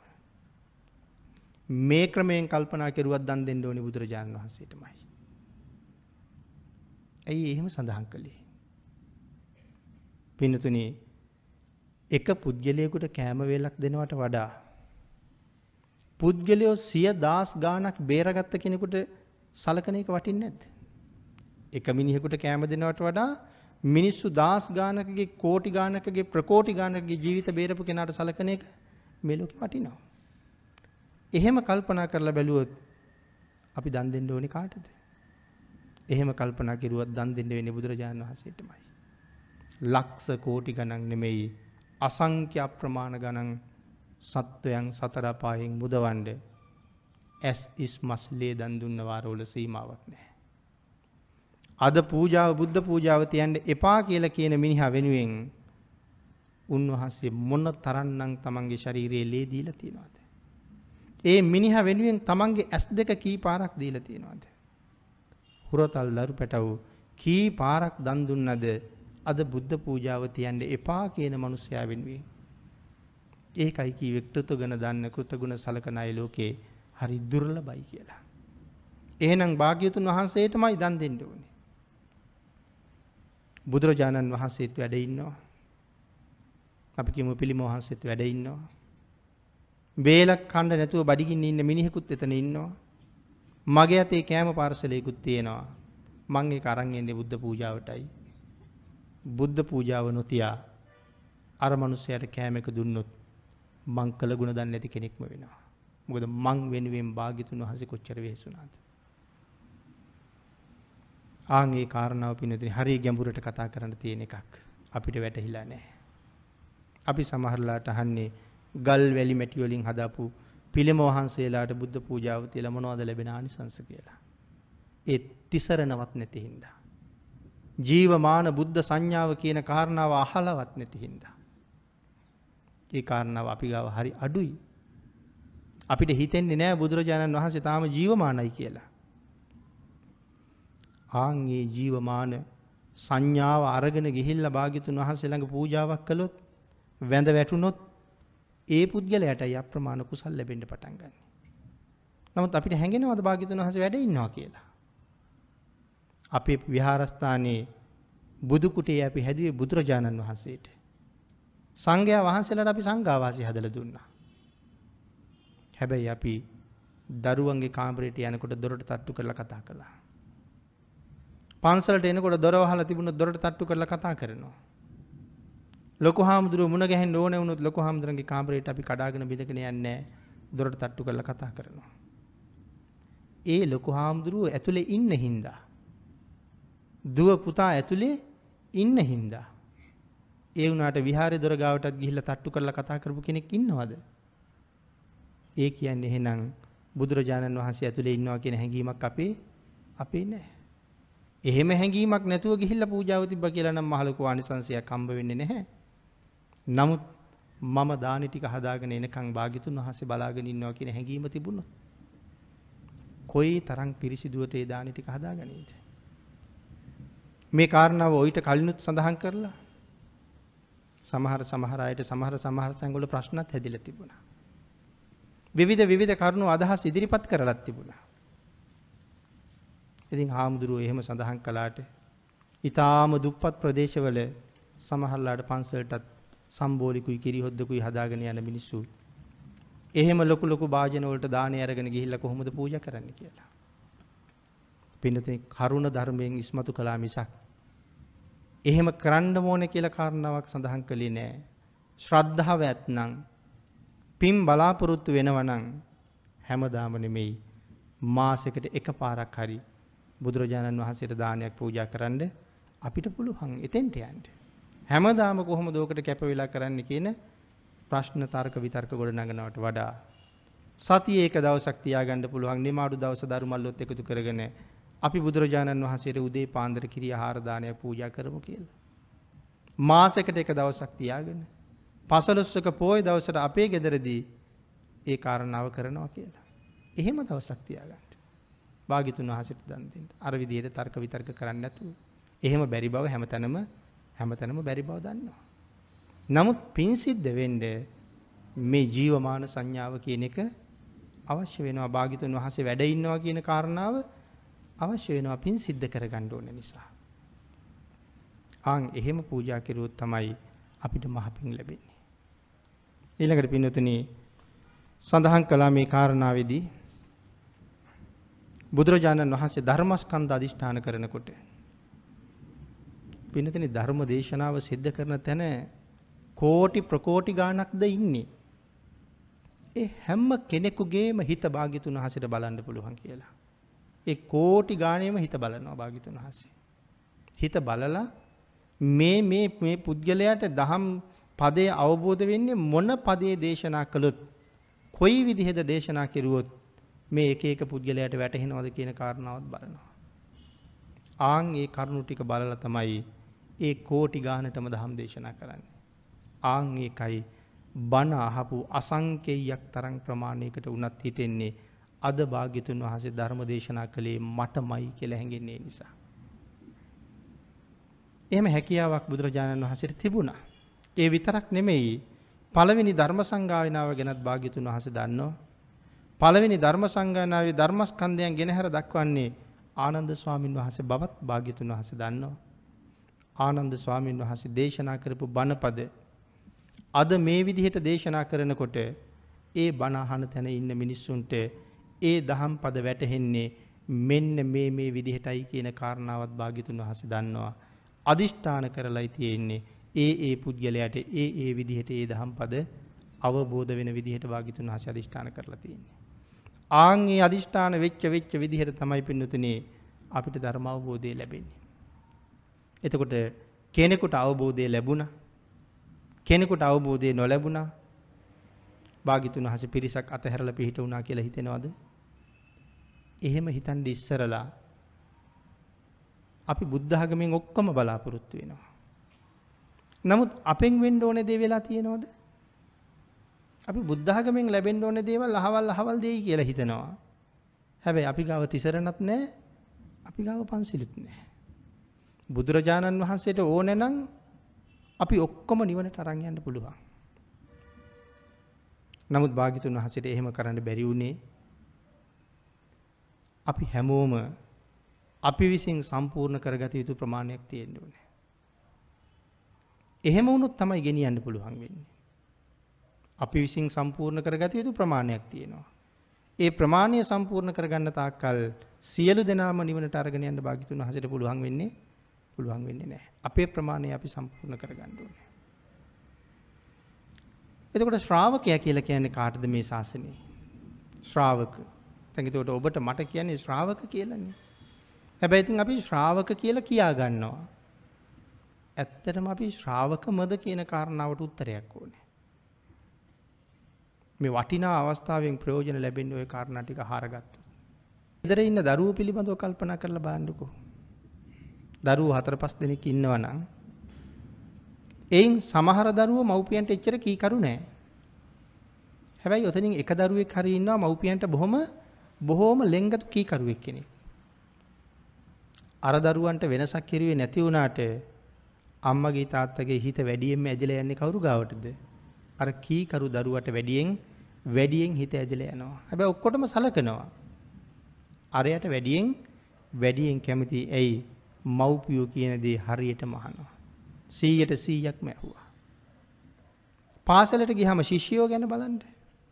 ගුරුවරයා වැඩියෙන්ම කැමති ගුරුවරයා කියන දේ හරියටම අහන කෙනාට තමයි ගුරුවරයා වැඩියෙන්ම කැමති. ආන් ඒ අයට කියනවා කීකරු ශිෂ්‍යයෝ කියලා. කීකරු ශිෂ්‍යයන්ට ගුරුවරු හරි ආදරේ. එහෙමනම් පින්නතනේ භාග්‍යතුන් වහන්සේ දේශනා කරපු විදිහට 100ට 100ක්ම ජීවිතේ හදාගත්ත කෙනාට තමයි ශ්‍රාවක කියලා කියන්නේ. 100න් කොටසක් කරලා ශ්‍රාවක වෙන්න බලාපොරොත්තු වෙනවා නම් ඒක වෙන්නේ ඒක වෙන්නේ නැහැ. 100ට 100ක්ම සම්පූර්ණ කරන්න ඕනේ ශ්‍රාවක වෙන්න. එහෙමනම් කල්පනා කරන්න ඕනේ පන්සිල් රැකගන්න කිව්වා ඒකවත් සම්පූර්ණ නැත්තම් හරියට තිසරණ සරණ යන්න කිව්වා ඒකත් නැත්තම් හිතාගෙන හිටියට බුද්ධ ශ්‍රාවක කියලා සිව්වනක් පිරිසේ අපිත් කියලා අපි තාම එතින්ට සම්බන්ධ වෙලා සම්බන්ධ වෙලා නෑ. අපි තාම ශ්‍රාවක වෙලා නෑ එහෙමනම් අච්චර කුසල් වියදන් කරලා සම්මා දිට්ටිකෙක් වෙන්ඩ පුළුවන් තැනක ආවට ආයත් කියන්න වෙනවා ඒකින් ප්‍රයෝජන අරගෙන නෑ. මොකද භාගිතුන් වහස අපිට දේශනා කලානේ මම කරන්න බැරි දේවල් දේශනා කරන්න නැහැ කියලා. කරන්න පුළුවන් දෙයක්ම තමයි දේශනා කරන්න. ඒක කරලා තියෙන නිසයි දේශනා කරන්නේ. එවිදිහටම භාගිතුන් වහසේ කරුණු පින්නදිනි පැහැදිලි කරනවා. මේ කරුණු අපිට පැහැදිලි කරපු අපේ භාගිතුන් වහන්සේ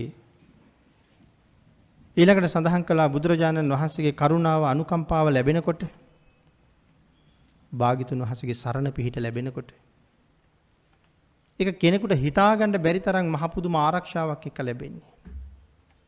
නිතන ඒ කාරණාව පැහැදිලි කරනකොට මේ ධම්ම රුචි භික්‍ෂූන් වහස පිළිබඳව කතාවක් සහිපත් කරන්න පුළුවන්.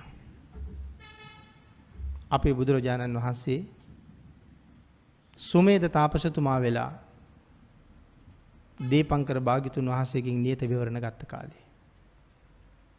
සුමේද තාපසලු තාපසතුමා ළඟ රිෂි ප්‍රෞද්ජාවෙන් පැවිදි වෙච්ච එක ශිෂ්‍යයෙක් හිටියා. පස්සෙ කාලේ පාප මිත්‍රයන්ට අහු වුණා. පාප මිත්‍රයන්ට අහු වෙලා සිවුරු ඇරල ගියා. සිවුරු ඇරල ගිහිල්ලා අම්ම මැරුවා. පාප මිත්‍රයන ඇසුරු කරන්නේ අම්මත් මැරුවා. අවිචයට ගියා. අවිචී අනන්ත දුක් වින්දා. නැවත ඉපදිලත් ආපහු ආපහු පව් කළා. භාග්‍යතුන් වහන්සේ දා සුමේද තාපසාවදයේ භාගිතුන් වහන්සේ ළඟ හිටපු කෙනා මගෑරිච්ච මගෑරිල්ල කොයි තරම් මගැරුණද. සඳහන් කරනවා මහාකල් පාසංක්‍ය හතරයි ලක්ෂයකම මගැරුණ කියලා. බාණ්ඩ සත්පුරුෂයෙක් අතෑරුණ හම අතෑරණ තර. ඊට පස්සේ දුක්විඳලා දුක්විඳලා දුක්විඳලා අපේ භාගිතුන් වහස ලොවතුරා බුද්ධරාජ්‍ය ලබාගත් අන්තිමාත්ම භාවේ මෙන්න මේ පුද්ගලයා විශාල මාළුවෙක් වෙලා ඉපදෙනවා. මහසාගරයේ විශාල මාළුවෙක්. ඉන්ඩ බෑ බඩගි. ඇ විශාල මාළුවෙක් බොහෝම කෑම අවශ්‍යයි නමුත් පිරෙන්ට කෑම හම්බුන්නේ හරි බඩිගෙන. අන්ගේ බඩගින්න නිසාම කට ඇරගෙන පීනගෙනකොට මිනිසුන් සහිත නැවක් දැක්කා. ආංගේ වෙලා හිතාගෙනෙන්නේ නැවම ගිලිනවා කියලා. එතරන් ලොකු හිමාලුවා. එහෙම මත්ස්යෝ සාගරය අදත් අදත් ඉන්නවා. එහෙම මත්ස්යෝ ගැන ධර්මය සඳහන් කරලා තියෙනවා. දෙ මෙයත් එන්නේ නැවම ගිලින්ට. කට ඇරගෙන නැවදිහට වේගෙන් එනකොට ඒ නැවේ හිටිය සම්මාධිට්ටික මිනිස්සු. එමිනිස්සු බය වුණා දැන් නැවම ගිලිනවා කියලා. ආංගේ බයටත් එක්ක ඒ මිනිස්සු අතින් කියවුණා වචනයක් අහෝ ගෝතමෝ භගවා කියලා. අහෝ ගෝතමෝ භගවා. ආංගේ වචන මාළුවට ඇහුණා. ඇහිච්ච ගමන් මාළුවට මොකද වෙන්නේ. ඇහිච්ච ගමන් මාළුවා මැරිලම යනවා. මේ වචනය ඇහිච්චකම. මැරිච්ච ගමම්ම ඉතාම ඉසුරුමත් බ්‍රහ්මණ කුලේක දරුවෙක් වෙලා ඉපදෙනවා. ඉපදිලා අවුරුදු හතෙන් බනාහලා රහත් වෙනවා. රහත් වෙලා දැන් ධම්ම රුචි මේ මේ හත් අවුරුදු වයසේ රහතන් වහන්සේ බුදුරජාණන් වහස ළඟට යනවා. ආංගේ ළඟට ගියහම භාගිතුන් වහස කතා කරලා හනවා ධම්මරුචි හුඟක් කාලෙකින්නේ දහම්බුණේ කියලා. එහෙමයි ස්වාමීණී එහෙමයි. මහාකල් පාසංක්‍ය හතරයි ලක්ෂය එකක්ම ඔබහන්සේ මට මගෑරුණා. අයනම් මගෑරෙන්නේ. දැම් මගාරවන්න කාටවත් බෑ. දැන් රහත් වෙලා නින්නේ අය මගෑරෙන්නේ. සත්පුරුෂෝ මගේ ඇහිච්ච නිසා වෙච්චදී. නමුත් බුද්ධ කියන වචනය ඇහිච්ච නිසාම අර මාළුවට සැලසිච්ච සෙත මහ විශාල ප්‍රාණගහතයක් කරගන්න මාළුව හිටිය. ඒ වනාට මාළුවට ප්‍රාණගහත කරන්න කලින් ජීවිතය නැති වෙලා සම්මාධිට්ටික පවුලක ඉපදිලා භාගතුන් වහසළඟ සසර කෙරවල කරන්නත් අවස්ථාව ලැබලා. අහෝ ගෝතමෝ භගවා කියන වචන විතර යහුණි. එහෙමනම් අපිට අද බුදු පනපද කොච්චරනං ඇහෙනවද. එහෙමනම් මේ සංසාරයෙන් එතරයන්ට අපිට කොච්චර දේවල් කරගණ්ඩ තරං භාග්‍යයක් වාසනාවක් මේ වෙනකොට ඇති වෙලා තියෙනවාද. ඉති මේ භාග්‍යතුන් වහන්සේගේ සරණ පිහිට ලැබෙන හැටි අපිට කවදාවත් පින්නතුන හිතලා ඉවර කරන්න ඉවර කරන්න බෑ කොහොමවා. ඒකයි මේවා අචින්තනීය ධර්ම කියලා සඳහන් කළේ.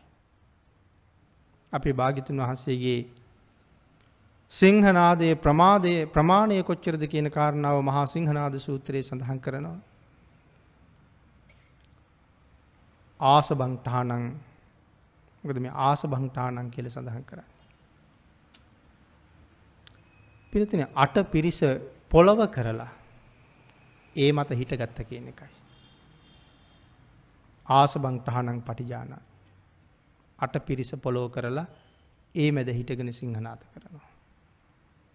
කවුද මේ අට පිරිස පොළොව කරනවා කියලකින අට පිරිස කවුද. බ්‍රාහ්මණ පිරිස ශස්ත්‍රිය පිරිස ශ්‍රමණ පිරිස මේ ආදි වශයෙන් බ්‍රාහ්මණ පිරිස කියල සඳහන් කරහම බ්‍රාහ්මණයන්ට මොන තරන් හැකියාවක් තියෙන ශස්ත්‍රිය පිරිස කියලා ගැන රජවරුන්ට රජවරුන්ට කොච්චර හැකියාවක් තියෙනවාද. මුලින් සඳහන් කලා රජවරු කියල කියන්නේ රටේ අයිතිකාරයක් කියලා. රටේ අයිතිකාරයා වුණහම ජනතාවගෙත් අයිතිකාරයා. එතකොට ඒ ජනතාවට රජ්ජුරුවන්ට ඕනෑම දෙයක් කරන්න පුළුවන්. ඒ වුණ රජ්ජුරුවන්ට විරුද්ධව නඩුදාන්න කවුරුවත් ඉන්නවද. රජ්ජුරුවන්ට ඉරුද්ධව එරෙහි වෙලා එන්ඩ වෙනත් කවුරුවත් ඉන්නවද. රජ්ජුරුවන්ට විරුද්ධ වෙන්න කවුරුවත් නෑ. එහින්ද රජ්ජිරුවන්ට රටවැසියා සම්බන්ධයෙන් ඕනම දෙයක් කරන්න ඕනම දෙයක් කරන්න පුළුහංකම තියෙනවා. රටවැසියා සම්බන්ධයෙන් රජ්ජුරුවන්ට ඕනම දෙයක් කරන්න පුළුහංකම තියෙනවා. නමුත් රටවැසියෝ රජ්ජුරුවන්ට ඉතාම යටහත් පහත්. නමුත් ආන්ගේ රජ්ජුරුවන්ට වාගිතුන් වහසේ කොතනොත් යටත් යටත් නෑහෙනම් ශස්ත්‍රය පිරිස පාගලයි බුදුරජාණන් වහසේ ඉන්නේ. ඊළඟට පින්නතන සඳහන් කළේ බ්‍රාහ්මණ පිරිස පිළිබඳව. කෞතිතකොට මේ බ්‍රාහ්මණ පිරිස කියලා කියන්නේ. බ්‍රාහ්මණ පිරිස කියලා කියන්නේ මනාව දැන ඉගෙන ගත්තාය. මනාව දැන ඉගෙන ගත්තාය කියලා කියන්නේ. බ්‍රාහ්මණයෝ කියලා කියන්නේ හරියට අද හැටියට කල්පනා කරලා බැලුවොත් විද්‍යාඥයෝ වගේ පිරිසක්. පුදුම විදිහට ඉගෙන ගත්තාය. ඒ එක ශේෂත්‍රයක්ද හැම ශේෂත්‍රයක්ම ඉගෙන ගන්නවා. හැම ශේෂත්‍රයක්ම මනාව දන්නවා. හැම ශේෂත්‍රයක්ම සම්පූර්ණ කරලා තියෙන්නේ. අද අද සමහරලාට අපි ඉගෙන ගන්නේ එක ශේෂත්‍රයක එක පැත්තයි. වෛද්‍යවරු ගත්තත් උගුර කටනාසේ පිළිබඳව එක වෛද්‍යවරේ හිස පිළිබඳව කටයුතු කරන්න තව වෛද්‍යවරේ වකුගඩු පිළිබඳව කටයුතු කරන්න දත් පිළිබඳව කටයුතු කරන්න ඒ ඒ ශේෂත්‍රයේ සම්බන්ධවෙන් ඒ ඒ වෛද්‍යවරු ඒ ඒ ශේෂත්‍රයට විසරයි ඉන්නේ. ඉංග්‍රීසි පිළිබඳව දැනුම ලබාගත්ත කෙනා ඉංග්‍රීසි උගන්වන්නේ. විද්‍යාව පිළිබඳව දැනුම ලබාගත්ත කෙනා විද්‍යාව උගන්වන්නේ. එයා ඉංග්‍රීසි උගන්වන්න යන්නේ නැහැ. එහෙමනම් අපි ඉගෙන ගත්තනම් ඒ ඒ ශේෂ්ත්‍රයක් ඒ ඒ ප්‍රමාණයට අපි ඉගෙනගෙන තියෙන්නේ යම් යම් ප්‍රමාණ වලින් විතරයි කියලා මෙතන සඳහන් කරනවා. නමුත් පින්නතුනි බ්‍රාහ්මණ පිරිස කියලා කියන්නේ මේ සියල්ලම ඉගෙන ගත්ත අය. එදා බ්‍රාහ්මණෝරු ඉගෙන ගත්ත හැටියට අද ඉගෙන ගත්තා නම් මේ රටේ ඉන්න ඉහළම විද්‍යාඥයා වෙන්න පුළුවන්කම තියෙනවා. ආන් ඒ තරම් දැනුමෙන් පරිණත වෙච්ච ඒ පිරිස භාග්‍යතුන් වහන්සේට යටත්. ඒ පිරිසත් භාග්‍යතුන් වහන්සේ පාගලයි. ඊළඟට සඳහන් කළා ශ්‍රමණ පිරිස. කවුද මේ ශ්‍රමණ පිරිස කියලා මෙතන සඳහන් කරන්නේ? විනත ශ්‍රමණ පිරිස කියලා කියන්නේ බොහෝ දේවල් දන්න අය. බොහෝ දේවල් ඉගෙන ගත්ත අය. ඒ අය 이르දි පවා තියෙනවා. 이르දි පාණ්ඩත් ඒ අයට පුළුවන්. ශ්‍රමණ පිරිස. ඊළඟට ගෘහපති පිරිස. ගෘහපති පිරිස කියලා කියන්නේ මහ පුදුම ධන සම්පත් ගොඩක් තියෙනවා. ඕන තරම් ධනය රැස් කරගත්ත අය. කොච්චර ධනෙ තිබුණද මේ ගෘහපතියන්ට සඳහන් කරනවා රජ්ජුරුවොත් එක්ක කෝටි ගානක් එක ගෘහපතියකුගේ ගෙදර ගියහම ඒ කෝටි ගානට මාස ගානක් කණ්ඩ දෙනවා කියලා. රජ්ජුරුවොත් පුදුම වෙනවා කොහොමද මේ කණ්ඩ දෙන්න කියලා. රජ්ජුරුවන්ට එච්චර හැකියාවක් නෑ. එනම් ගෘහපති පිරිස කියලා ගැන ඒ තරම්ම ඒ තරම්ම ධනවත්. එහෙනම් අට පිරිස ගියහම මනුස්ස ලෝකේ ඉන්න පිරිස තමයි මේ සඳහන් කළේ. ශාස්ත්‍රීය පිරිස, බ්‍රාහ්මණ පිරිස, ගෘහපති පිරිස, ශ්‍රමණ පිරිස. ඉතුරු හතර පිරිස ඉන්නේ දිව්‍ය ලෝකේ. චාතුම් මහා රාජික පිරිස. තාවතිංස පිරිස. ඊළඟට පරණිමිත වසවර්තියේ ඉන්න අය බ්‍රහ්ම පිරිස. මේ තමයි දිවිය ලෝකෙ තුන් පිරිසයි බ්‍රහ්ම ලෝක එක පිරිසයි. කාටද චාතුම් මහාරාජික පිරිස කියල කියන්නේ සතර වරං දෙවියෝ.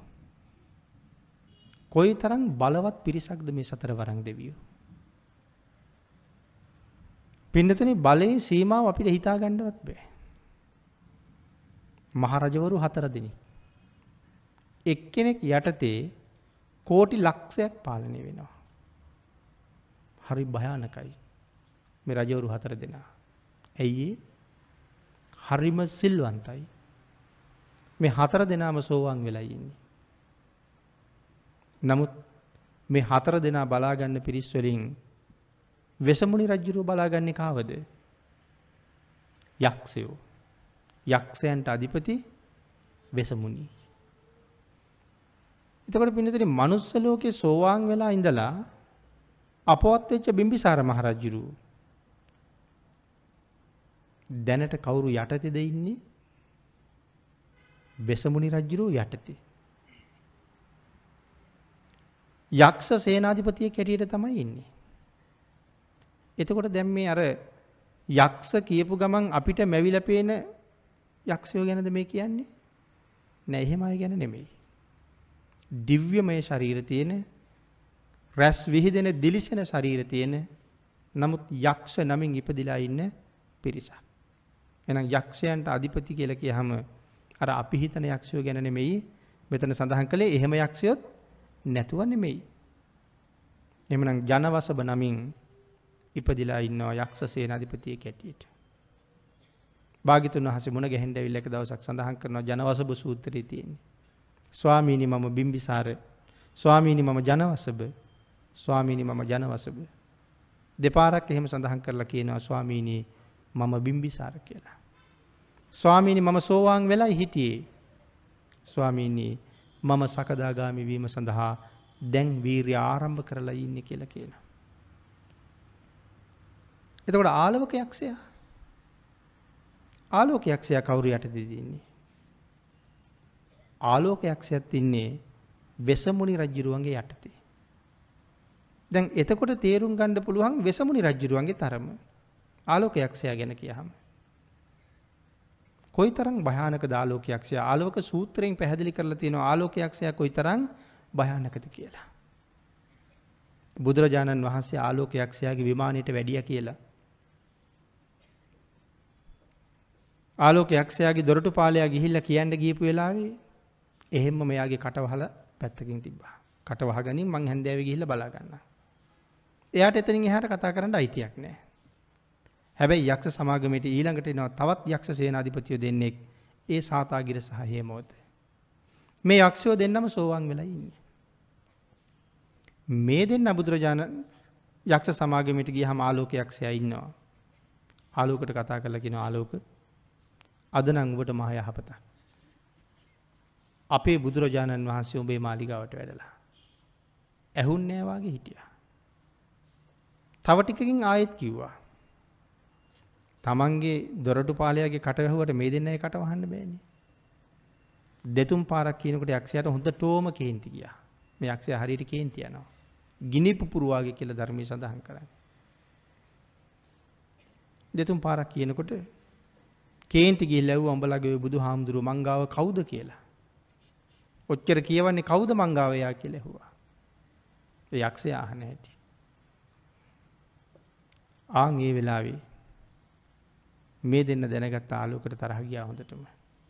තව ටිකක් කේන්ති අවුස්සන්ඩත් වගේ සඳහන් කළා ආලෝකොඹ දැනගනින් අපේ බුදුරජාණන් වහන්සේ කේසර සිංහරාජයෙක් නම් ඔඹ ඒ සිංහයාගාව නිකම්ම නිකං හිවලෙක් විතරයි කියලා. අපේ භාගිතුන් වහස කේසර සිංහරාජයෙක් නං උඹේ කේසර සිංහරාජයගාව හිවලෙක් විතරයි කිවා. ඊනකට කියනවා ආලෝක දැනගනින්. අපි භාග්‍යතුන් වහන්සේ යොදුන් එකසිය පණහක් දිග මහ ගුරුළු රාජයෙක් නං ඔඹේ ගුරුල ළඟ නිකම්ම නිකං කපුටෙක් විතරයි කියලා. ආංගේ වචන දෙක කියනකොට නං ආලෝකයක් සැට ඉවසුම් නැතුව ගිය. සමාගමෙන් එලියටාව මනෝසීල පරදයට එක කකුලක් තිබ්බා. යොදුන් හැටක් උසයි කියල සඳහන් කරනවා කයිලාසකූට පර්වතය මනෝසිලාව මුදුන පාගලා කයිලාසකූටයට පැන්න. ආංගේ කයිලාසකූටයට පයිනකොට කයිලාසකූට පර්වතයට මේ යක්ෂයා උහුලගෙන ඉන්න බැරිහින්දා පතුරු ගැලවි ගැලි වැටෙන්න්න ගත්ත කියලා කියෙන මහ පරුති. තැන් තේරෙනවන යක්ෂයාගේ තරම කොහොමද කියලා.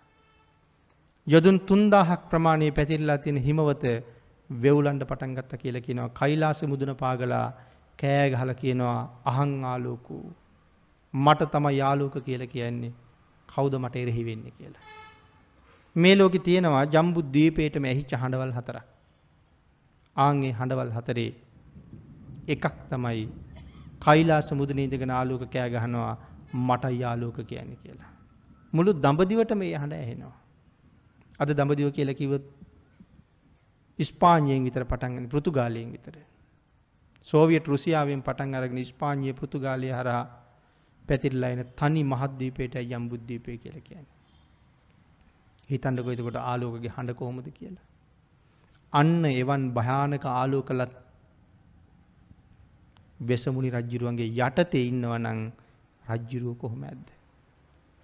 එහෙමනං මෙන්න මේ චාතුම් මහා රාජික පිරිස පොළොව කරලා ඉන්න භාගිතුන් වහසේ කියන්නේ ඒ පිරිස මත හිට ගන්නවා කියලා. ඊළඟට තාවතින්ස පිරිසක් දෙවිඳ ඇතුළු තිස්තුනක් වෙච්ච මහරජවරු දෙවි රජවරු ඇතුළු තාවතින්ස පිරිස පරණිමිත වසවර්තය පිරිසත් බ්‍රහ්ම පිරිසත් පොළොව කරලා ඒ මත හිට ගන්නවා භාගිතුන් වහසේ. ඒ කියන්නේ ඒ සියලු දෙනාටම වඩා භාගිතුන් වහසී තාම ඉහලින් ඉන්නවා කියන කාරණාවනි. ආං ඒ මත හිටගෙන පරිසාසු සිංහනාදං නදති.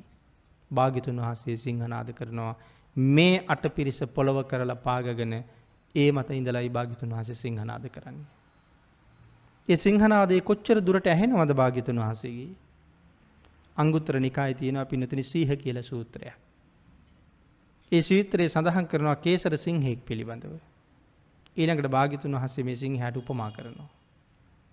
කේසර සිංහෝ අදා අපිට දකිින්ට නැහැ. මෙගොලු කොහෙද ජීවත් වෙනවා කියල කියන්නේ. මෙගොලු ජීවත් වෙලා තින හිමාලේ. නිකන් ගස් යට කඳු උඩ කේසර සිංහෝ ජීවත්තෙන් නෑ කියල සඳහන් කරනවා. එක්කො රත්තරං ගුහාවක නැත්තං රිදී ගුහාවක එහෙම නැත්තං මනෝසීල ගුහාවක එහෙමත් නැත්තම් මැනික් ගුහාවක තමයි කේසර සිංහයෝ ජීවත්වෙන්නේ. සීහ සූත්‍රයේ කේසර සිංහයා පිළිබඳව විශේෂ කරුණු රාසියක් පැහැදිලි කරනවා. ආංගේ පැහැදිලි කරන කරුණු අතර සඳහන් කරනවා. මේ කේසර සිංහයා තමන්ගේ ගුහාාවෙන් එලියට ඇවිල්ල තුම් පාරක් කෑ ගහනවා කියලා. තුම් පාරක් කෑ ගහලා ගොදුරු හොයන්ට පටන් ගන්නවා. ඒ තුම් පාරක් කෑ ගහපුවම ඒ හඬ යොදුන් තුනක් ඈතට ඇහෙනවා කියල සඳහන් කරනවා. ඒ ඇන හැතැක්ම නං හතලිස් අටක්. හතක්ම හතලිස් අටක් ඈතට මේ කෑගහන හඬ ඇහෙනවා.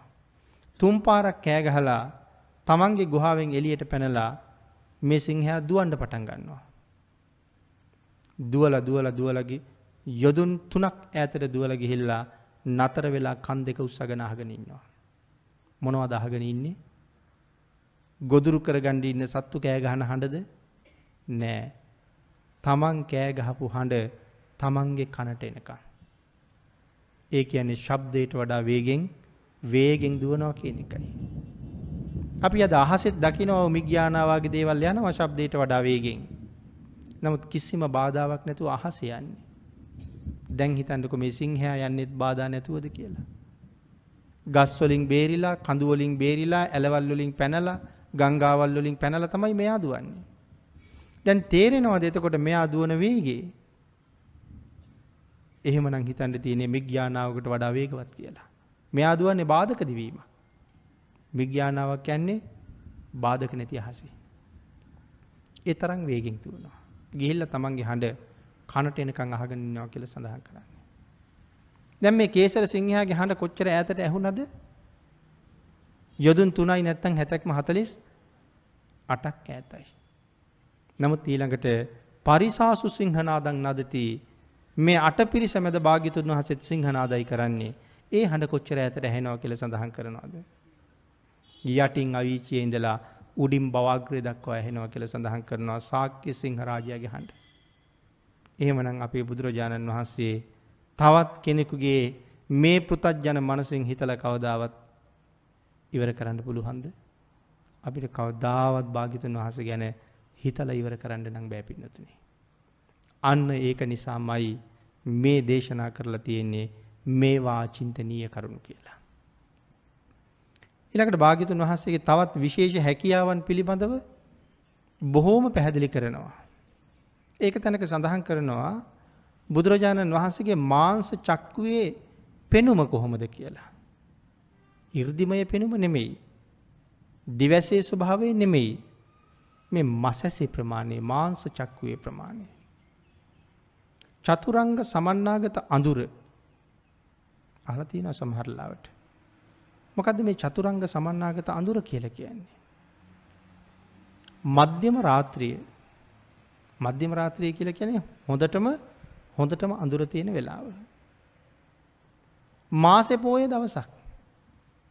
එතකොට මාසෙ පෝයදාට තවත් කරුවලයි. මධ්‍යම රාත්‍රියයේ මාසෙ පෝය දවසක අහස වලාකුලෙන් බර වෙලා තියෙන මොහොතක්. ද මේ තුන එකතු වෙච්චාම කොච්චර කරුවලද. මාසෙ පෝය මධ්‍යම රාත්‍රිය අහස වලාකුලෙන් බර වෙලා. පිනතුනේ මහ ගණ කැලෑවක් මැද්දි. දැන් හිතන්නක කොහොමද ස්වභාවය කියලා. මහ ගණ කැලෑවක් මැද දවල්ටත් අඳුරයි. දැන්හිතට අරකාරණත් වනත් එකතු වෙච්චහම ආං ඒකට තමයි කැනෙ චතුරංග සමන්නාගත අන්දකාරය කියලා. මධ්‍යම රාත්‍රිය මාසෙ පෝය දවසක් ඒවගේම මහ කැලෑවක් මැද්දේ මේ චතුරංග සමන්නාගත අඳුර ගැන පැහැදිලි කරන මධ්‍යම රාත්‍රිය අහස වලාකුලින් බර වෙලා තියෙන මොහොතක් මාසෙ පෝය දවසක් මහ ගණ කැලෑවක් මැද්දේ. මේ මේ කැලෑව මැද්දට කළුපාට තලපුරුවපු කරත්තයක් කළු තලපුරුවපු කළු කරත්තයක් අරගෙන ගිහිල්ල තියෙනවා මේ කැලෑවට. ඔය කරත්තෙ තියෙන කළු තලවල එක තලෑටයක පොඩි සලකුණක් යොදල තියෙනවා. දැන් ඒ සලකුණ යොදාපු කළුව තලෑටේ අර තලගොඩත් එක කලවන් කරලා තියෙන්නේ. භාග්‍යතුන් වහසට සඳහන් කළුත් ස්වාමීනී මේ තලකරත්තේ ඇතුළේ එක්කො දෙකට කපාපු තලයට එක භාගයක් තියෙනවා. එහෙම නැත්තං පොඩි සලකුණක් තියාපු තලයටයක් තියෙනවා ඒක හොයලා දෙන්න කියල කිවොත්. සඳහන් කරනවා කියන නිමේශයට භාගිතුන් වහන්සේ තලගොඩ ඇතුළෙන්ගේ තලඇට අරන්තෙනවා කියලා. ආංගේ තරං අන්දකාරිත් භාග්‍යතුන් වහසගේ මාංස චක්කුව පේනවා. ඒක දවල්ට අතරෑටත් එහෙම් මයි කියල සඳහන් කරනවා. මහ ගණකරුවලෙත් යොදුනක් ඇත ඉතාම පැහැදිලුව භාගිතුන් වහසේට භාගිතුන් වහසට පේනවා. ඒ මාස චක්කුවේ පෙනුම. දිව්‍යමය ඇසේ පෙනුමේ සීමාවක්වත් සීමාවක්වත් අපිට හිතා ගන්න බැරුව යනවා. භාගිතුන් වහසේට ඥාන බල දහයක් තියෙනවා. ඒවගේම භාග්‍යතුන් වහසේට කාය බල දහයක් තියෙනවා. මොනවද මේ කාය බල දහය කියල කියන්නේ. ඇත් කුලවල හැටියට තමයි මේ කාය බල පිළිබඳව සඳහන් කරලා තියන්නේ. කොමද ඇත්කුලවල හැටියට කියල සඳහන් කළේ මේ ලෝක පින්නතින ඇත්කුල දහයක් තියෙනවා.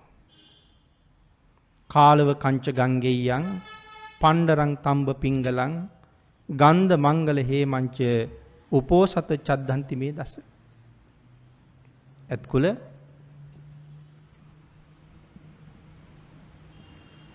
දහයක් තියෙනවා.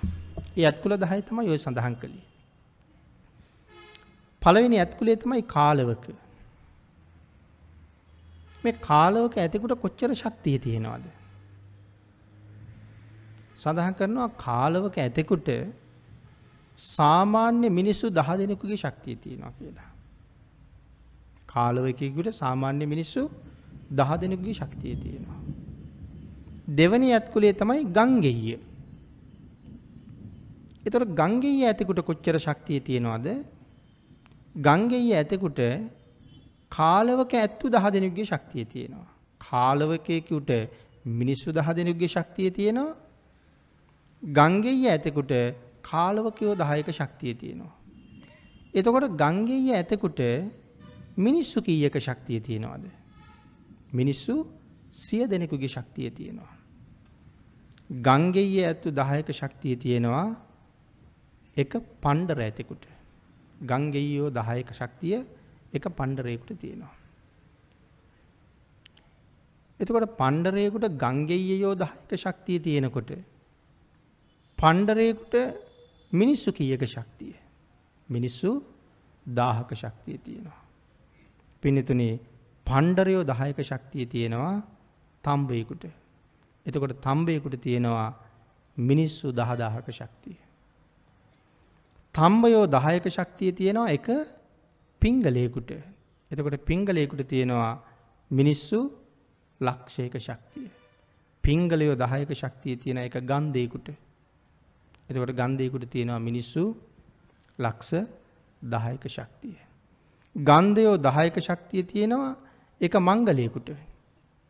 එතකොට මිනිස්සු කොච්චරක ශක්තියද මංගලයකුට මිනිස්සු කෝටියක ශක්තියනවා. මංගලයෝ දහයක ශක්තිය තියෙනවා හේමංච කුලේ ඇතිකුට හේම ඇතෙකුට.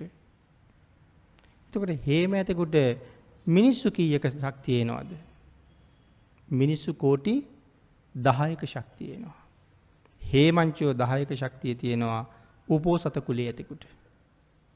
එතකොට උපෝසත කුලේ ඇතිකුට මිනිස්සු කෝටි කීයක ශක්තියනවාද මිනිස්සු කෝටි සීයක ශක්තියනවා.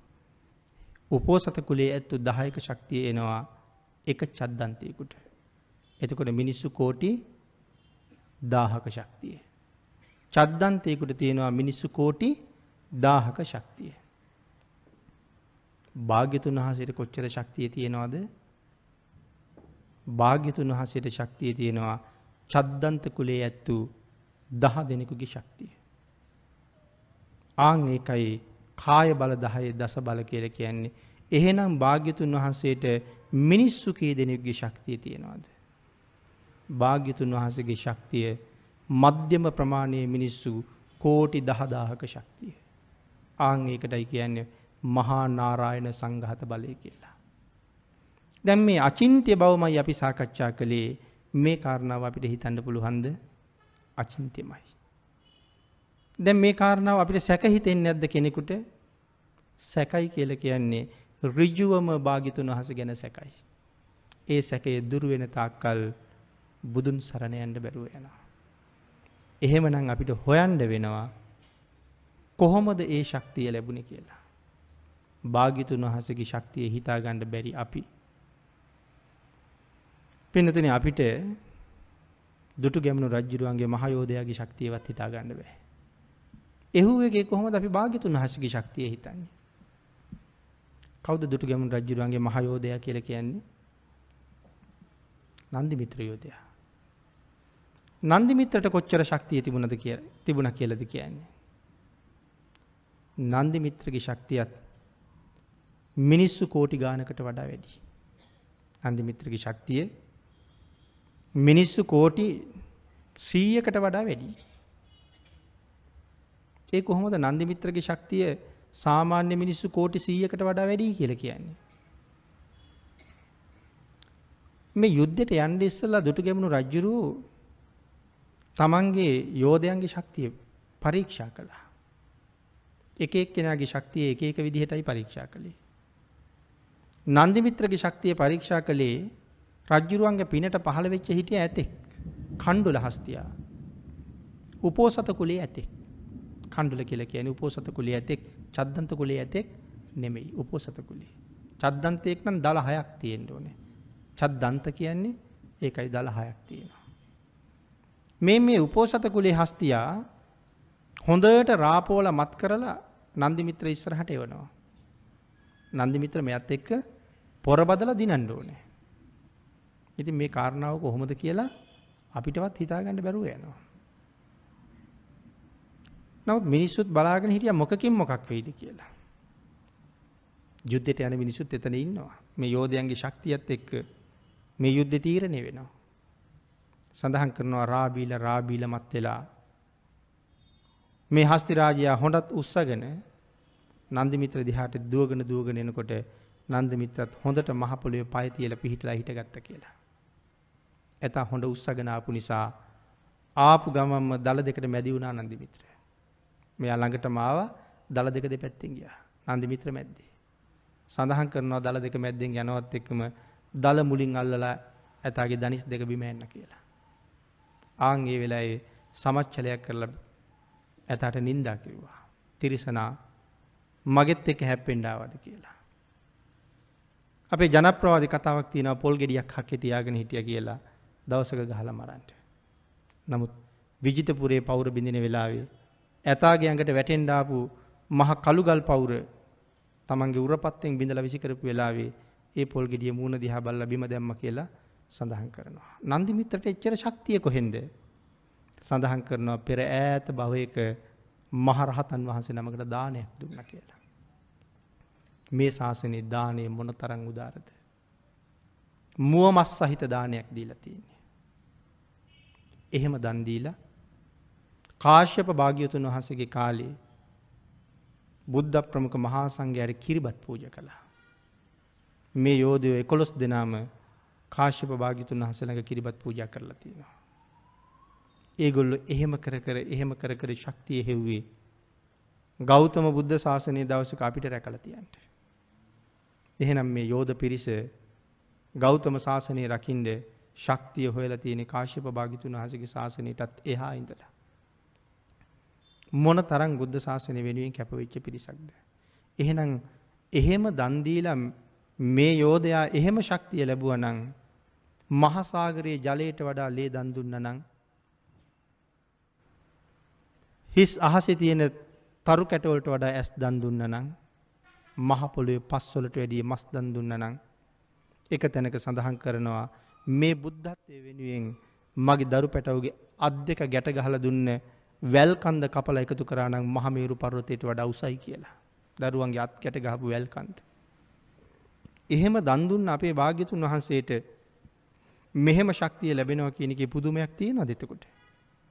ආන් එහෙම කරුණු නිවැරදි කෙරුවොත් නම් අපිට සැක නැතුව යනවා නැත්තං මේ කරුණු හිතන්ඩ බැරි නිසා අපිට සැක උපදිනවමයි. නමුත් බුද්ධ රතනය ගැන උපදින සැකය අපිට සරණයන්ට බාධ කරනවා. ආං ඒකයි කිවේ අල්ප මාත්‍රයක් සැක නැතුවම භාග්‍යතුන් වහන්සේව පිළිගණ්ඩ පුළුවන් වෙච්ච කෙනාට තමයි මේ ලෝකෙ බෞද්ධ කියන අපූරුනාමය හිමි වෙන්නේ. බෞද්ධයා කියල කියන්නේ සතරාපායෙන් නිදහස් වෙච්ච කෙනෙකුට. ඒකේචි බුද්ධං සරණං ගතාසේ නතේ ගමිස් සන්ති අපාය භූමින් යමෙක් බුදුන් සරණ ගියා නං යන්නෑ කවදාවත් අපායක. පහාය මානු සන්දේහං දේවකායන් පරිපූරෙස් සන්තිී. මනුස්සකයින් ප්‍රාණවායුව ඉක්ම යනවත් එක්කම දෙව් පිරිසයි සම්පූර්ණ කරන්න. එහෙනම් බෞද්ධකම කොයි තරං ශ්‍රේෂ්ඨද. ලැබිච්ච අවස්ථාව කොච්චර උතුම්ද. සම්මා දිට්ටිකෙක් වෙලා ඉපදුනා බුද්ධාන්තරයක මනුස්ස ජීවිතයක් ලැබුණා. අනන්ත අප්‍රමාණ අචින්තනීය ගුණයන්ගෙන් පිරිච්ච භාග්‍යතුන් වහසගේ අනුකම්පාව නොවඩුවම තවම ලැබෙනවා. නිර්මල ධර්මරත්නය අපේ නිවන්දොර අරිමින් තව තවත් වැඩ ඉන්නවා. මොනෝද අපිට අඩු.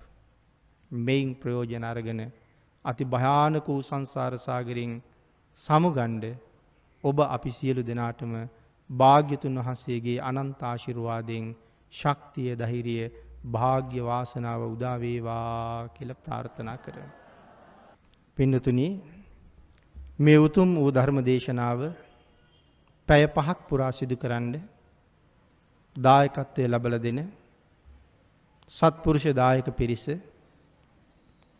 කුරුණෑගල ඉලිප්පු ගෙදර පාරී පදිංචි නීතිඥ කාංචනා ජයතිලක මහත්මිය සහ එස් කරුණාතිලක මහත්මිය ඇතුළු සියලු පවුලේ ඥාති පිරිස විසින් ඉතාම ඉක්මං භවයක ඉතාමත්ම කෙටි කාලයකින් සැප සහිත ප්‍රතිපදාවෙන් උතුම් නිර්වාණ ධාතුව අවබෝධ කර ගැනීම සඳහා පවුලේ සියලුම ඥාතීන්ට මියගිය ඥාතීන්ට විශේෂයෙන් පියාණන් වන W. කරුණාතිලක මහත්මා ඇතුළු මියගිය සියලුම ඥාතීන්ට පින් පිණිස මේ පින්ක මේ දායකත්වය දරණ බව සිහිපත් කරන අතර අපවත් වී වදාළ දරනාගම කුසල දම්ම නායක ස්වාමීන් වහන්සේට නා උයනේ සිරි අරිය දම්ම මහාස්වාමීන් වහන්සේට පානදුරේ සිරි අරිය ධම්ම මහා ස්වාමීන් වහන්සේට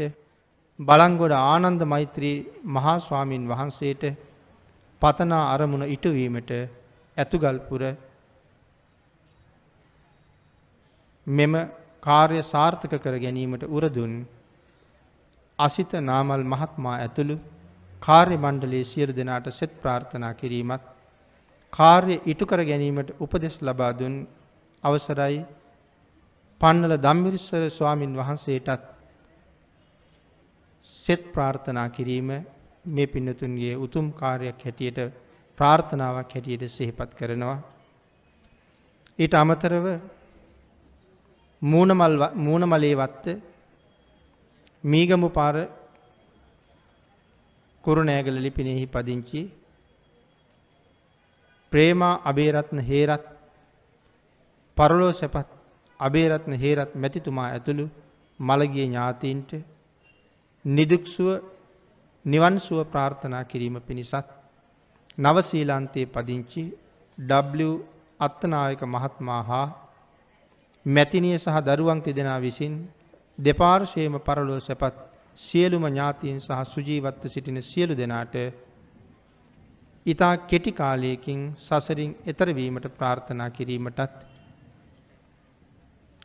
ජේ හේරත් මහතා සහ කේ හේරත් මහත්මිය ධර්මාසලය පිරියල කිරීමෙන් ලබන ලද්දා වූ සියලුවම කුසල් චතුරාර් සත්‍ය ධර්මය අවබෝධ කර ගැනීම සඳහාම හේතු වේවා කියල ප්‍රාර්ථනා කරනවා. එස්ගේ සමරතුංග මැටියගනේ කලන මිතුරු පිරිස සහභාගී වන සියලු දෙනාටම සෙත් පතා මියගිය වර්ග පරම්පරාවේ සියලු ඥාතීන්ට පින් අනුමෝදන් කිරීම පිණිසත්. ගල්වංගුව නාරම්මල පදිංචි ජයසිංහ මහත්මා සහ එම මහත්මිය මියගිය තම දෙමව්පියන්ට පින් පිණිසත් කුරුණෑගල පදිංචි එස්.සී. කුලතිලක මහත්මිය ඇතුළු කුරුණෑගල පොල්ගහවෙල තඹුත්තේගම ප්‍රදේශවල පදිංචි කලන මිතුරු පිරිස කුරුණෑගල දිද්දෙනිය වත්තේ පදිංචි DRRM ගුණරත්න මහත්මිය ඇතුළු දිද්දෙනිය වත්ත සහ අවට ප්‍රදේශවල පදිංචි ශ්‍රද්ධාවන්ත සැදැහැවත් කලන මිත්‍ර පිරිසක් විසින් මීරිගම කොට දෙනියාව පදිංචි මංජුලා සේරම් එස් අමරසිංහ කේ කරුණාවතී රංජන් නාරසිංහ මහත්ම මහත්මීන් ඇතුළු ඥාති පිරිස විසින් ඉක්මං භවයකදී නිර්වාණ අවබෝධය පිණිස ගම්පහ මාදෙල්ගමුව බටපොත පදිංචි එල්.ආර්. යසෝ මැණිකේ බාලසූරිය ඇතුළු දරු පිරිස විසින් මීට වසර 7කට පෙර මිය ගිය බී.එස්.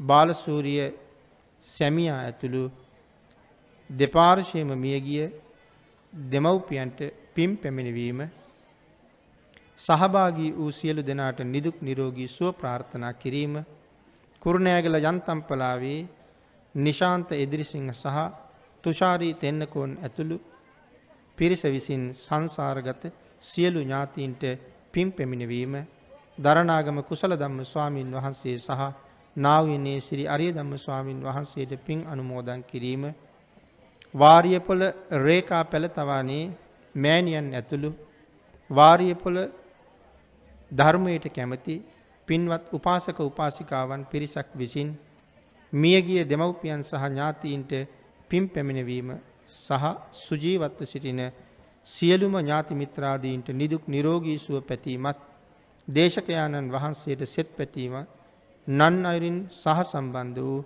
සියලු දෙනාට චතුරාර්ය සත්‍ය ධර්මය අවබෝධය පිණිස මේ පින් හේතු වේවා කියලා ප්‍රාර්ථනා කරනවා.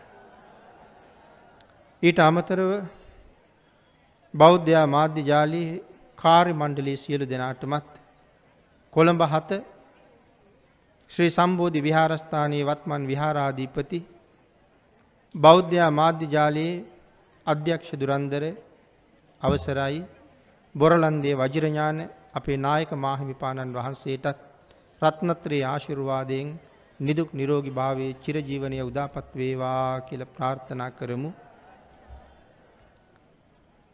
අලව්ව ප්‍රදේශයේ පදිංචි රත්නා දසනායක මහත්මිය ඇතුළු සියලු දෙනාම ධර්ම මණ්ඩපය සඳහා දායකත්වය ලබා දීමෙන් ලබා දුන්නා වූ සියලුම කුසල් නිර්වාණ අවබෝධය පිණිසම හේතු වාසනා වේවා කියලා ප්‍රාර්ථනා කරනවා. කුරුණෑගල නුවරපාර පදිංචි මාග්‍රට් මහත්මිය ඇතුළු නිව් පාමසි ආයතනයේ සියලු කාර්ය මණ්ඩලය විසින් පවුල්වල නමින් මිය පරලෝගිය සියලු ඥාතීන්ට පින් අනුමෝදන් කිරීම ඊට අමතරව පොදු අරමුණු හැටියට සිහිපත් කරනවා. පින්කම සාර්ථක කර ගැනීම සඳහා බොහෝ මහන්සි වී කටයුතු කළ පූජ්‍ය අවසරයි පන්නල ධම්මිස්සර ස්වාමින් වහන්සේ ප්‍රමුඛ සියලු තරුණ පිරිසටත් පූජ්‍ය හැලඹවක ධම්ම ජීව ස්වාමින් වහන්සේ ඇතුළු සියලු තරුණ පිරිසටත් පූජ්‍ය අවසරයි. අස්සද්දුමේ කමලශීල ස්වාමින් වහන්සේ ඇතුළු එම සියලු දෙනාටමත් නන් අයුරින් උදව් උපකාර කළ සියලු දෙනාටමත් මෙම ධර්ම දානමය පින්කම උතුම් වූ චතුරාර්ය සත්‍ය ධර්මය අවබෝධ කර ගැනීම උදෙසා එයින් ලැබූ කුසල් හේතු වාසනා වේවා කියලා ප්‍රාර්ථනා කරනවා. ඒ වගේම පින්නතුනි ඔබ අපි සියලු දෙනාම රැස් කරගත්ත කුසල් මේ පින්කම සඳහා වෙහෙස මහන්සි වෙලා දායකත්වයේ ධර්මින් කටයුතු කරපු සත්පුරුෂ පින්නතුන් සියලු දෙනාම අත්පත් කරගත් අප්‍රමාණ පුණ්‍ය සම්භාර ධර්මයන් තම තමන්ගේ බලාපොරොත්තු ප්‍රාර්ථනාවන් අනුව මිය ගිය අයටත් සුජීවත් අයටත් අනුමෝදන් කරන්නට යෙදුණා. පින් අනුමෝදන් කළ සියලු දෙනාටම පින් අනුමෝදන් වේවා. ආශිර්වාද කළ සියලු දෙනාටම රත්නත්‍රයේ ආශිර්වාදයෙන් නිදුක් නිරෝගී භාවයේ චිරජීවනය උදාපත් වේවා කියලා ප්‍රාර්ථනා කරමු. ඔබට දහම් දේශනා කරන්න මම හදල වඩල පෝෂණය කරපු මාගේ දයාබරණීය මෑණියන්ට පියාණන්ට සහෝදරියන්ට පැවිදි ජීවිතය සුරක්ෂිත කරලා දුන්න ගුරු දේවෝත්තමයන් වහන්සේලා අපවත් වී වදාළ උන්වහන්සේලා සියලු දෙනාටමත් සුජීවත්ව වැඩ සිටින ගුරු දේවෝත්තමයන් වහන්සේලාටත් නිවැරදි තථාගත ධර්මයේ ලෝකයට දානය කරන්න මඟ කියලා දෙන කල්යාණ මිත්‍ර ගුරු දේවෝත්තමයන් වහන්සේටත් නිදුක් බව නිරෝගී බව චිරජීවනයේ පිණිස මේ පුණ්‍ය ශක්තිය අනුමෝදන් වේවා. ධර්ම මාර්ගයේදී මුණ ගැහිච්ච සියලුම කල්යාණ මිත්‍රයන්ටත් මේ රැස් කරගත්ත සියලුම පුණ්‍ය ධර්මයන් අනුමෝදන් වේවා. ඒ වගේම අපවත් වී වදාළ දරණාගම කුසල ධම්ම නායක මාහිමිපාණන් වහන්සේ මේ අවස්ථාවේ නැවතත් සිහිපත් කරමින් මා රැස් කරගත්ත සියලුම පුණ්‍ය ධර්මයන් උන්වහන්සේට අනුමෝදන් වේවා.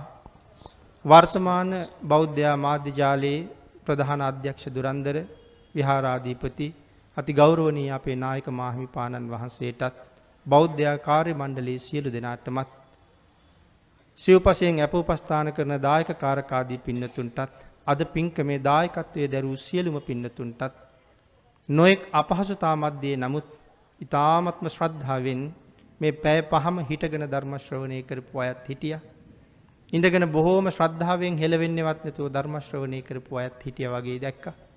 මහත් උවමනාවෙන් උනන්දුවෙන් ශ්‍රද්ධාවෙන් කටයුතු කරපු ඒ සියලු දෙනාට ධර්ම ශ්‍රවණය කරපු ලොකු කුඩා ඔබ සියලු දෙනාටමත් මේ පින්කම යටාවතින් මෙතෙන්ට ගොඩනගන්න නොයෙක් ආකාරයෙන් අවවාද අනුශාසනා ලබා දුන්. මාගේ කල්යාණ මිත්‍ර අවසරයි පන්නල ධම්මිස්සර අපේ ස්වාමින් වහන්සේ ඇතුළු අනිකුත් ස්වාමින් වහන්සේලා සියලු දෙනාටමත් සද්ධර්ම ශ්‍රවණය කරමින් මට මහත් ආශිර්වාදයක් වෙමින් අපේ නායක මාහිමිපාණන් වහන්සේ මේ ධර්ම මණ්ඩපයේම වැඩ හිටිය වගේ වැඩම කොට වදාළ අති ගෞරවනීය මහා සංඝරත්නයේ සියලු දෙනා වහන්සේටමත් දසසිල් මෑණියන් වහන්සේලාටත් මා රැස් කරගත්ත සියලුම පුණ්‍ය ධර්මයන් අඩු නැතුව අනුමෝදන් වේවා කෝටි ලක්ෂයක් සක්වල සියලුම ආර්යයන් වහන්සේලාට සත්පුරුෂයන් වහන්සේලාට ඒ පින් අනුමෝදන් වේවා. ඒ වගේම මාගේ කල්යාණ මිත්‍ර සහෝදරයන්න්ටත් මගෙත් සමග මේ ස්ථානයට පැමිණිච්ච සියලු කල්යාණ මිත්‍රයන්ටත් මේ පින් අනුමෝදන් වේවා.